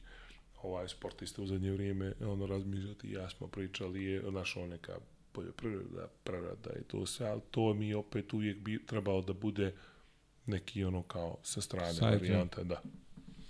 A dobro, vidi, postoji, mnogi su naši u, u kolege u- ušle u to, zagazile, ali po, neki su čak brže izašli nego što su ušli, tako da, A, ovaj, slušaj, znaš, zahtevno je to ako ne znaš Vjerujem, ništa, Vjerujem. ovaj, tako da, polako. A, šta bi izvojio od najtežih momenta u karijeri?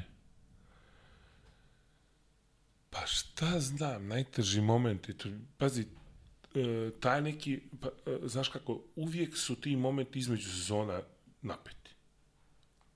Sjećam se ono neke ne, nervoza koje danas recimo ne mogu da pojmem. Ja danas jako teško mogu da shvatim recimo sebe zašto sam bio toliko nervozan tada. A opet s druge strane e, i razumijem zašto jesam. Jer to ti ono, znaš, e, moment kad ne kapiraš šta se dešava. zašto se dešava, znaš, imaš klub, nemaš klub, hoćeš li imati, nećeš imati, će to biti tu ili ovdje, ili ovako, onako, potpuno je nepoznanica. I svjestan si da ti je karijera relativno kratka. Svjestan si da svakih mjesec dana kad ne igraš u očima a, drugih klubova, ti si manje, još manje vrijedan. Da, da. Znaš kako ono uvijek razmišljam, pazi, ti recimo u NBA-u, čak i Euroligi u zadnje vrijeme, čini mi se tako počeli klubovi da razmišljaju, ali u NBA-u imaš kvalitet, možda imaš 600 godina. Ako imaš kvalitet, oni ti ne broje godine, ti broje jesi igrao, nisi igrao, ti si došao, pokazao kvalitet, ti ćeš da, da, da igraš. Ili bit ćeš tu u timu. Ako nisi, nemate. Ova, I sad, ovo, čim su malo neke niže lige, ono, znaš, mislim, niže, kažem, niže, ispod Evrolige, kad dolje, svi oni gledaju da ti nađu man. Znaš, oni ne gledaju ti tebe kao... cenu. E, e, bukvalno to. Oni ne gledaju tebe kao igrača, sad ćeš ti da budeš da napraviš nešto dobro. Nego te gledaju uvijek kao, ono, znaš, e, sad, ok, super, znamo to, nego da vidimo šta mu fali. I onda, znaš, i onda svaki neki, i sad ti postaješ svjestan toga, nema kluba, nema ničega, ih samo ide nervoza, nervoza, nervoza. Jer recimo, te su mi uvijek bile ono, to mi i taj moment kad ja sam ono, a, bez kluba, došao iz Venezuele, tamo je to bilo kako je bilo, ovdje, ovaj, aj sad, da, da, da, da, da ne, ovaj, e, ne ulazi baš toliko detaljno da ne imenujem, ovaj, imao sam sa jednim klubom i sa jednim mojim, ajde, smatram i, i dalje možda prijateljem, ovaj, dogovor da opet dođem da igram, čak i tad je bila priča za džabe ili skoro za džabe, ovaj, um, nije se realizovalo, da, da, da. nebitni su razlozi, ova, i sad, uh, znaš, jedno veliko razočarenje za mene u tom momentu, gdje ja, ono, znaš, postavljam sebi pitanje šta sam radio 20 kusur godina. Znaš, ono, već si malo, e, to je recimo bio jedan moment, kad sam baš ovako bio, bez veze. Znaš, svi oni neki poraz izgubiš u finalu ovoga, izgubiš u finalu, sve tu ima, ima tu i suza je bilo i svega je tu bilo. Ti znaš sam, kad igraš neku utakmicu, daš sve od sebe, iskidaš se, daš ono, znaš, uh, odradiš sve što je do te, ali neko je bio bolji. I dobije. Sad ti ono, neka ono izađe iz tebe emocija i kaže ti, bude tu i suza i to, ali znaš da si dao sve od sebe i nekako si ono, čisti, brzo to negdje prođe i opet si malo ono, znaš. Ali ovo je drugo, ovo je bio baš nekako moment koji me pogodio da ja nisam ni mog, mislim, ja jesam uradio, kao, a opet nisam, u smislu da, da znaš, baš si ono u nekom nepoznatom okruženju, nepoznata situacija, gdje ti ne znaš šta se dešava sutra. Ono, baš što se tiče te sportske karijere, ajde da kažeš, za tog dijela tiče, baš si onako je bez veze. Tako da, uh, to je recimo možda ono bilo nekako čini mi se da mi uvijek to bilo uvijek mi je to najviše smetlo. Poraz kao poraz. Dođe zaboli prođe ali ovo mi je bilo nekako posebno ovaj i, i to sam recimo sebi rekao da neće nikad više sebi da dozvolim da da budem u takvom stanju. Mislim da ono da mi bude ono znaš da, da, da se osjećaš jeste, loše, ono, malte ne, razboliš I, i srećom se. nisam, e, bukvalno se razboliš, i srećom nisam, ja sam posle toga imao bukvalno suda čitave sezone. Gruzija jedna, pa Gruzija druga, ovaj, pa, ajde, mislim, ajde, prva Gruzija, da kažem, ne računaj, to je bilo isto mjesec dana, ali onda posle, znači, Olimpi, pa Dinamo, gdje sam ono sa Dinamo bukvalno sve osvojio i sva individualna gdje sam imao fantastičnu sezonu, pa posle toga Rumunija, Pitešti, gdje sam isto imao odličnu sezonu, gdje smo, eto, malo i nesrećno izgubili od, od uh, Nemanjine ekipe, Nemanja moj igrao ovaj, za Targu Žiju, od njih, pa onda posle toga Poljska i Olimpija. U Poljskoj igrao u Tur, ovome... Tu, Turin, tu, Turo, uh, kako beše tu? Viš sam si me ovaj potpuno tvarde tu, neki Turan. Tur, tu, tu, nešto. Toron, da, Toron, Toron, e, Toron. Ovaj, tvarde neki Toron, tamo sam igrao, ono, znaš, i posle toga Olimpija Ljubljar. I svuda sam ono ostao čitao u zonu. S tim, e, s tim što sam imao izlet još jedan, ovaj, posle, posle uh, sezone u Rumuniji, sa što ovo moram ti ispričam kratko. Dođem kući, završena zona, sve super, odlična zona, ja ono već, čak je bilo i tad neki ponuda, već ja sam polako razmišljam gdje ću, šta ću. I sjećam se, sjedim, o, drugovi su držali jedan kafić u, u baru i sjedimo na 11 na večer. U stvari, ti si me prezvao. Ti me zoveš. Za Bahrein? Ne, za Iran. Za Iran? Ti me zoveš, e, zvaćete, ne znam, taj, taj, da kao neki Iran ima nešto ovo. Kažem, dobro, daj mu broj. I on me zove i kao, znaš, to, što, to, to, šutra u dva je avion za Istanbul, moraš da letiš. A tipa, 11 i po naveče, ja, ono, potpuno bez treninga, mislim, tu sam 10 dana, nije to sad ne, ali ono, nisam trenirao, potpuno sam van psihički te priče. Pa ne znam što, kako, ja kao odlučim se da odem. I Iran, znači Istanbul, po Podgorici Istanbul, Istanbul, Teheran, u Teheranu uh, sletim, oni mi ne odrade nešto tamo što imaju na vizu kad ti sletiš Ulazno, izlazno. I ja čekam tamo dva sata, dva i po sata da tamo oni to odrade na šalteru ti neki ovaj. I dok sam ja izašao, već je neđe šest ujutro, mene čeka, ne, ne čeka me niko. Ja tu stojim 45 minuta, ne znam koga da zovem, ne znam ništa našao potpuno. Pojavljuje se neki momčić mali i on mi kaže, ovaj, e, Milošević, Milošević, ja rekao, jeste, kam, kam, kam. Ja, ono, znaš, i on me u auto i vodi me ovaj, na ljekarski pregled. Mi odradimo ljekarski, posle ljekarskog me pravo vodi u hotel, kao smještamo se hotel, ja mislim, ok, ništa, tu ću da budem danas i onda sutra, ne, oni su meni rekli da igram utakmicu, ali ja kapiram utakmice, znam ja da igram utakmicu taj dan, ali ja kapiram utakmice neveče. Znaš, i tu je u Teheran utakmica, iako je ovaj moj klub iz Abadana, čini se. I ja, ovaj, dolazim u, u, u hotel, nešto kao, ajde da malo doručkuješ ovo, da odmoriš to, i tipa mi smo ono, završili doručak oko 7 i 8, ova, e, u 9 krećemo. Čekaj, pa kao na aerodrom, pa kao aerodrom, pa kao utakmice u 4. Molim? Pa kao, uh, idemo na aerodrom, treba nam do na aerodroma opet ne znam koliko, jer ne idemo na ovaj isti, nego na drugi gate, neki na dio aerodroma i to. I kao utakmice u Abadanu, i utakmice u 4, a avioni u 2. A rekao, a koliko nam treba do tamo? Pa jedno sat vremena. Koliko nam treba od aerodroma do dvorane? Pa još jedno sat. Rekli se i šalite sam. Kaže, ne, ne. Kako mislite stigneš? Ajde, ne brinite ništa ovo. Krećem ja tamo, aerodrom, avion, tu dolazim do Abadana. Ovaj, Utakmica e, pot. Slušao, e, slijećemo u, na aerodrom, ja sad već vidim, nema šanse da stignem u takmicu, to nema, nema, nema trika. Ova, I ja, u, tamo nas čeka uh, auto, u, u džip neki, u autu uh, dres i bandaže. I oni meni kao, evo ti, kao, dok mi vozimo, bandažiraj se i obuci dres. Ja rekao, svi šalite sa mnom. Ne, ne, kaže, to je to. I ja, slušaj, ali ja luđi još to prihvatam to. Ova, I ja u tom momentu bandažiram se, onaj vozi 150 nosa tamo, lijevo, desno, sad ideš kroz onu pustinju, bukvalno. Tamo taj dio rane, bukvalno pustinju. Ova, I ti sad voziš, on vozi tamo, ja se nešto bandažiram, oblačim se, oblačim dres. I sad najjača scena, ja ulazim, ova, i sad izlazim iz kola, ispred dvorane i ovaj mi kaže, e, ako možeš kad budeš ulazio u dvoranu, pošto ja sam u dresu i patikama, već, kad budeš ulazio u dvoranu, kao ti, ono, kao istrči, da. Slušaj ovo, ja ulazim u dvoranu i kako je, sad e, prolaziš kroz neki hodnik i ulaziš ovako u salu i tu je ono kao na mreža, znaš, gul ima neki, znaš, iza koša je ono, kao neka mreža i sad lijevo su i desno tribini, iza tebe su tribini. I ja treba da prođem iza te mreže i idem na klupu. I sad ja vidim da sa žuti dres i ja sad tražim koji su moji, znaš. A ja kao utrčavam i dok ja utrčavam, tražim, vidim da su moji prva klupa i kako ja utrčavam i ono, hoće tu da sve, ja čujem da navijači nešto našlo i sad kapiram i u jednom momentu vidim da oni nešto pokušavaju da kažu Milošević, ali nešto im ne ide, znaš.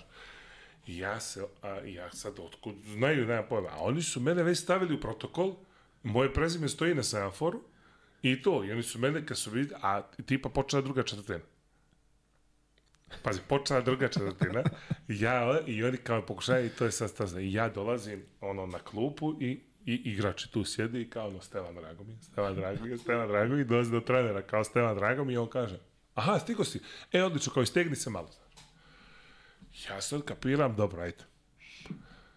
vidit ćemo kako će to ono ovako, znaš. I dolazi mi pomoćni trener neki španac. I dolazi on i govori mi akcije. Ja rekao, brate, ja sam putovao sad 24 sata.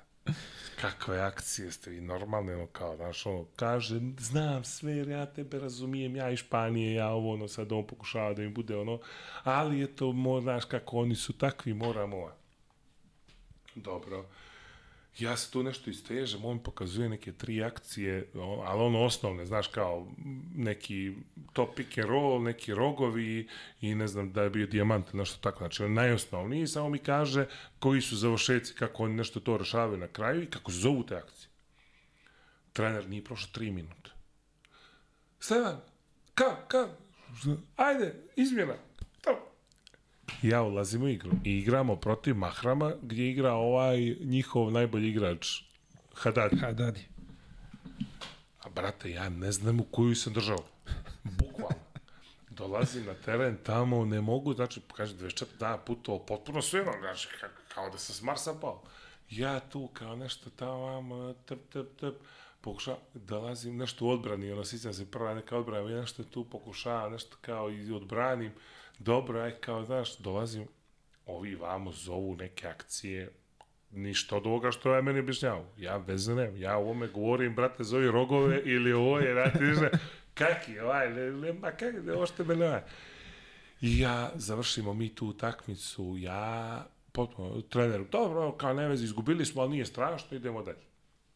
Mislim, to tako je nekako završeno, zaokružena ta priča. E, ne sjećam se ničega više posle toga, me zanima. Znam samo da je Slavko došao posle mene, jer tipa, oni su doveli Slavka kao fora i kad su doveli Slavka, ja sam rekao ome treneru, vidi, Slavko je ovdje, ovo ono, vi meni platite što sam tu bio i da ja idem, bolje će vam on rekao biti, nego ja, nema potrebe da se onaj, znaš, jer, jer nije to bilo za mene, znaš, posebno, a pritom, morate reći jednu stvar, taj Abadan realno ložga.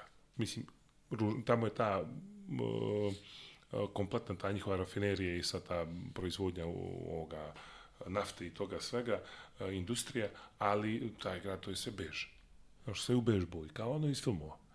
Međutim, Teheran je čudo. Teheran je perverzija, bio sam.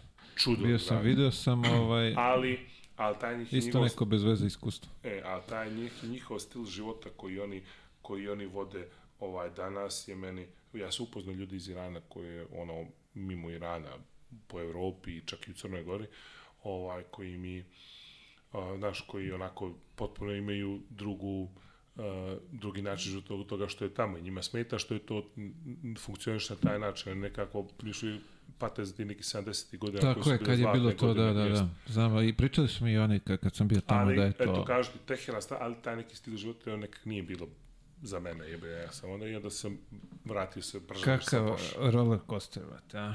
Bravo. Daj nam, daj mi, ajde iz ovog iskustva tog, daj nam neke savete za mlade, kako, kako bi oni sad ti pro, prošao si još šta nam ispriča ovde, prošao si ono, bukvalno. Svega je bilo. Tako svega je, bilo. daj Pa sad pazi, nešto po, ponudim mladima da... Uh, uh, vidi, najbitnija stvar je, uh, oni to ne mogu. Znaš, oni to ne mogu, ali najbitnija stvar da um, nađeš, nađeš, pazi, to je, ovo je možda više priča za roditelje. Da, da, da, da nađu način da uz uh, tog svo, ako i oni ne znaju, da nađu neku osobu koje mogu da vjeruju u smislu da bude, znaš, da im bude neš, neki kao savjetnik, ajde da kažem, i, znaš, da li je to trener, da li je to neko od prijatelja ko se bavi sport, da je to, znaš, gdje će da im nekad kaže iskrene, realne stvari, da mu vjeruje. Razumiješ? A, roditelji su skloni tome da, da svoje dijete misle da je najbolje na svijetu i da je to se. Ja smatram da je to apsolutno pogrešno. Ti treba da podržavaš svoje dijete. Ali ne do granica kad to ono postaje obsesija. I pritom mnogo roditelja, znaš, svoje neke frustracije i neke možda želje koje oni nisu mogli da ispune, pokušavaju da prožive kroz to. Nije način. Onda, sad, ako roditelj razmišlja na taj način, neće on prepoznat moju priču sad. Ali, evo, ako bi postojala neki mali procenat, to, to, je, to je prvo i osnovno, znaš. Jasno. Onda, u nekom tom, u, znači mlađim kategorijama, kompletno to do 18. godine, pa čak i posle toga, najbitnija stvar ti je trener. Ko ti je trener? Ti ćeš i da treniraš i da ovako i onako i da imaš da, nećeš ima sam ćeš da treniraš i imaćeš volju i nećeš imat volju i svega će tu da bude. Ali ko ti je trener ti je najbitnija stvar.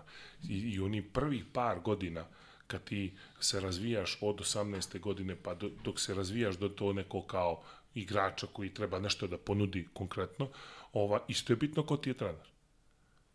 Ja mogu da odem u Barcelonu, da imam nekog trenera koji uh, možda, čak, možda je on najbolji trener na svijetu, ali koji mene jednostavno ne, ne naš, ne gleda me istim očima kao što bi me gledao neki drugi trener koji opet ima određeno znanje, možda neka on, znaš, sve to negdje mora se pokupiti. Ali izbor tog trenera u tim mlađim kategorijama, čak ne toliko izbor kluba ne znam, nego izbor trenera je mnogo bitniji jasno, jasno. Nego, nego to. To je ono po meni.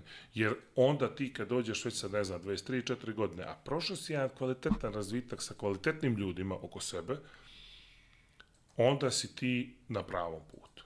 I ti onda daješ posle to. Vidi, e, Dončić je jedan. Znaš, Jokić jedan. Uh, ne znam, Ricky Rubio, jedan. Znaš, to su karijere koje su, ono, ti si sa 13 godina znao šta će onda bude i oni to ispunio. Evo, bio ti je gost Nemanja Aleksandrov, svi su mislili će biti, ne znam, Mix. Najbolji beli igrač pa, ono, Pa da, mix Kukoč, Garnet, ne znam, nije tako ono. Je, tako je. Ovaj, to je to, znači, mali broj onih koji se to prognozira i dođu do toga. Da, jasno. Nemojmo to da, da, da gledamo kao reper. Ajmo da gledamo ovo što sam rekao. Ajmo da gledamo neki igrače koji će sutra da kažete da igraju, da je konkurišu za reprezentaciju, da ne more da igraju Euroligu, neka igraju neka prvenstva, ovo ono, znaš, ti neki, uh, ta neka i Turska i, niž, kažem, srednji ono nivo i Turske i Španije, pa ta francuska liga koja je odlična, uh, malo zahtjevna, drugačija nego neđe drugo gdje se igra, onako ima neki svoj ritam malo drugačiji, ali odlična liga, fantastična. Mislim, ja bi posebno danas ima preporučio, recimo, ti neki igrači nisu taj nivo, kažem, Euroliga, NBA, gleda zapadna Evropa.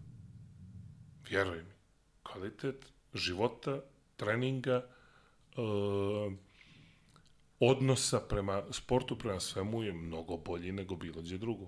Oni jednostavno, oni jeste da to postaje malo kao posao, a vjerujem da je to mnogo bolje i zdravije nego ovo što se dešava nekim našim prostorima ili čak ovo malo istočnije kad odeš, oni su svi, znaš, kao fora daje ti u stvari, hoće sve da ti uzme. O, tamo se tačno Stvari, zna. više ti uzme nego što ti daje. A da, tamo se tačno zna šta je tvoja uloga kao igrača, šta je njihova uloga i ovo što ti kaže i kako te navijači doživljavaju i kako je sve meni je, znaš, dio, onda uh, mislim da je potpuno pogrešno kad uzmu djecu u mlađim kategorijama i povede ga, ne znaš, kao, e, moje dijete sa 14 godina, ovaj mu ne da da igra, sad ja njega povedem u Španiju ili u Italiju, kod neku, ne znam, u Crnoj Gori se u zadnje vrijeme često dešava naš povedu go neku treću ligu italijansku. Da, da, znam, znam, znam da Mislim, te pite, tako da... Ako, ako pričamo o sportu, potpuno absurd. Zašto? Zato što je neko ponudio neki 500.000 eura. Užasno. Užasno. Ali dobro, pričali Tako smo da, o tome. Taj da, izbor ovde... trenera je jako bitan. I onda, znaš, uh, ono što sam rekao, mora igrač da uvijek bude svjestan i koliko god da je mlad, da on mora prvo da štrikira ono svoje i onda da, da čeka. Mislim da čeka, nije da čeka, nego da štrikira ono svoje, tako radiš, radiš i... i da vidimo šta će se desiti. A ova, i osnove prvo, pa sve ostalo. Jasno. Jasno. Sve je jasno sad, mi smo... Ne može iz osnovne škole reklo, na fakultet. Ovaj, nego. Istina, mora ovaj ko, stepenik po stepenik, Tako korak je. po korak. Lepo si to ovaj, dočarao, ja bih tu samo još dodao i taj eh, koleč koji ima prilike da iskoristi. Jeste, za, jeste, on je, on je fantastična tamo. stvar. Posebno kad, kad je igrač u tom nekom prelazu juniori, prvi tim, ne vidi se niđe, prvi tim možda u tom momentu te ekipe gdje treba bude je možda jači za njega ili nešto ono, znaš, ne pronalazi sebe u tom momentu, fali mu možda malo zrelosti, koleđ Da, da. fantazija. Tako A m, vidi, koleđ može da bude, eno, Nikola Vučević je a, otišao četvrti razred srednje i, i poslije na koleđ, napravi je, znaš što je napravio. Tako da imamo, znaš, ima primjera to i ja, ljudi mnogo bježe u koleđa, ja nikada ne bježao u koleđ. Koleđ je meni fantazija. Ja mislim da je to Pa strašna vidi, stvar čak i ja, priliku. sad ja, da, da sam imao prilike da me neko u, u tom momentu savjeto gledajući svoju karijeru kako je bilo, što, je, šta znam, i nije toliko loše Tako. bilo, ali ja mislim da, da sam imao nekog mentora, savjetnika, kako ga god ga nazvali, da bi, mislim da bi se opredelio Pa za, pazi, za taj varijantu. mentor mora bude, kažete, ili trener, ili menadžer, Tako ili je. neko ko je opet tu blizak i to, jer ako nemaš nekog iz porodice ko ima, da kažem, Jasno. to neko znanje. Jasno. Koleđ je, koleđ je fantastična stvar. Ja sam, posebno što ja sam neko ko je zagovornik toga da škola nikad ne smije trpiti zbog sporta. Apsolutno. Jer mi ne smijemo da dozvolimo da imamo generacije mlade djece koja su nam ovaj nakon sporta uh, nisu ni za što. Koja nisu za život, koji recimo s 33, 4, 5 godina, koliko god da je zaradio u, u sportu, košac i futbol, nebitno, on postaje problem za društvo. Jer on ne zna ništa da radi, on je, a ima i mu ih sve više takvih. Ma, vidi, On svoj novac kako god da je potroši jako brzo i onda apsolutno. tako Oko toga smo slaglasni. Uh, vidi ovako, pošto su braća iz Burgerice poslali nam klopicu, ovde tu je da nam pa sve stiglo, ovaj, zamirisalo nam je, uh, zamolit ću te, pošto si bliži, daj nam tu loptu. Irena, jel nije problem? Ja hvatam lepo, ti slobodno zavoljači ovamo. Hvala, lepo. Imamo ovaj potpis, pa ćemo u Dodaj. neko dogledno vreme, što bi se reklo, staviti, viš kako sam trapav, ispravio sam se, staviti na, na, na aukciju, da doniramo nekom kome je novac potreban.